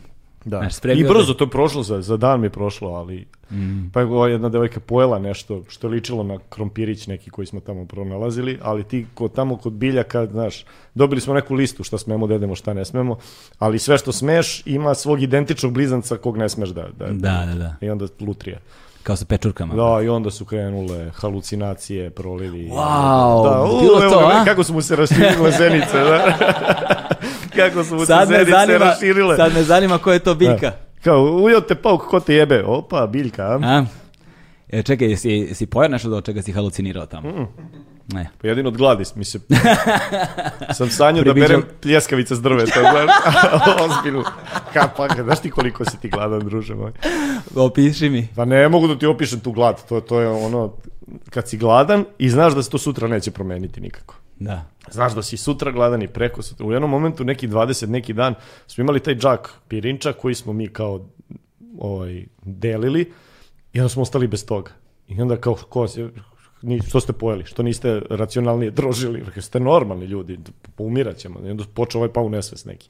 I to onda sam pokušao, pričao sam tamo o nekoj devojci s kojom komuniciraš, Znaš, to ste nas doveli ovde, sveli ste nas na nivo gnjide, tako ste mogli nasumičnih 22 čoveka, svi smo isti kad smo gladni. Znaš, što ste mi radili test ličnosti, što ste me ispitivali onoliko. Valjda ste me doveli zbog nečeg što ja u svom karakteru, u svom biću, u svom talentu imam da prikažem gledalcima. Ako sam gladan kokjer, ja ću legnem ovde na plažu i umreću. tako, si, tako si mogla mog ćaleta dovesti na Filipine, on ti umro isto. Ali ne, oni to kao, ne, ne. I onda su nam dali posle nekog vremena još pirinča. pa smo brali kokos, kako je kokos gadan, druže moj, kad ga jedeš posle nekog vremena. to je ono, ono meso, kao rigip s pločem. Mislim, nisam jeo rigip s ploču, ali, ali siguran sam da je taj ukus. To je odvratno. Ono mleko, prvo ti gadno bude, ali onda to, znaš, izvor je nekih proteina, hranjivo je, pa to kao piješ. Jedeš to nas je održalo u životu. A prvih 5-6 dana nismo imali ni vatru, pošto nismo osvojili, jer smo bili grđe pleme, ono koje nije osvojilo ništa. Izgubili smo u toj nekoj igri, navlačili smo konopac u nekom blatu, izgubili smo bolji kamp, izgubili smo vatru, sve smo izgubili. I prvo veče stajemo na, na, na, ovaj, na to ostrvo, ništa nemamo, nemamo kamp, kreće oluja, to je vreme monsunskih kiša tamo. Aha. Ti ne možeš da zamisliš kakva oluja i kakav vetar. To je najduža noć u mom životu, ja sam mislio da na Filipinima da traje dva meseca noći. Nikad kraja, mi se skupili ispod neke ispod, ne, ne, ispod neke grane, ne znam ja šta, ono, mokar, prljav, smrdljiv. Znaš, bukvalno sam mislio da neće sunce nikad da, da, da, da dođe. Ujevac. Super iskustvo. Ali, pa, pazi, a, mislim, znaš kako, ta iskustva su super u kontekstu tada otkriješ o sebi stvari koje nikad nisi znao. Da, da, Znaš, da, da. tada o sebi saznaš svašta. I to ne neprijatne stvari.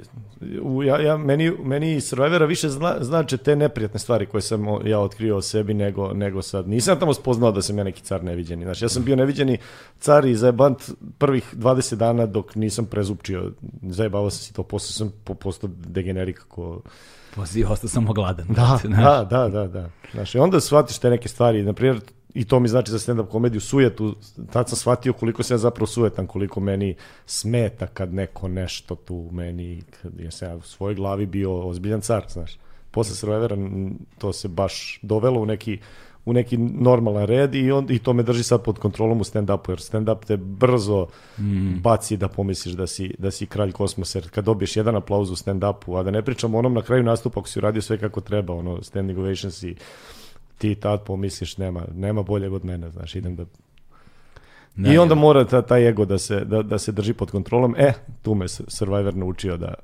I te lekcije ti dalje znače. Da, da, to, to, ta lekcija će da mi znači do kraja života, zato što sam upoznat baš bukvalno najgore, najgore delove sebe sam, up, sam upoznat tamo. Vidiš, evo te, eto. Ne bi, nema, nema šanse da bi to u regular, kao što ne, nema šanse možda bi mi trebalo deseta godina da preskočim neke stepenice da bi došao m- m- medijski Da. na taj nivo, tako bi mi trebalo, možda i više, trebalo mi 25 godina da saznam koliki sam govnar u stvari. Vidiš, evo te, da, vidiš, evo te, sad mi žao što nisam nikad gledao Survivora. Sad mi se gleda to što si ti Ali ti pričao. to znaš. ne možeš da vidiš. Aha, aha. Ti to ne možeš, te, te stvari koje sam ti ja sad ispričao, ti to ne možeš da vidiš u, u U finalnom editu, da, ono, na TV. da, da, zato što, znaš, oni nas snimaju 24 sati i ovo su neke moje lične impresije, ti to na ekranu ne vidiš, jer ti imaš storytellere koji pišu priču na osnovu nečeg šta njima treba u tom trenutku i, i guraju, guraju u nekom pravcu. Zapravo, ako bi, ako, po, da li si nekad gledao te epizode? Naravno da sam gledao. E, i kad pogledaš te epizode i kad po, uporediš sa svojim Impresijama i- i- iz- intimnim da. iskustvom, koliko toga je izgubljeno u prenošenju? Po mom mišljenju izgubljeno je 70%. Ujevo te, da, to je baš dosta. 70%. Moj doživljaj i njihov doživljaj je izgubljeno mnogo. Je. Mu- Šta je to što su uspeli, na primjer, autentično da prenesu? A šta nisu? Au, to, to je sad teško pitanje. Da. Preneli su, oni su dobili show kakav su oni hteli, ali to nije show koji sam ja doživljavao tamo. Znaš, ne, ne znam kako da ti, da ti objasnim. Da. Gomila tih nekih stvari koje nisu možda njima bi, bile bitne za show su se dešavale. Gomilu nekih stvari od kojih su oni napravili kao da su se dešavale tipa neke ljubavne priče koje nisu, po- postali su neki iskrici iz- između nekih ljudi, ali tamo ti nije ni do seksa, ni do priče, ni do ljubavi, ništa, a tu je gura, znaš, publika voli ljubavne priče, pa je tu u nekim momentima pravljeno kao da se nešto dešava, to se, to mi nismo tamo doživljavali da se dešava. To ti sad ba- banalizujem, pri, pričam ti, da, da. bez veze. Znaš, ti si tamo, ceo dan imaš na plaži, oni, oni te ne snimaju bukvalno ceo dan, mi smo tu izmišljali neke igre, pravili smo, pričali smo neke stvari. U Survivoru ti publika vidi samo ono što mi hoćemo da kažemo pred kamerom. Da. Kao takmičar, ima gomilu stvari do munđavanja mimo kamere, da ti možda odeš u šumu, neće ti ići kamera jedna, pratiti u šumu, možda ideš da obavljaš nuždu, ne znam nije šta da radiš. Tako da ima mnogo tih nekih stvari koje su se dešavale mimo kamere. Da, ovaj, a- Oni ti to govore, nemojte raditi ništa mimo kamera, ovo ono, da bi bilo što vernije, da bi se moglo prikazati, ali ti jednostavno ne možeš to da ispoštuješ takav je da, da, da. format.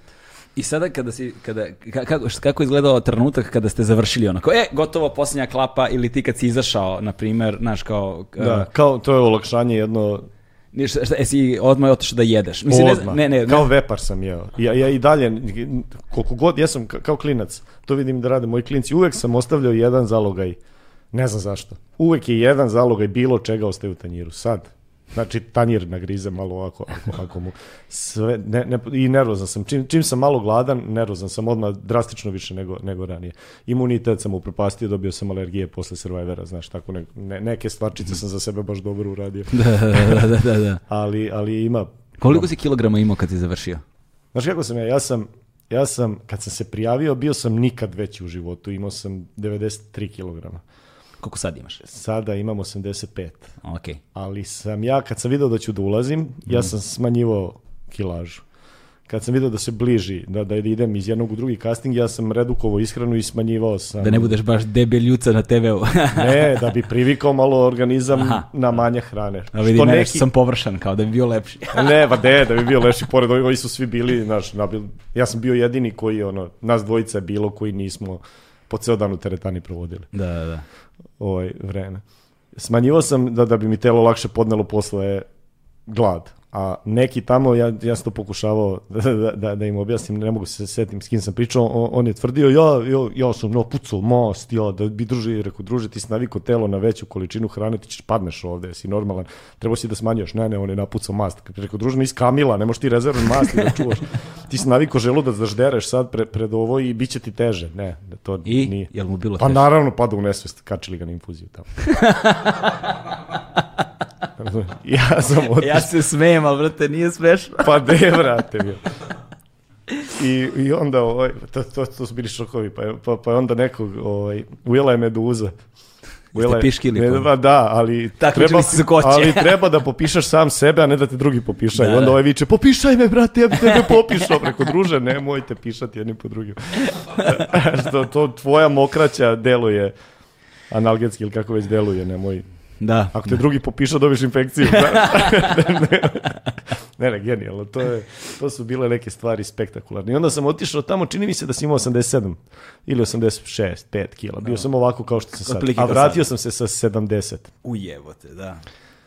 Izgledao sam, imao sam dugu kosu, bradu. Ramena nisam mogao da podignem ruke ovako. Sad sam se skvocao ko čvarak. Izgledao I šta sam si kao- prvo jeo?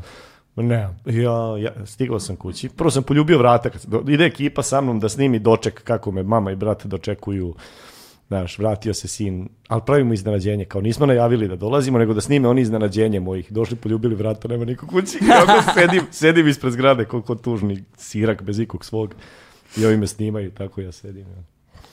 I Keva dolazi s posla i oni kao, e, a, vratio se srđan, ono ovako. A moja Keva vidi kameru, ona se izgubi. A, vratio se. Jo. Znaš, to je najtužniji doček ikad na svetu. Ja rekao, Kevo, nisam jeo dva meseca ko čovjek, šta kaže, spremila mama pilav. Pilav. A ja jeo pirinaš dva meseca. Jedino je Rekao, pilav spremila. Kaže, pa što, jel ne voliš? Pa rekao, ja, majko, jel, jeo sam pirinač, tamo dva meseca ti pilav spremila.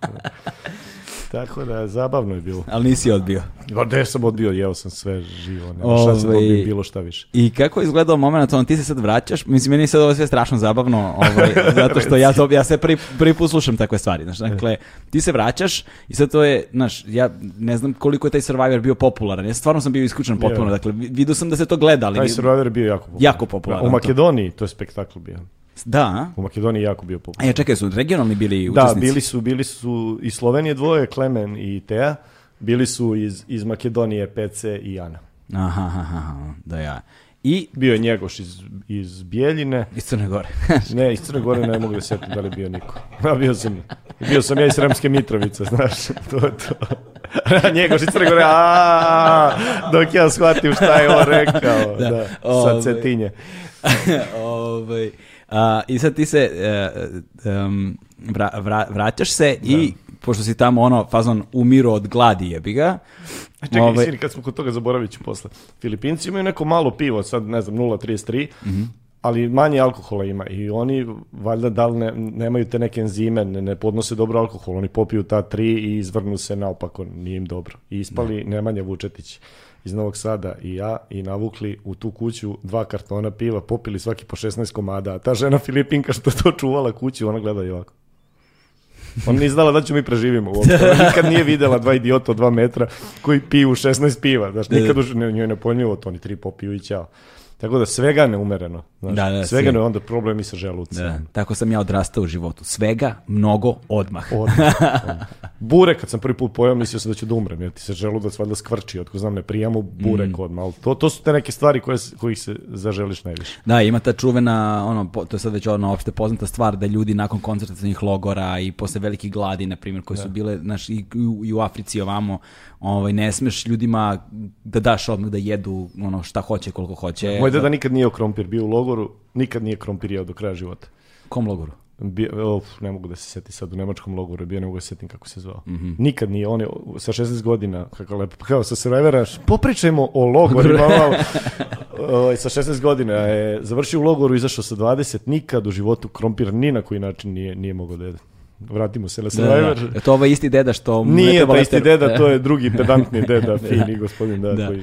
Ovaj, um, burna istorija u porodici. Da, jel? da, ne, mi smo spektakl. E, I sad kao vraćaš se, imao si tamo, dakle, jednu, da, dakle, s jedne strane, viš što je čudo ljudskog mozga, ono, potpuno, znači čovjek je tu pred tobom kamerom jebenom, ono, znači da. ti ga kao zaboraviš. Da.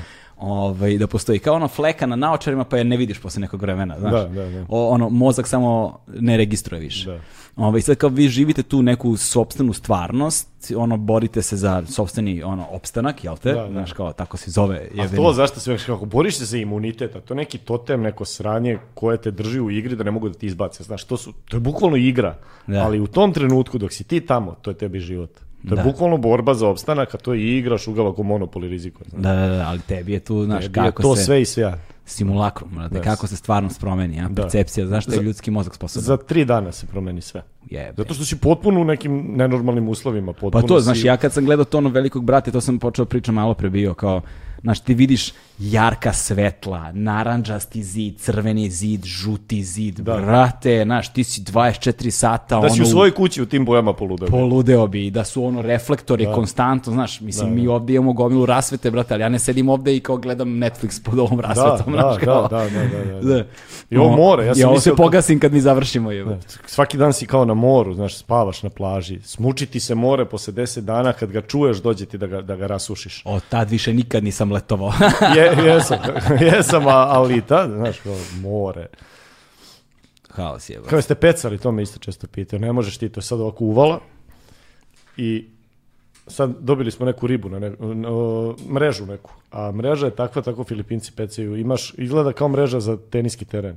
I onda donji deo zakačiš za palac, ima neki, neku opnicu koju zakačiš za palac, a drugu držiš u ruci i krenemo nas dvojica u vodu i onda napravimo polu krug i onda to izvlačimo. Skupljamo se, izvlačimo to i šta uhvatimo tu, to nam je. Uhvatiš ništa, uhvatiš dve meduze, jednu krabu koja ne zna šta je snašla i ni jedna jedina riba. I onda smo mi to kao ajde da stavimo možda tu u toj uvali. U tom trenutku se ne hvata ništa, da mi tu napravimo kao da pozabadamo i da odemo na igru. Međutim, mi to pozabadali, otišli na igru, vratili se, a nama mreža ne na suvom, nego na kopnu debelom plima i oseka su ogromne i oseka se dogodila, otišla pola kilometra dalje Ujebote, da. i tak, tako da ne da nisi mogao da upecaš ništa, ništa nije dolazilo tu živo jer se non stop more pomera, ogromna su odstupanja, znaš. Da. I, a krabice, te ima ih milijardu po plaži, ali nije dovoljno velika da imaš mesa nešto u njoj. Znači ti da bi našao nešto mesa, da bi se najeo, moraš pet kraba ovolikih da pojedeš. A ovo su ove ovolike male dosadne. Ko na Jadranu. Da, koju ti malo razbiješ, nemaš ništa u njoj, razbio si je bez veze, ali dovoljno te nervira. Ti sad spavaš, ona ti kopa tu golica te, štipka te za uvo, znaš, ne možeš da spavaš. Tako, od tad mrzim krabe. Sa- Sastavljamo spisak stvari koje mrziš Od od tad mrzim krabe i, More no, i, i stonoge i, paukove. pauke, da, da.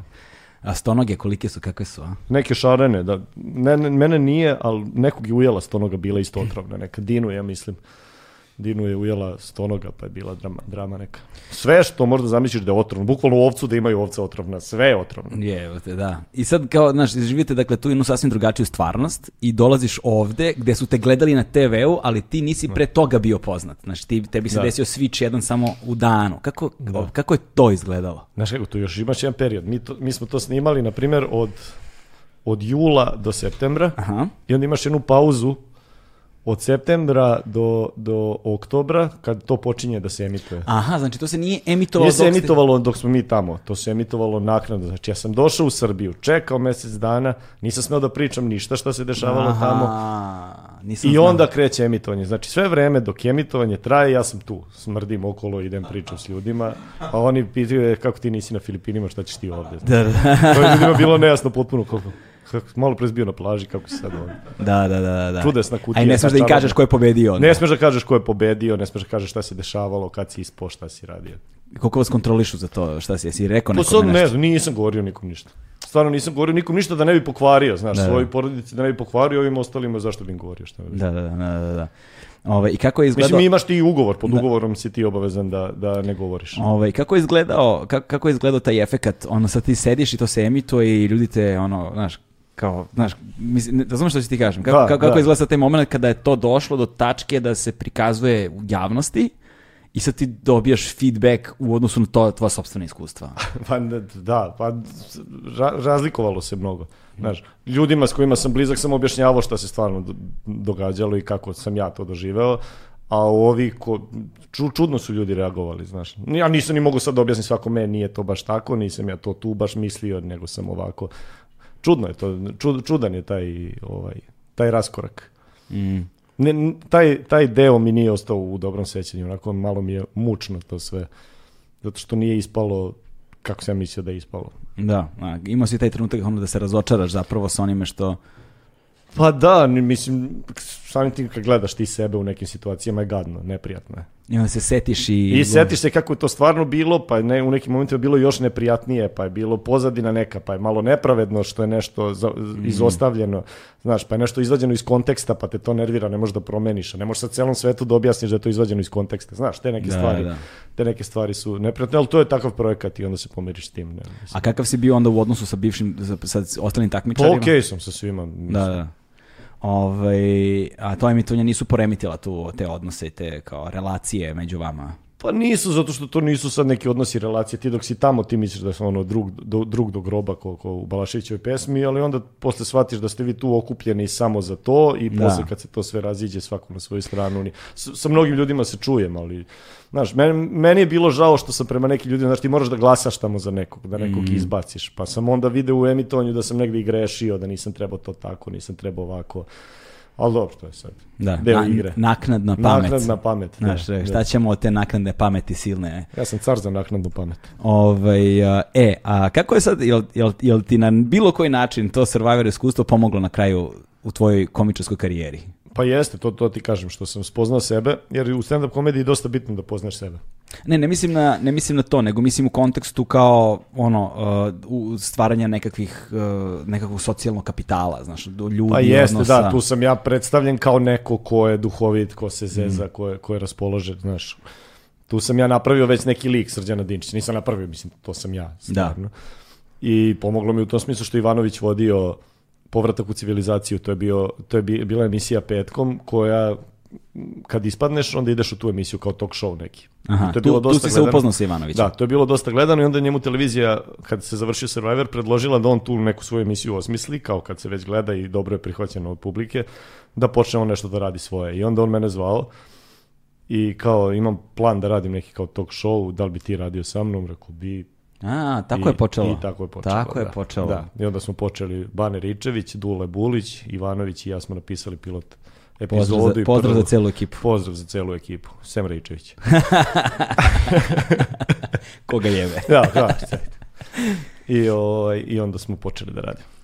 Ovaj, I mislim, o, sve ovo ostalo je posle ljudima Da, manje, da, više, da. Manje, manje više poznato, ali posebno me zanima posle tema, doći ćemo do nje, a, razlika a, u pisanju humora za TV i za ono stand-up je ono Ogromna. ogromna, znaš, i Ogromna. nastupanje pred kamerama i nastupanje I pred razlika živom publikom. pisanja za drugog i za sebe je Da, to je. neverovatno. Iako ja ne pravim nikad, znači ja kad pišem za emisiju, ja milion puta mi se desi da smislim dobru foru i da kažem što ovo nisam sebi napisao. Iako mogu ja to da odvojim i da pošaljem smeće Ivanoviću, nikad nisam to uradio Ivanoviću. Nekako, znaš, aj to sam smislio za to i oplačem i, i pošaljem.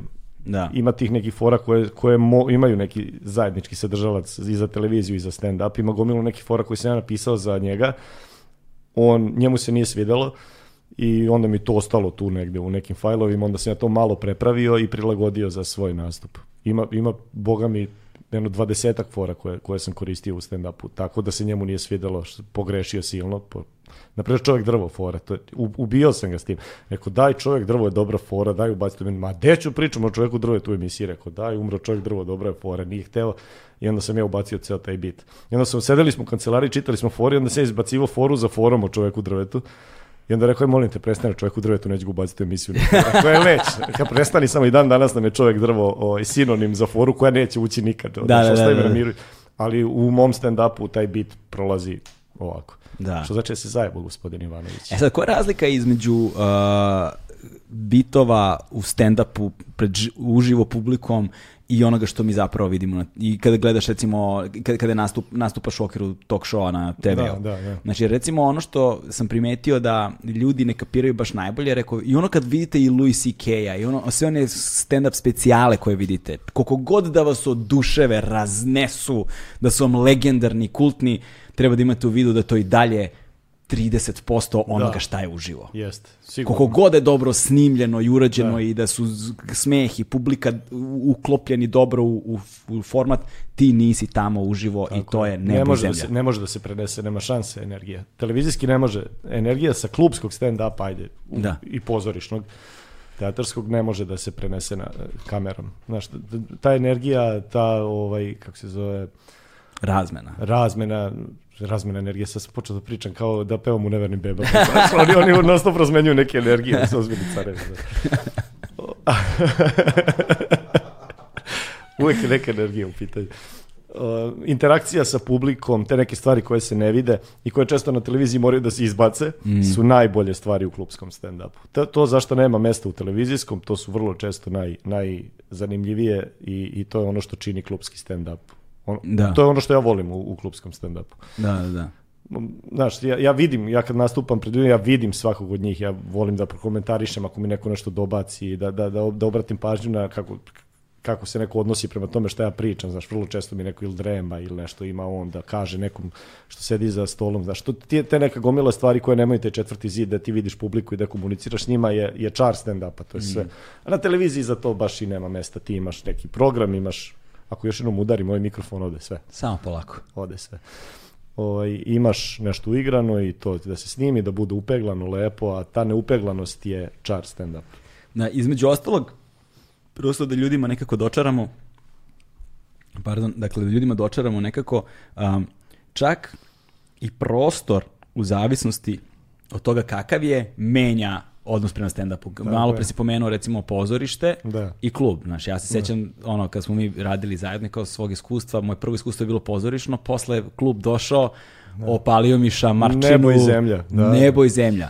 Na pozorištu imaš negde tu scenu, pa onda Tako ljudi je. plate kartu, pa, su, Tako je. pa nema tu šankova, niko ne pije, ne puši, nema, znaš, oni svi sede i gle- očekuju. Maksimalno su koncentrisani na to šta ti radiš. Tako je, a onda postoji ogroman prazan prostor među bine i to prvog reda publike, ti zapravo njima ni ne vidiš skoro face.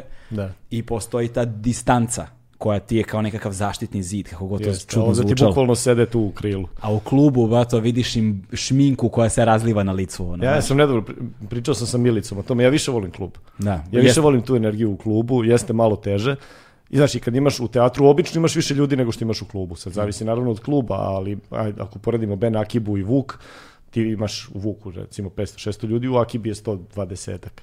I Kad je puno. ljudi vuku jedni druge smehom, znaš, mnogo je lakše zasmijati Znaš, kada je mnogo ljudi. Kad zasmeješ, na, kad zasmeješ 60-70 ljudi u pozorištu od 500, dobiješ Tako je. lančanu reakciju. lančanu reakciju. A, ovdje u klubu moraš da giljaš prijatelju, ali kad je dobra energija, kad je publika, opet energija. Da, da, da. da. Kada je A, publika raspoložena u klubu, kad, kad se desi taj neki spoj, onda je 50 puta jače nego, nego Da, onda je, onda je ono, otpada malter sa zidova. Tako je. Da, tako je. još, još su svi pijani dobrano. Da, a rekao sam što više publike, to je lakše, to ne, ne mora da bude obavezno. Nastupao sam jednom na Smederevskoj jeseni, kao predgrupa Kjerberu. To ne može bude dobro nikako. To, do- to, to nije dobra ideja. Prvo Đurđevi stupovi, onda ja, pa... Pa Kerber, došlo 5000 ljudi na trg da sluša Kerber, izlazim ja, hej, hej, hej. Bukvalno bilo pet ljudi, nekih od toga, ovi ljudi što, iz tehničke ove podrške i što će da počiste posle toga. Ja rekao, mene niko sluša, neki brat viče, ja te slušam, ba to samo cepa i rekao, druže, i ja koncentrišeš se na njega, ispričaš njemu i, Da, da, i da. odeš. Ja, jedino je Perišić imao ovaj, jače iskustvo. Neko je smislio da, da ga angažuje, mislim da je bio Mikser festival ili tako nešto, deca loših muzičara i onda fantastična ideja, posle njih Perišić. Ljudi, deca loših muzičara završili nastup, gomila pijana, viče, Da. hoće, hoće bis i umjesto bisa dece loših muzičara izlazi Perišić. Sa svojim pametnim formama Znaš, koje niko ne, može- razume. ne, ne, ne. Zviždali, gađali ga acetonom. Znaš, nije- Stvarno? pa da, pa nije mogu čovjek da održi nastup, popizdao i on i okrenuo se i otišao. Ne možeš, ti znaš kad ljudi po, posle koncerta traže koncerta, ne, da im neko priča fore. To, to je do organizatora, to ljudi moraju da znaju da, Da. da. stand-up uglavnom nije dobra ideja ako je iznenađenje. Nikad niko nije dobro nekog iznenadio stand-upom, znaš. To je kao da ideš od vrata do vrata, pokucaš i kao, ste spremni za par forica, ja nešto da mi ispričam. Ljudi moraju da dođu na stand-up komediju, da ih ne iznenađuješ. Namenski, da. Sa mnom i Perišićem, razumeš? Da, jebote. Haos, čovječ. Moraš baš namenski, jer onda tu smo prešli taj neka dva stepenika gde ljudi žele da slušaju šta mi imamo da kenjamo. Mm. A ne da budemo posle pre Kerbera i posle deca loših muzičara. E sada, u tom periodu otprilike n, se razvija i ovaj, to je pre Ben Akibe bio blow up bar, Blow up tako? bar, a pre blow upa je li bilo nešto Nije, formalno? tu smo nije? počeli. Tu Tu- ste tu- počeli, da, da. E, da. kako se, sad, kako se to sad sve desilo? To je sad jedna, ima tu jedna jako zanimljiva priča kako je Milica došla do tebe u stvari. Milica je došla do mene, videla na internetu, ja sam nastupio u, u Mitrovačkom pozorištu pred drugara mog Alatića, pošto sam njemu napisao kao E, pa to, celovečernju, Ta priča. da. celovečernji stand-up, koji je bio, aj, recimo, neka monokomedija, malo stand-up. Ajde malo samo smo promašili, malo smo promašili formu kad smo pisali to, nas dvojica. To Aj, aj, aj, sam, aj samo iz početka tu priču. Dakle, ti i... moj drugar Srđan Alatić, Da. koji je u tom trenutku više pratio stand-up nego ja. Mhm.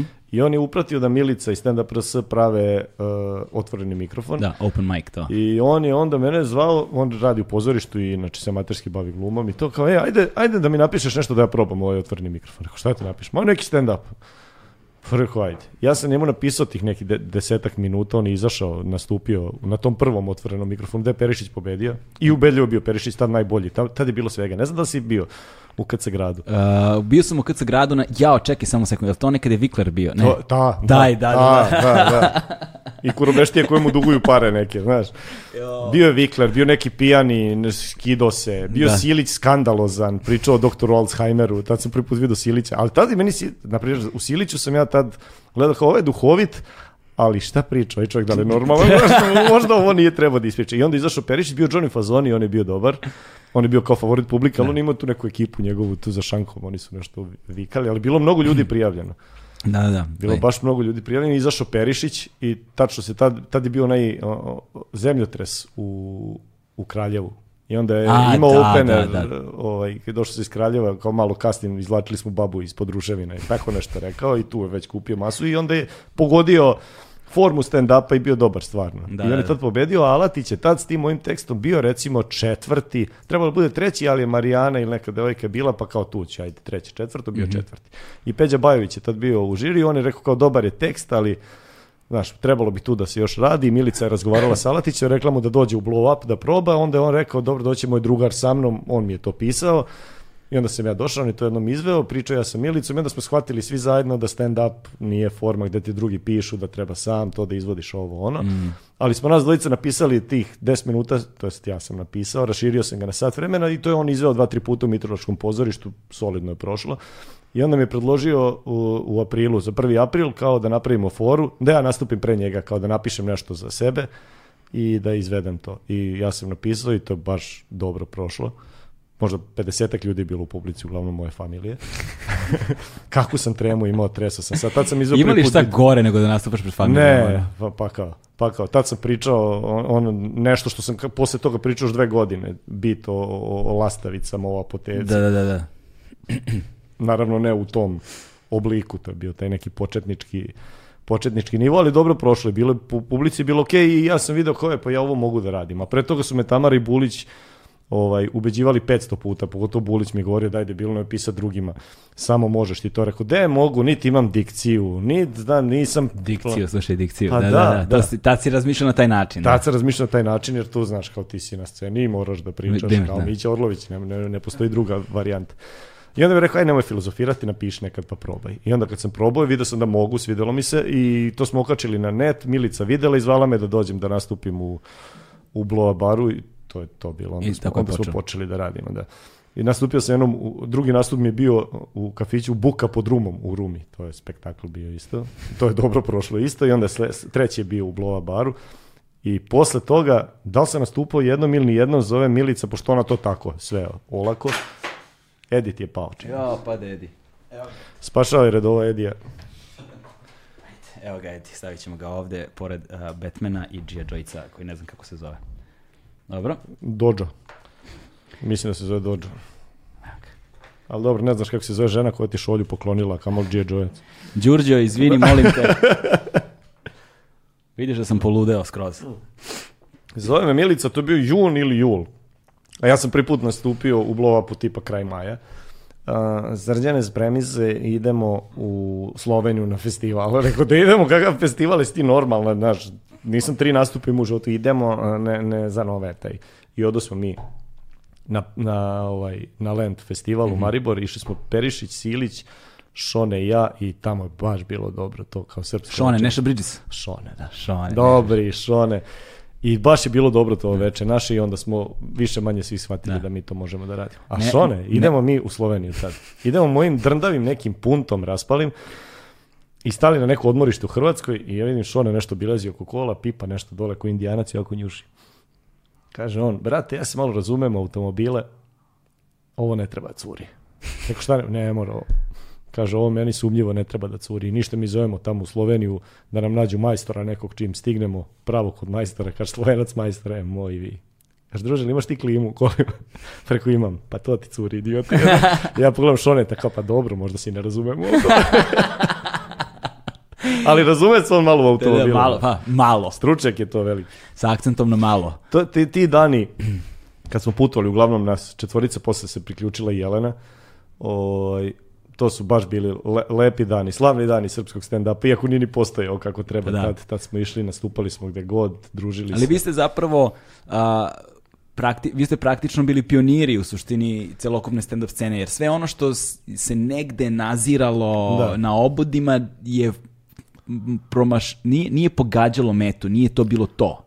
Znaš, bio je onaj jedan, kako se zvao, Jovanović. Srki Jovanović je nastupao, da, Jovanović, to isto Milica njemu organizovala, onda on po, po, posle... On je bio pre vas malo, On je bio tako? dosta pre nas, Da, on je možda godinu dana pre nego što Pa se to, ja pojavio da. nastupao. Da. To i ne znam da sam još nešto ukačio bio, ali sve to nekako bilo, pa mislim kao i svi ti prvi neki, znaš, Da. na tu je... Na, Imaš ti dosta ljudi koji su se bavili nečim sličnim kao stand-up. on je negde pre svega, mislim, glumac. Da, da, on je glumac sigurno. on je- to, I onda, a kombinacija, to je ono što ljudi vrlo često ne razumeju. Stand-up i gluma ne idu baš zajedno. Da, pa...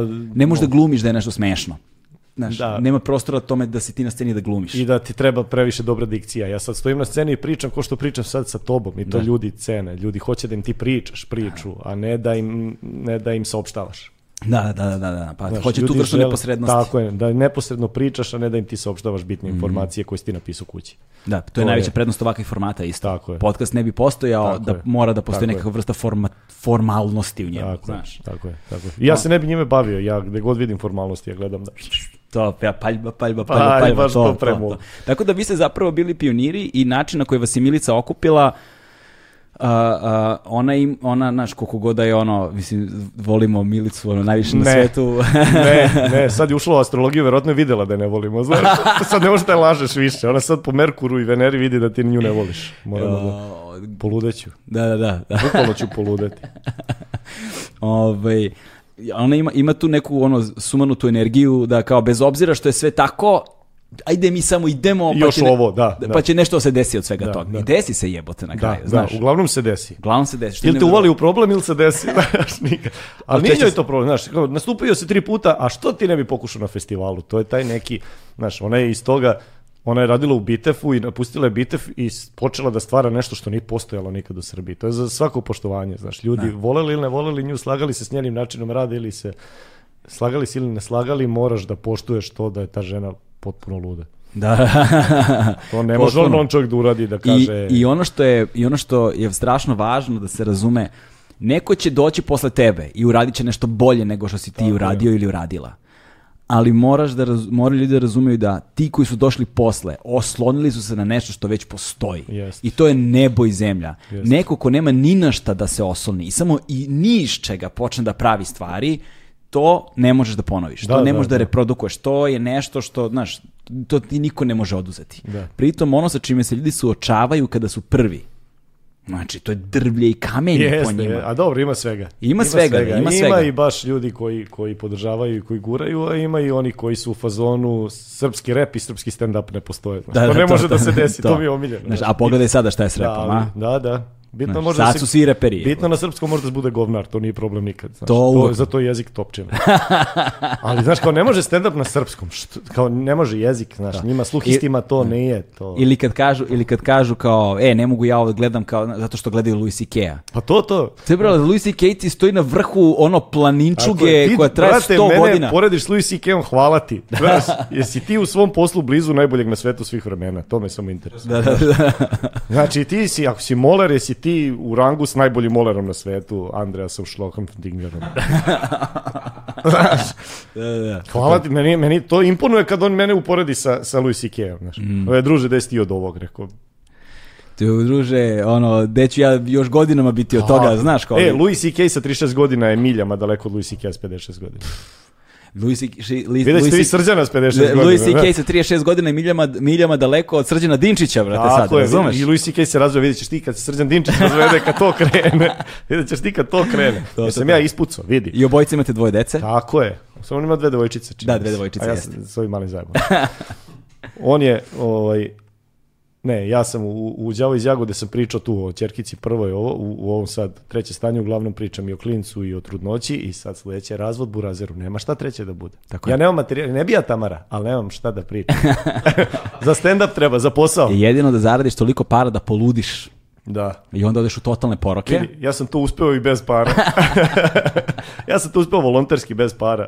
Da, ali onda si budala, ali s parama si Da, ekscentrik. da, ekscentrik, tako je. Znaš, to je razlika, to je razlika. Da. Tako da, ovaj, i, znaš, vi ste, vi, ste, vi ste to pokrenuli i ono kada, kada, kada je to počelo se dešava, ovaj, ja, ja se sjećam, pratio, pratio sam vas tu od samog početka i tu sam se ja vrzmao negde u krug, stalno sam ja tu nešto bi... Izvini, zapamti gde si stao. E, znaš, da u top 3 Tamara kaže, dođi da vidiš ovo. Ne znam gde sam imao neki intervju, onda je neko izvadio to top 3 srča.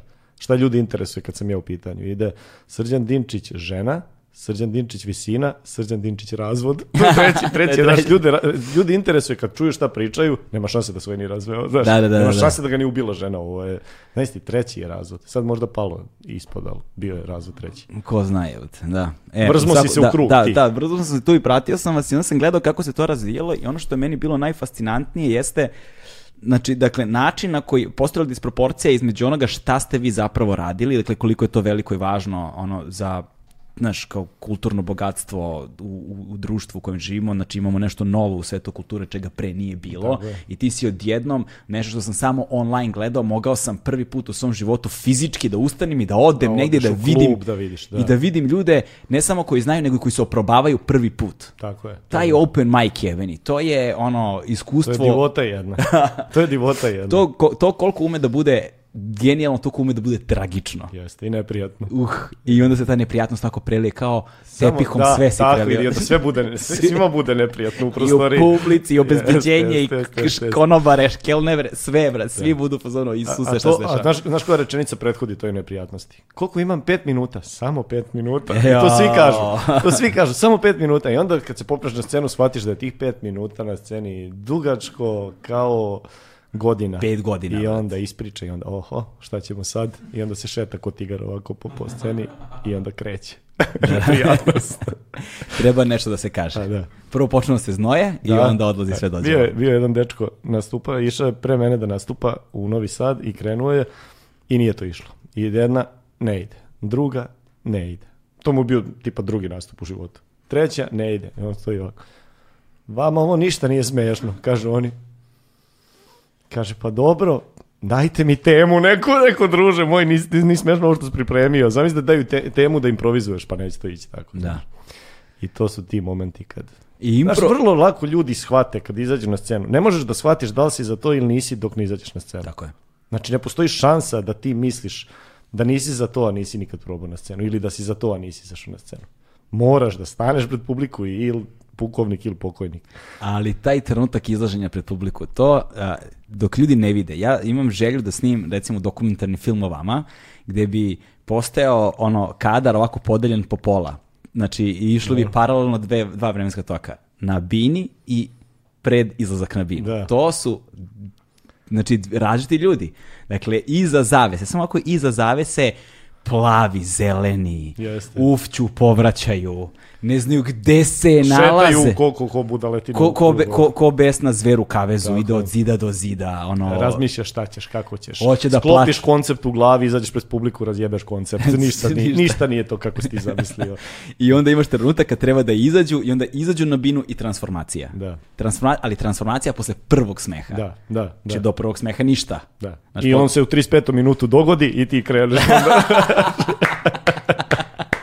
Au, te brate. Se desilo, e, ko- koliko si najduže čekao za prvi smeh? Se desilo Pa ne desi, zato što ja imam uvek te neke pripremljene openere koji, koji Mm. prođu ok, znam da će da prođu ok. Ja, Ja sam ja pro- otprilike krenem od toga. Ja kad pišem nastup krenem od toga i onda znam da će ta, jer ako mi ta prva ne krene, onda nije dobro. Da. Ja sam provalio uh, da postoji kod naše publike, sad ne znam da li je tako u inostranstvu, ti si išao i nastupao si preko, tako da ti ćeš to svakako bolje reći, ali uh, domaća publika u velikoj meri ima uh, taj odbojni stav, posebno koja nije navikla na stand-up. Znači oni dođu, stave ruke, e, da Ajde, vidim ti- kako ćeš da me e, nasmeješ. ti ćeš da me Znači oni se spreme da ne budu nasmejani. Da, da, da, da, Znači da. na, naš ulažu sav trud, čak i ako je dobro, ne želi da se pusti. Uvijek bude bar jedan u publici koji je došao s devojkom, devojka vrišti od smeha, on sedi pored. Da, da, da, Šta je da. tebi smešno? Da, da, sam da. smešniji od ovog lika. Imam ja druga, znaš kako je Znaš smešan. kako smeš na slavi? De, a. Da, ali To. to, je okej. Ja uvek, ja, ja kad izađem na scenu često improvizujem, uh, otvorim sa nečim što se dešava tu u sali. To, to publika voli. Da, da odmah pokažeš da nisi sve na bubo na pamet i da primećuješ i da su oni bitan deo. I šta vole isto na početku, da, da, da, vole na početku da se šališ na svoj račun. Na šo- ili na svoj račun. Da. Ili na svoj račun ili da nešto što je vezano što oni mogu odmah da se... To. Da se Pošto te već ne vole, Da. odmah zajašeš Odmah, to. Da, tako je, to je. odmah zajašeš to onda se uzmano vidi ga ovaj gotivac i onda može. Jeste, jeste, jeste. Znaš. Jer ako ti odmah kreneš da, da, Da budeš pametan. pametan, to si završio karijeru, odmah možda baciš mikrofon. Pa da. Ali na loš način da baciš Da, da, mikrofon, da, da, da, ne da drop mic, ono kao, To, da si e. napravio dobru foru, nego... I ovaj i uh, sa, sa tim razvojem, sad sa tom ono miličinom energijom potpuno sumanutom kao što je tebe vo- vodila uh, na festival, tako je ona počela da organizuje festival i do, dovodi i strane ovaj strane strane strane izvođače i ono što je meni fas- I ono što je se. meni da ono što je meni fascinantno jeste da smo mi zapravo zahvaljujući toj njenoj sumanutoj energiji imali priliku da vidimo neke od zaista najboljih na svetu. Da. Znaš, postoje čak i dogovor, postoje čak i plan da se dovede Louis C.K., ali ga nije zanimalo da dođe ovde i tražio Da. mu previše para. Da, tražio da masturbira ispred Silića, mi to nismo hteli da, do- mi to nismo hteli da dozvolimo, mi volimo našeg brata Nikolu. Da, bez obzira na doktora Alzheimera. Da, doktor Alzheimer. I u nekom leku je pričao, ne mogu da se setim. Bio, bio je ovaj uh, Ed Izzard. Da, pa Malo Eddie, li je? Malo li je. E, to za Eddie Izarda, uh, ja mislim da je to bio trenutak, rec- ja sam tab, tada tebe gledao nakon duže pauze. Da. sam gledao tvoje izvođenje i ti si tada, sam, tada sam zapravo video jedan takav napredak u, u, u, u tvojom izvođenju da mi je, to je bio trenutak kada mi je postalo jasno kao vidim tebe kao predstavnika domaće stand-up scene i onda nakon tebe izlazi Eddie Izzard i ti stičeš utisak jebote postajemo deo sveta. Da, da, da. Znaš, ovo više nije ono što smo gledali u Tad Blow Up i ja, baru. tad sam ja to shvatio isto. Kad mi je Ed Izzard rekao, ne razumem te ni reč, ali po ritmu i po smehu vidim da je to to. Da. Da je okej. Da je to, To je stvarno bio dobar nastup. Da, Jesi i- bio prvo ili drugo večer? oba, obe večeri Drugo, sam bio. drugo večer, ne znam da li si primetio, obojica smo bili bolji. Da, da, da, da, da, da, da, da. Pa ja sam, bi, ja sam bio onaj što drugo večer dobacio. Ja, jeste, sa jeste, balkona. E, Jer sam ja pogurao malo Izarda, znaš, ja sam popravio to drugo večer i onda njemu bilo neprijatno da usere moj, moj nastup, znaš. To, to, to. Da a. Ediju, a Ediju je zapravo bio materijal u nastajanju. I to se Bio je videlo. Materijal, to se videlo i prvi, prvi, prvi deo izgleda nije prošao kako on zamislio da će prođe, bio je dosta nervozan. Drugi Mm. deo je bio mnogo bolji i bio je mnogo raspoloženiji. Onda sam ja shvatio da i te velike zvezde, kad rade taj materijal u nastajanju, da je to potpuno isto kao kod nas. Puno nesigurnosti, puno slabih tačaka. Jer je meni delovalo, znaš, Ed Izard kad izađe, Ed Izard je izašao. Znaš, to ti Da. je to. Nema, nema loših trenutaka, nema, nema bačenih fora kasnije. Znaš, koliko on, gledao sam njegov nastup Finalni. finalni, sve izmenio. Izmenio je redosled, izbacio je fore, promenio način na koji priča neke fore, potpuno drugačije. To mi je možda jedna od većih škola u stand-upu, što sam imao priliku da gledam njega, kako se ponaša pre, pre izlaska na scenu, na, prilikom izvođenja materijala i posle. I kad mu prolazi, kad mu ne prolazi. Spektakularno je. Bar, prvo on je genijalan tip, ima tu neku ludačku energiju i to od njegova priprema. On je gledao Hobita nekog. I uzeo je pre nastupa, je otvorio neki laptop i gledao je Hobita. Valjda, valjda se tako priprema, otkud znam, ili ga lože mali muškarci, ne znam šta radi. Who knows. Da. Mada, ovaj, ali s druge strane, recimo vi ste takođe uh, počeli u jednom trenutku da odlazite preko i da nastupate za, Da. našu, za našu dijasporu. Da, da, Sad da. mene zanima koliko se sad ta publika naša razlikuje u zavisnosti od toga gde ideš. Mislim da se ne razlikuju uopšte. Mm. Isto je potpuno, nastupao sam ja nedavno sad pre korone u Holandiji, u Norveškoj, više manje je to sve isto, zato što oni kad odu tamo, oni prate mučenici šta se dešava ovde, znaš. Da. Znaš, otišli su tamo, ali ipak ostaje im ta mala mazohistička crta da moraju da, da šta, šta, šta, šta radi matica. Naravno, tamo ne dolaze samo Srbi, dolaze iz celog regiona Da, da, ljudi da. na te nastupe i potpuno, potpuno isto, sve ne, nema razlike nikakve. Da. Ovaj. Koliko to bude ljudi, koliko to bude karata? Pa zavisi prostori? kako gde, recimo 200-300 ljudi, nekad bude kao... kao A klubske atmosfere su Uglavnom je klubska atmosfera ili teatarska, na primjer u Beču sam nastupao u nekom teatru u, u, u, Beču. Holandiji. Kako drugačije Pa da, u, u, u Holandiji u nekom klubu, znaš, nije, ali isto, isto, potpuno, Mm. kada kreneš, izgubiš potpuno osjećaj da si u, u drugoj državi, isto ljudi reaguju koji, kao i ovde. Ovaj, sada, a, u, u jednom trenutku, ka- kako ste, u jednom trenutku desila se, dakle ti si doveo, ja sećam se da sam došao da gledam tvoje treće stanje, ono, posle ogromnog puta koje je taj specijal prevalio i to je posle bilo, ti si, znaš, Neuporedivo. neuporedivo, ali ubrzo nakon toga desila se pandemija. Jeste. Zapravo, znaš, ubrzo nakon toga krenuo je lockdown i kako, je- kako je to sad sa aspekta tebe i vas generalno kao komičara u trenutku kada sad, kom, znaš, zato što komedija nije, ne, stand-up komedija pre svega, nije nešto što može da živi ukoliko nema publike. Tako je. I nije nešto što može da živi, bar u mom slučaju, dok se ja ne srećem sa ljudima, dok se ne minglujem tu, dok ne pričam Da. sa ljudima, ne Ne razmenjujem. može ni da nastaje. Ne može da nastaje. Ja sam mislio sad ću u pandemiji imati više vremena i napisat ću, ništa nisam napisao. Napisao sam možda 25 do 30 minuta. Nisam teo da pišem o koroni jer mi je do ovde. Da. Znaš, nije to nešto o čemu će ljudi želati da slušaju kad sve ovo prođe, znaš. Tako da, da ovaj, mislio sam da ću mnogo više da radim, da pišem, ali sam onda shvatio da, da, da ne živi, stand-up u meni ne živi dok, dok Mm. se ne dešava ništa, dok nema događaja, dok ja ne nastupam. Najviše materijala napišem dok nastupam. Da, da. Ja bukvalno mogu sad da napišem 15-20 minuta kostur neki i da izlazim pred publiku i za, ajde da ne preterujem, za 10 nastupa ja ću imati sat i 10 minuta dobrog teksta. Ali, da, Tako ali- sam, tako sam nekako mozak na... Da, a s druge strane, uh, uh, pored toga što, što, što, što, što, ne, što stand-up tu ne živi, što ne, može, što ne može da nastane, zato što neophodna mu je publika da bi tako nešto moglo da se desi, ovaj, desila se još jedna stvar, a to je da su televizijski formati, ono, znači emisije za koju pišeš, a, to se desilo i u njuzovcima takođe i svima koji imaju publiku, Da. u jednom sada, opa, nema više ni publike. U studiju? Da, u studiju. E, mi smo to nekako, bilo nam je neobično, ali smo onda uhvatili neki zalet i nije nam toliko nedostajala publika. Ali kakav je taj prvi efekat kao... Pa malo je od- neprijatno, malo je neprijatno, ali smo uspeli da, da, da preskočimo taj problem. Nije nam, u nekom momentu smo utrnuli potpuno i potpuno smo kao da smo od uvek radili bez publike, nije. Mhm. Zato što imamo neku ekipu tu koja radi, pa onda smo jedni druge. A kako Održavamo. problem onda tajminga, uh, deliverija, pa kao... smo roboti, zato što radimo već dugo sad smo roboti već.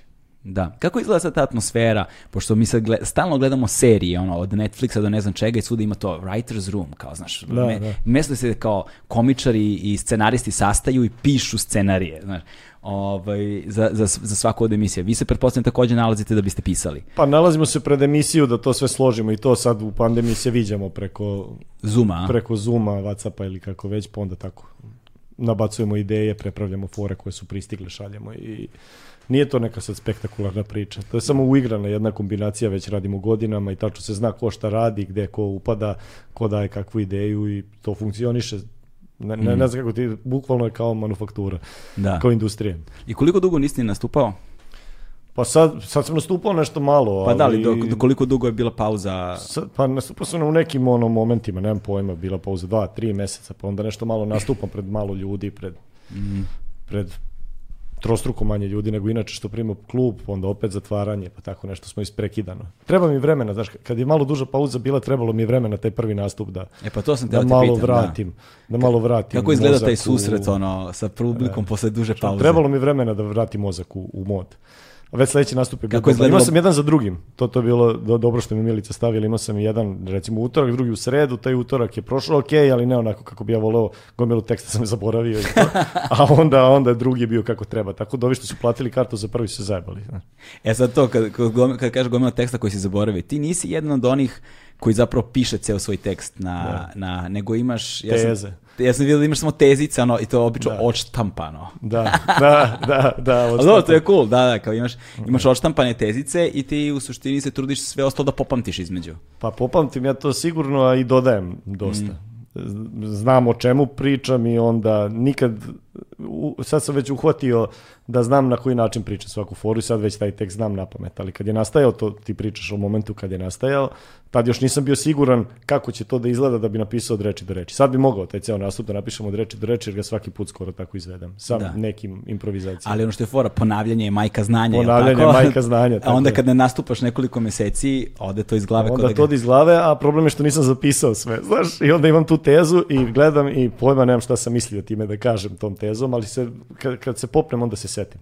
Aha, zaista. Setim se, da. E, To je kao ona fora... Ne setim se nekad odmah, znaš, setim se da sam to zaboravio. Aha, Setim se kad siđem sa scene da sam to zaboravio i onda se za sledeći nastup setim potpuno. to je... evo, Čudan da- je mozak. Jeste, da. I to, to podsjeća, to podsjeća na ono, ja sam imao, ja sam imao te fore ranije, mislim, za, za svašta nešto što radim. E, Pra, praktikovao sam ranije kao da imam pored kreveta spava, pa, zato što ja obično mi padne nešto na pamet tek pre nego što zaspim. Dobro. Legnem uveče u krevet i ono ležim glava na jastuku. Znaš, čudno je to sa spavanjem. Ti da bi zaspao moraš da legneš i da se pretvaraš da spavaš. I svi to moramo da uradimo. Da, Znaš, da, i sad da, ti da. ležiš i pretvaraš se da spavaš da bi zaspao. I tom nekom trenutku, kad sam ni tamo ni vamo, mi dođe, dođe mi ne, nešto mi pada na pamet. I onda sam u fazonu, a, u strava, ujutru čim ustanem ću to da zapišem po urazoru, ne, da nemam pojma ujutru šta je bilo. Ovaj, I onda sam rešio da držim pored kao kreveta neko tefterče ili kao neki, neke papiriće ili olovku, samo da ono, asocijaciju neku stavim. I, ovaj, I to mi se pokazalo prilično jalovo, zato što ja stavim asocijaciju tipa jednu reč ili dve reči. I onda otvorim, I pogledam nemaš pojma ujutru, šta si tada. Prete, šta sam ovo? A vrlo često, pošto sam tako bunovan, zapišem, ne mogu ni da pročitam šta sam zapisao. I onda niti mogu da pročitam, niti razumem šta tu piše i posle jedno mesec dana toga, pokušanja toga, odustao sam. Da, da, da, to su kao egipatski hieroglifi. Pa da, znači... Znaš jedni- šta se meni dešava? Da sanjam, na primjer, da imam nastup neki, izgovaram neku foru, vrište svi od smeha i, i, i kažem sebi u snu, sad ću ovo da zapišem, ovo je vrhunska fora. Jutro se probudim i sećam se fore, to je najveće sranje u univerzumu koje ne mora da funkcioniše ni, nikako. Znaš, čak, čak nije ni fora, to su neke nasumične reči. To mi se dešavalo milion puta. Ali kao A setiš jedno se. čekam, ne, u snu sebi kažem, jedno čekam se probudim da ovo zapišem, znaš, to je neki polusan, nemam pojma šta. I čudi su ti momenti, koliko puta si Jeste, svestan da sanjaš? da, da, da, da, meni se to često dešava, zato što sam i mesečario kad sam bio klinac. Stvarno? Sve, da, imam taj neki, ne, ne, ne utonem potpuno, valjda mozak ne utone potpuno u sam, pola sam tu, pola nisam i onda često se desi da pričam s Tamarom, pravim sranje.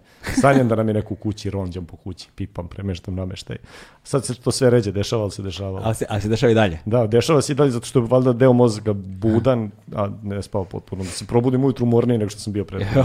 A to je problem, da, to ima neke, u medicini ima neki problem, ali sam re, relativno sam rešio to. Tako što trčim za decom po ceo dan. Da se izmorim i onda Previše si umoran. ceo mozak utrne onda. Da, da, da. A ovaj, ali čekaj, ti kad me sečariš, ti, znači, jesi, onaj, jesi jedan od onih koji bukvalno ustane Da, da, i... da, da, da sedne, popričam s tobom sve i vratim se da spavam, nemam pojma šta sam pričao. Brate, koliko je to... To je odvratno. To, to mi se dešavalo 12. 13. godine, sad se plašimo da će ići Jerka, pošto ona sve defekte na mene nasledila. Aha. Tipa uske ušne kanale da ne čuje ništa posle dva dana, znaš. I nismo znali da je to na mene nasledili, onda sam imao neki problem, otišao sam kod, a pa kao, to je isto ono što Naca ima, rekao sam ne govorite Tamari, da i to na mene nasledilo. Ne daj Bože probleme, da zna. Ne, daj, Bo- ne daj Bože da zna. Da, To sam, jel, jesi Ili nezgodno, hvatao sam se za kvaku, tad sa 12 godine, hvatao sam se za kvaku da izađem napolje, da landram, znaš. A koja je bila naj neka, ono da su ti rekli, pošto se vjerojatno ne sećaš, jel te neko probudio u toku ovaj... Ne, mo, ne možete ti mene da probudiš. Ti možda pričaš sa mnom, ja pričam s tobom kao sad i odem, vratim se da spavam. Viko sam lajka dobio keca, lajka dobio keca kad sam bio klinac, imao sam nekog drugara, lajka smo ga zvali, pa sam ga zebavao u snu da je dobio keca, znaš. Naravno toga se nisam sećao, pričam, Like, pričao da. sam, čak i u snu pričam. Je, meni- Mučeni lajka, stvarno dobio keca, verovatno. Ja se sećam, moja sestra je, ovaj, kad smo bili klinci, uh, kad smo, ono, govorim period, recimo to, neke rane, rane tinejdžerske godine, ono, znaš, 13, 14, šta ti ja znam, ovaj, uh, sestra, je, sestra je tada baš, ono, me se čarila, ne. Nije govorila nikad. Ovaj, možda bi bilo lakše da jeste. Da, da, da, da. Jer više je spuki ovako. I sad ja sedim, znaš, kao, sad spavaća soba je skroz levo, ja sedim, skoro, dakle, skroz desno je dnevna soba. Dakle, gajba bila kao jedan dugačak hodnik u stvari, tako du, po dužini je bila cela gajba.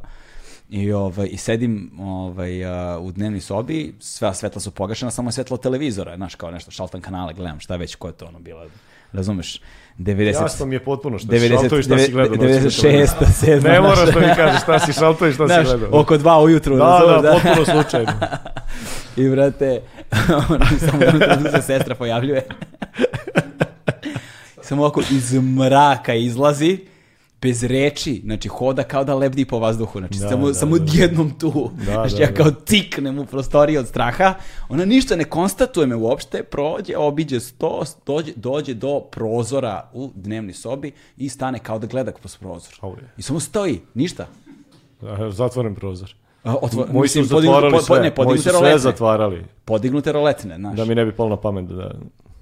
Doduše bili smo i u prizemlju, tako da nije... A, onda da. nije strašno. Ali, Mi smo na četvrtu spratu bili, ne, bilo bi nezgodno. Pa kad si već imaš istoriju skakanja preko zgrada Dobro, šta bi bilo teško malo da ovo okinem dole. i vrate stoji na prozoru. Problem je što bi me probudilo to, znaš. Ali ne smeš mesečara da budiš. Ili Kad ne bi, pa- četvrtog sprata, probudilo bi me. Da, ali, I onda bi se prepalo dete, znaš, i onda šta će? A, ali čekaj, a, e sad ja, viš, ja sam čuo sam, zato sam ti pitao da li te neko nekad probudio. Zato što ja sam čuo za tu priču da mesečara ne smeš da budiš. Ali um, ne znam zašto. Zašto? Pa Da. nije ni meni jasno zašto. Ni, mislim, stvarno nikad nisam čuo kao A šta- zašto bi imao potrebu da budiš nekog ko deluje da je budan?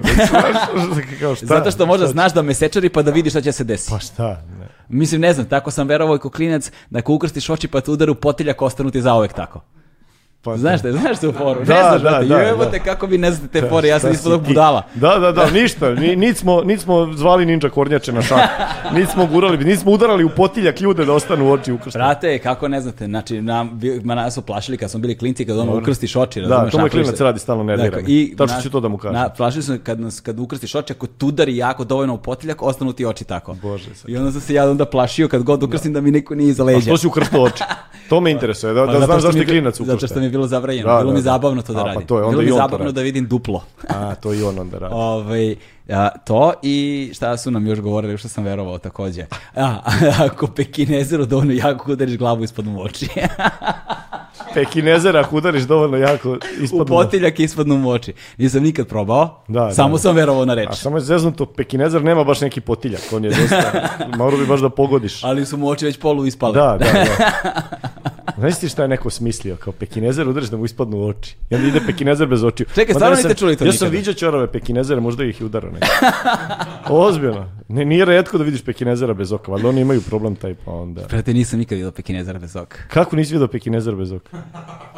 Nisam. A? Ti šta si? Mi u Mitrovici imamo pekinezer, imamo odgivačnicu pekinezera bez oka. Znaš. Mislim da imate problematičnog sugrađanina, da, to da, da, ja neko, neko udara u potiljak pe- pekinezera je pogledao. Ko ima problem baš sa Ja, pekinezerima. gde je tvoj pas?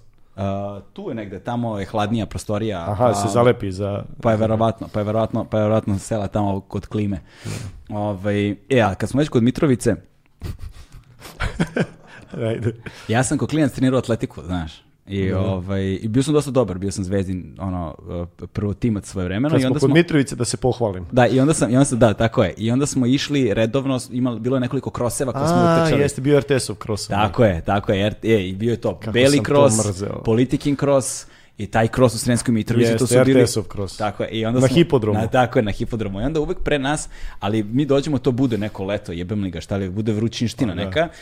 I ovaj, pošto je to hipodrom, jel te, konji tu trče. I onda se ta zemlja koju su konji razrovali, ostane, samo se tvrda ko kamen bude, Da, da, sa da. svim onim rupama, kraterima od, od konja. I tu, tu da trčiš, polomiš sklobove, noge, to si izubiješ, a onda pre nas trče vojnici u čizmama. Da to utabaju. Da, da ne utabaju, kak je, samo još gore bude.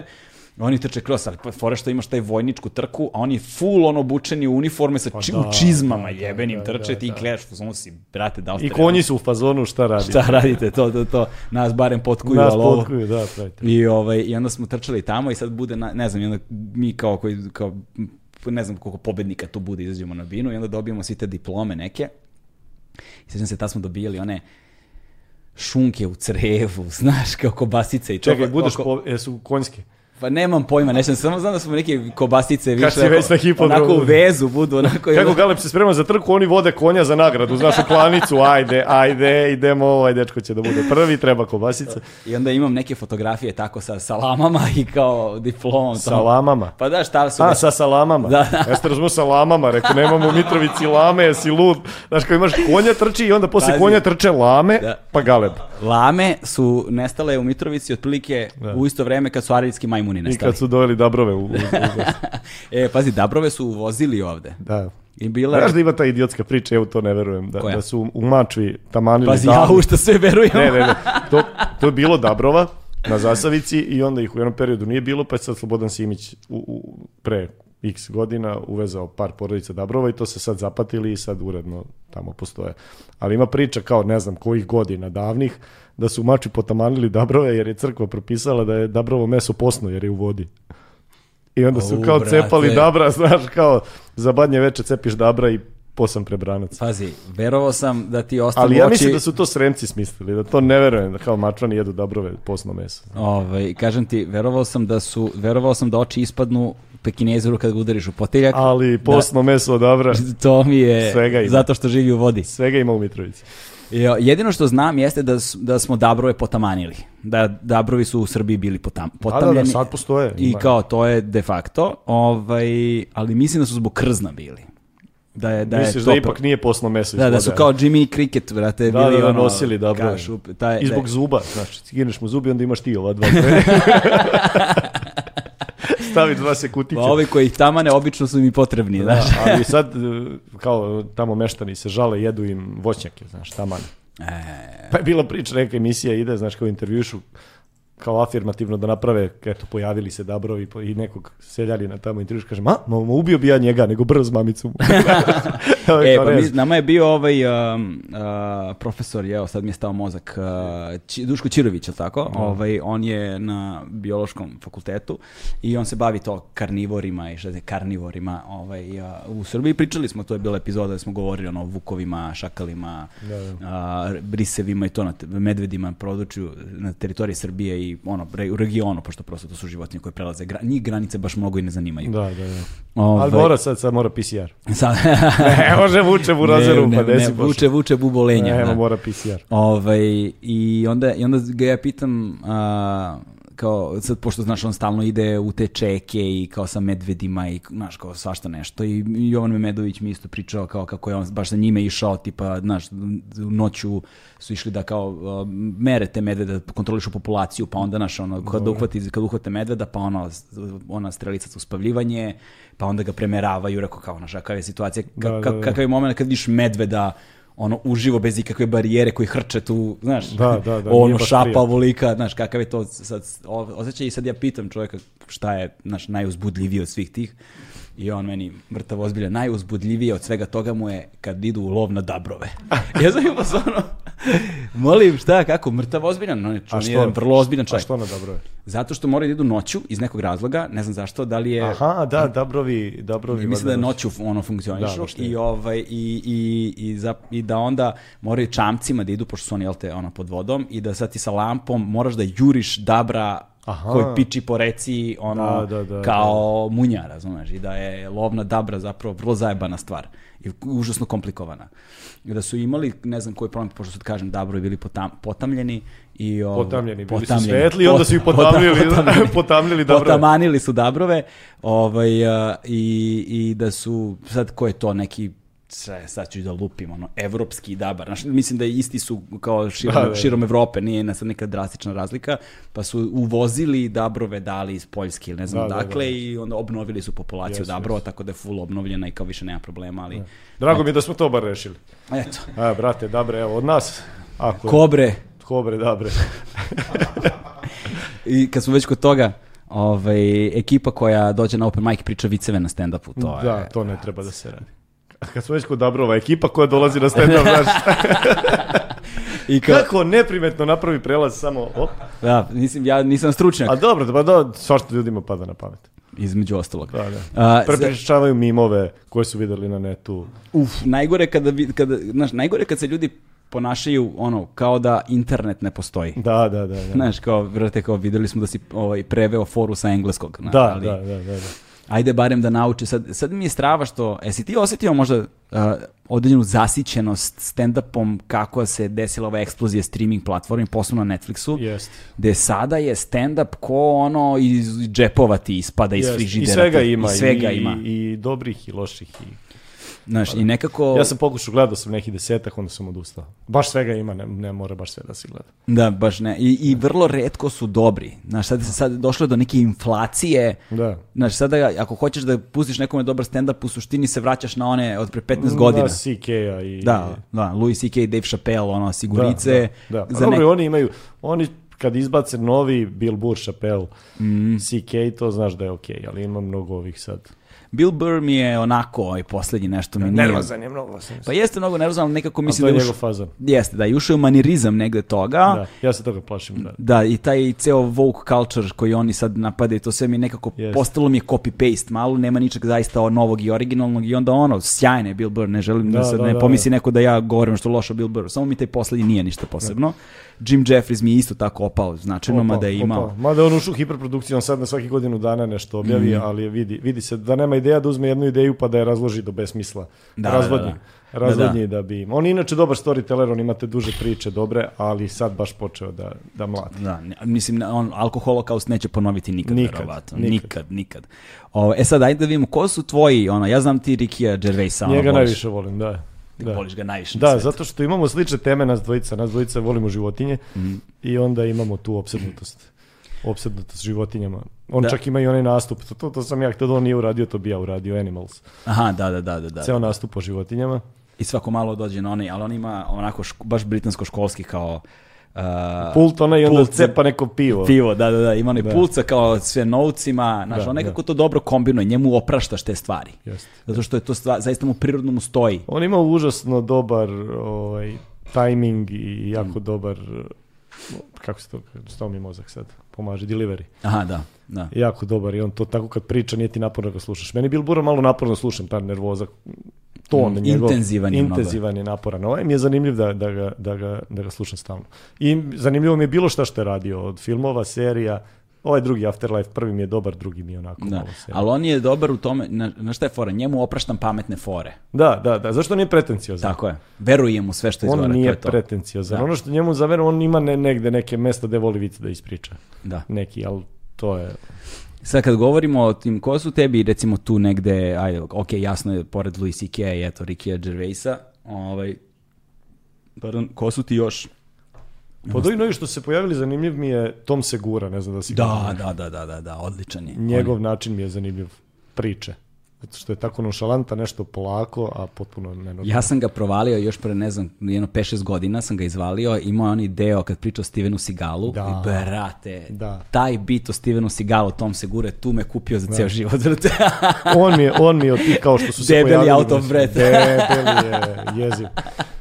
Čekaj, sad ne mogu da se setim koga sam još skoro gledao da mi je bio zanimljiv. Znaš ko mi je dobar? O, Michael Che. Si gledao njega? Ne, nisam. Tamnoputi stand-uper. A, jesam, jesam, jesam, jesam. on je vidio sam za ga na- Mhm. valjda pisao i uradio je... Da, da mršavi onaj. Ne, ne, ne, izvini, to je, ne, izvini, pobrkao sam ga teško. s onim kami... Uh, ima neki, Michael Che ima nastup, Pobrkao sam. mislim da se zove Black Lives Matter, tako. tako nešto, da. Da, ali to on objavio pre ovog cijelog Aha, aha, aha. sranja sa gušenjem ovog čovjeka. Tako da on je baš dobar, baš duhoviti, ima taj neki ležaran stav, tako malo je šapelast. Aha, aha, to je, tu ću možda provjeriti, nisam ga izvalio. Ima, ima mislim, da, da li na Netflixu ili na YouTubeu ima ceo njegov nastup. Da, moja evolucija ono, uh, ljubavi prema stand-upu nekako je išla, udaljavao sam se od tih mainstream figura koje su ono de facto genijalni, znaš, jer Da, ne, da. ne možeš ti za Louis C.K. da ne možeš ni jednu zamjerku da mu nađeš, ono, Da, da, da. I, i ona koju možeš eventualno da mu nađeš zaista ne stoji, on, ako bismo morali da stavljamo ono listu najboljih svih vremena, Louis C.K. definitivno ulazi u tu listu. On je, Sigurno. on je tu sa ono Bill Hicks, Richard Pryor, George Carlin, Bill Hicks, ovaj, uh, Louis C.K. ulazi Ja na bi Izarda tu stavio listu. tu zato što je najoriginalniji. Eddie Izzard je meni najdraži bio dugo, dugo. Ovaj, uh, Njegov Dress to Kill specijal, to, to je u top 3 najbolja specijala sigurno. to se ne ponavlja. Sigurno. To se ne ponavlja. Taj Dress to Kill, Da. to se ne ponavlja. To, Da, da. to je ono, u anale istorijske, Jest, to, je, to je enciklopedija stand-up. Je. Ja to kada sam prvi put video, mi smo mi, mi smo nas nekoliko, ne da smo na pamet znali, mi smo to izlizali koliko... Pa ja da. sam umeo u jednom trenutku ceo stand-up od početka do kraja sekundu za sekundu da ponovim. U, u, Luisi- u pidžami, ovaj, onaj, da, u u- njegovoj pidžami, da obučeš se ko... Edija, Edija Izrda, ceo sam mogao da ponovim Car. od početka do kraja. Ovaj, e, Doug Stanhope mi je bio Doug. Stanhope, da, on, on na primjer, on je Deadbeat Hero. Da, da, da, da, da. Taj mi je dobar, njegov specijal, ovi ostali onako. I pre toga je imao... Silica loži na njega, on mi je... Od njega sam čuo za Doug Da, da. Stanhope. Doug Stanhope mi je bio posle Edija Izrda i ja sam krenuo u tom nekom smeru malo čudnim, recimo, recimo Mark Maron mi je sjajan. A, on je dobar, on ima zanimljiv način pričanja Mm, Mark priče. Maron. I cool mi je što sedi. Da, da, da, da, da, ima da, da. foru tu sa sedenja. Si gledao kad priča o Bill Hicksu? Kad Kako ne, kako ne, kad Bill Hicks urla I'm na ljude. a poet, I'm a fucking poet. Hotela sa poem, man. A žena zbunjena. Reci pesmu ludače, šta mi se dereš, evo tako si poeta. Da, to Ali ja sam- tačno mogu da zamislim tu situaciju kako je ovaj potpuno lud čovjek. ali kad kaže, kad kaže kako je on trebao, trebalo da, uh, imao je follow-up, trebalo da izađe nakon Bill Hicksa u Njurku negde u nekom, gde Da, on da, kaže da, da. u jednom trenutku, kaže sedi u backstage-u i samo čuješ Bill Hicksa koji Urla na ženu, da. Urla na ženu, urla na publiku i ovo i odlazi, nema smeha, Ništa, da. muk totalni u, busro ih je ne, sve. za njega si morao budeš spreman. Da, da, da, da. Da, da. On je bio gorak malo i, i vrlo često pijan i drogiran. I iskreno, trenutno mi je možda ono najdraži, nekako sam došao do te tačke, Norm MacDonald. Mi je, O, znači, Nemanja Živanović obožava ovaj Norma McDonalda i onda kad god smo išli negde na gostovanje zajedno, onda mi on pričao Normove sve moguće što je ikad Norm McDonald ispričao, bilo na SNL-u, bilo kod kuće svoje na vikendici, kad god svaku rečenicu koju je Norm McDonald ikad izgovorio, Ovaj Nemanja zna. Živanović zna. da, I nevjerojatno. on je njemu isto, a i stvarno je dobar, on, onaj, onaj, onaj nastup gde priča o, jel o Nilu Armstrongu, o kome je pričao, kad su došli na, na mesec, onaj treći što je ostao. Da, da, da, Michael Collinsu, Michael da, da, Collinsu, Michael- da. da, da, da, da, to je pa sad i ovo, sad cela ova situacija, kao naš dva svetska rata sa Nemcima, to on posljednjem To se da Hitlerov pas. je Da, da, nešto. da, ima, ima, znaš, on čovjek ima ono stand-up bit od 12 minuta Da, da, da. u da. kojem nema punchline-a. Da, da, Znaš, da. kao, ali je, znaš, te- mislim sad Jeste, ti ja vidiš. prepričavamo stand-up fore, znaš, ne može se Vidiš, prepričavamo. on je stvarno dobar, a njega se ne bi setio. Sada si me pitao top 10-15 najboljih, on mi je u tih 10-15 najboljih, ali ga se ne bi setio. I to je njegova cela karijera. Znaš, to je, to je Norm MacDonald. Da je bio nam je Bert Kreischer sad ovde nekoliko meseci Da, snimao da, on mi film. nije, on mi nije zabavan. Pa on mi je samo bio zabavan pre ne znam koliko godina kad se pojavio prvi put sa tim bitom The Machine. Da, da, da. I što to su je- snimili film o tome. Da, Da, i to je stvarno bilo smešno. Meni kad nije sam- jasno zašto je go.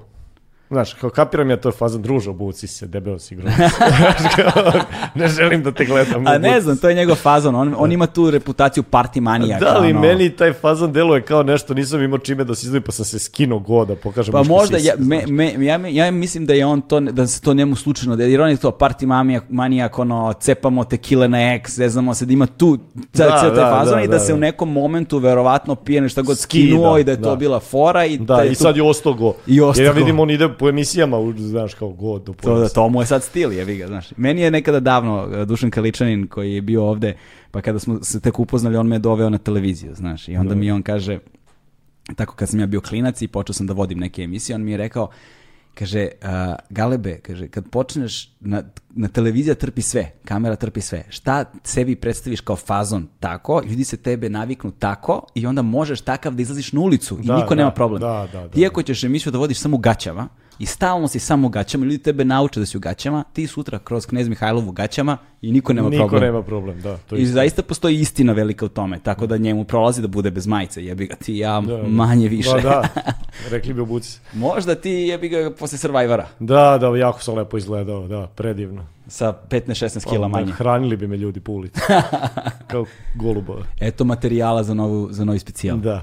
Ovaj, To vratili je ste teško dosta naći, naći ugao i materijal. Spomenuo se da, da je ovaj da je Bill Burr ušao u manir malo. Mhm. To se ja plašim da, da ne uđe. Non stop pričam o deci, porodici. Ja se trudim da prošaram da imam što više tema u stand-upu, ali nekako sam već video da sam krenuo Da. tim putem da budem taj lik koji priča o tome. Tako da sad ovaj novi što pišem, to malo što sam napisao, gledam malo da, Da pobegneš. da pobegnem. Da. I taj izlazak iz comfort zone je zapravo to je rizik s Da. jedne strane, ali je nagrada ukoliko to izvedeš kako treba Jeste, zaista. da, za sad nagrade nema. Pa, kakvi ste sad sa nastupima? Pa sad po, počinjem sutra. Sutra? Da, da, sutra je utorak, je tako? Da, da, jeste. Jel sutra. smemo da odajemo tajnu kad se snima ovo? Ma smer, A, slobodno, da. slobodno. Znaju ljudi da nije Ovaj, uživo. 17. dan nastupam, 17. 24. i 31. čini mi se počinjemo u Akibi da radimo. Mislim da je 24. već improvizacije, a ovo su treća stanja. Tako da vidjet ćemo, nadam se da ćemo moći da nastupamo do... Improv je sjajna stvar za publiku Jest, uživo. jest. I sjajna stvar za vežbanje mozga Mhm. stand-uperskoga. E, Pazi, sad, e, ono što hoću da naglasim samo jeste, pošto sam vidio da ste vi kod Ivanovića radili improv. Da, to je mnogo teže na televiziji. Ali to ne funkcioniše na, Da. na TV-u, znaš. I nije to ništa. Nije to to. Nije to to. U, u klubu je to stand-up u klubu i stand-up na televiziji je jedna stvar, ali improv u klubu i na televiziji, to su dva univerzuma potpuna. Ali delimično to funkcioniše, to neka publika pije. Da. Ali ne, to je publika koja ne zna kako to izgleda u klubu. To je potpuno jedan novi nivo. Tek tu interakciju, tu ne možeš ne možeš bez interakcije. Da. To je sve što ti treba je publika, zato što su oni 60% tog nastupa. Da. Svuda je zapravo stand-up dvosmerna ulica i publika aktivni učesnik, ali u improvu To je sve, publika reditelj, oni, Da. oni govore šta da mi radimo gore i onda je moje samo da to sa pretvaramo sve u smešno. zvoncetom i time, Tako je. ali ona, ali lepota u kojoj ti uživo prisustvuješ nastajanju fore, Fore. nijotkuda. Nijotkuda, da. da. To igranje uloga, zajebavanje. Da. Ja posljednji impro koji sam gledao, Perišić je recimo odličan u tom Odličan improvu. improvu, On je jeste. baš dobro ume da drži taj improv. Jeste, jeste, jeste. Znači, u, u- gde on ode u tri pičke materine, da prostite na izrazu, znači, to njega u improvu kad god sam gledao, to je bilo, to je bila bomba. Onda kombinacija tebe i njega, za- kad ste vas dvojica zajedno na improvu, to bude, Jeste. to veče se uvek nasmejem, ono, bukvalno odem kući, plačem od Hvala smeha. ti Galebe mnogo. Ne, ozbiljno. Dođi nam češće. Znaš, brate, ali- češće ali na to je-. Vodit ćemo te na improv i ozvučit ćemo te. Mada Ne, ne, zaista. radi, ne radi Perišić, sad, sad radimo Ivan Nikolić, ja i, Mhm. i Nemanja i Jelena Radanović, Nemanja Dimitrijević i Jelena Radanović i funkcioniše to dosta dobro. Da, da, e, nisam video ni Jelenin, ni Nikolin a, posljednji specijal, odnosno Jelenin novi. A, pa Nis- svrati, nisam- svrati. nisam- To trebalo bi to sad kad krene, bit će na repertoaru. Zovu me stalno, nikako da vidim, a sve hoću da ih pogledam pa da ih zovem ovde u goste, Da. ono, zaista, Svrati. zaista treba ih Ili promovisati zovi, maksimalno. ili ih zovi u goste pa laži da si gledao. to nije fair, brate. To nije fair, treba, treba zaista, tako da, eto, ništa, mislim da smo polako stigli do kraja, koliko sati, mora da se beži. Ovaj, e, sl- uh, hvala ti puno. Hvala tebi, A, bilo mi zadovoljstvo neviđeno. Hvala ti puno, zaista, a, veliko je zadovoljstvo i drago mi da smo se najzad videli posle dužeg vremena i ispričali malo. Pa da smo rekli nešto pametno. Uglavnom smo dosta rekli o crtačima, tako da ako neko nije I o gledao Survivoru. crtače- I o Survivoru, da. I o da. tvojoj dobro, familiji. smo, I o mojoj familiji. I o mesečarenju. I o mes... Ja, evo koliko smo tema pre... Pretresli smo i prethodna gostovanja, sve smo prepričali, šta je ko priča u emisiji. To. Ti mene zove, vidi, zoveš me na svakih recimo 20 epizoda da uradimo rekapitulaciju. Šta je Memedović pričao, šta je Kaličanin pričao, šta su Daško i Mlađe. To vidiš, može. E, Daška i Malađu nismo pominjali. Jesmo, ja sam ih spominjao, rekao sam A, da ste jeste na početku, jao, jeste da sa da igračkama. ti- Bravo, brate, bravo. Gde si mi, gde si mi Džej Džojci Evo ga? Čije Džojac tu, ovaj, kod ove uh, uh, jarebice. Da, a, dobro. Vučedolske, vučedolske jarebice, ali ću da mu nađem neko postolje, pošto ne može da se drži lepo, ali mogu i ovako da ostanu, bože moj. Sad ćemo samo da gomilamo. Tako je. Znaš koliko nam, nam je u braku odnos a, a, a, zdraviji od kako ja imam ovu prostoriju? Jel tako? Tako sam ja napravio sebi prostoriju u kući u kojoj ne boravim uopšte. Boravi povremeno pas uđe i ja kao radim nekad tu, ali sam napravio tako figurice, stripove, čuda i redko Meni sam- je sve ovde. Da, sve da. mi ovde. To, e, to, pa tako i ja imam. Tu imam i ja prostoriju. Pa kad je stigao pas, tu smo ja i ona kao, dok se nije privikla, tu smo boravili. Živeo sam potrebi i vanbrač- spavam ovde. Vanbračno sa psom, znaš. po potrebi spavam ovde, znaš, ali dok, nas preseli, dok nas ne preseli Tamara na vikendicu i mene i mog psa. polako ali sigurno. Polako, pošto je pas uspeo da otkine radijator, Burazir. Čuo nekad da pas može da otkine radijator? Glavom. Pa bordoška doga, ogromna glava, to pizdila radijator glavom i, i skinula sa, sa ovog... Sa, Nosača. sta- sa nosača, da. Spektakl. Je li glava dobro? Baš kaki glava se ne primeti uopšte, da je, ali radijator je onako. Teško. Car, car od psa. Ovaj, uh, jesi razmišljao nekad, ono, jeste li razmišljali ili to nikad ne bi, nije bila tema pošto, da, da se preselite iz Sremske Mitrovice? Pošto, Nikad. znaš, to mi je strava. Nikad. Nikad, nije mi padalo na pamet uopšte. Da, to, mi je, to, mi je, to mi je super, zato što nekako obična, obi- obična praksa u Srb, Srbija, posebno što je centralizovana i što je Da, sve u da. Beogradu smrdljivom i tako dalje, znaš, jeste kao, znaš, ljudi se stalno sele i čim nešto se desi i potreba za karijerom, zovime za onime, Da, da. oni odlaze, ali ti si ostao u Nikad, zato što ja volim Sremsku Mitrovicu, to je moj mali svet tamo i tamo se osjećam prijatno i sve mi je blizu, kao što sam na početku podcasta rekao Mm. i nemam potrebu, ni jedan jedini razlog nemam. Malo putujem, ali sad sam se navikao, meni je sad autoput do Beograda bukvalno kao u prodavnicu da idem.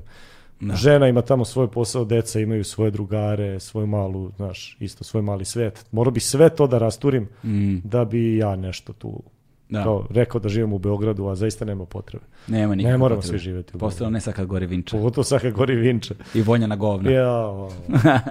Jao. Ne, pa ja sam mislio, e, ovaj, ono, e, moja supruga je iz Gornjeg Milanovca Da. i, ov- i onda stalno idemo za Gornji Milanovac i ja sam se ono potpuno zaljubio u Gornji Milanovac i svaka prilika da budem tamo, tamo sam, Da, tamo da, sam ono, počeo da kreiram društveni život, ono, sve sam počeo, polako ću postati Milanovčan. Milanovčanin, da. Pa, da. znaš šta, ovaj, pa posle određenog- Lep je Milanovac, ja znam par ljudi iz Milanovca, to su Odličan je, ozbiljne znaš. glave. Da. Znaš, ima, ima i bogat kulturni život. Tako je, i ima bijesove. Da, i bijesove između ostalog. Ima, dobar, ima i dobru underground kulturu, što je meni Jeste, strašno jeste, važno. jeste, Znaš, jeste. nije kao neka mala mesta gde nema ničega. Tako je, ozbiljno. I ima sadržaja, znaš, Da. ima sadržaja i dobri su ljudi, dobra ekipa. I ono što se meni strašno dopada kod e, života negde u, u, u manjim mestima, kad kažem manja, mislim manja od Beograda, jeste što postoji jedna veza među ljudima Tako koji su odande, tako je. To je sve. Koje- je- to je da. glavna, glavna ovaj, koju ovde mi u Beogradu ne, to je negde privilegija. nemamo. Da. To je privilegija neviđena. Jer ja kad prođem kroz Mitrovicu, s- vi- sve. Ti si sve- tamo superstar. A ne, ne, to ne zato što sam ja na televiziji, nego smo svi tako se ponašamo. Da. Bukvalno kao velika porodica. To je milina u malo mesto. Jeste, jeste. Pozdrav veliki za, Srem, za, Za Sremsku za, Mitrovicu. za, za Sremsku Mitrovicu, pozdrav veliki za Gornji Milanovac, pozdrav za tebe kuće moja, hvala ti još Ajde, jednom. Molim te, nemoj mi se zahvaljuješ, sad sam došao nikad više. To je to, stigli smo do kraja. Ćao. Ćao.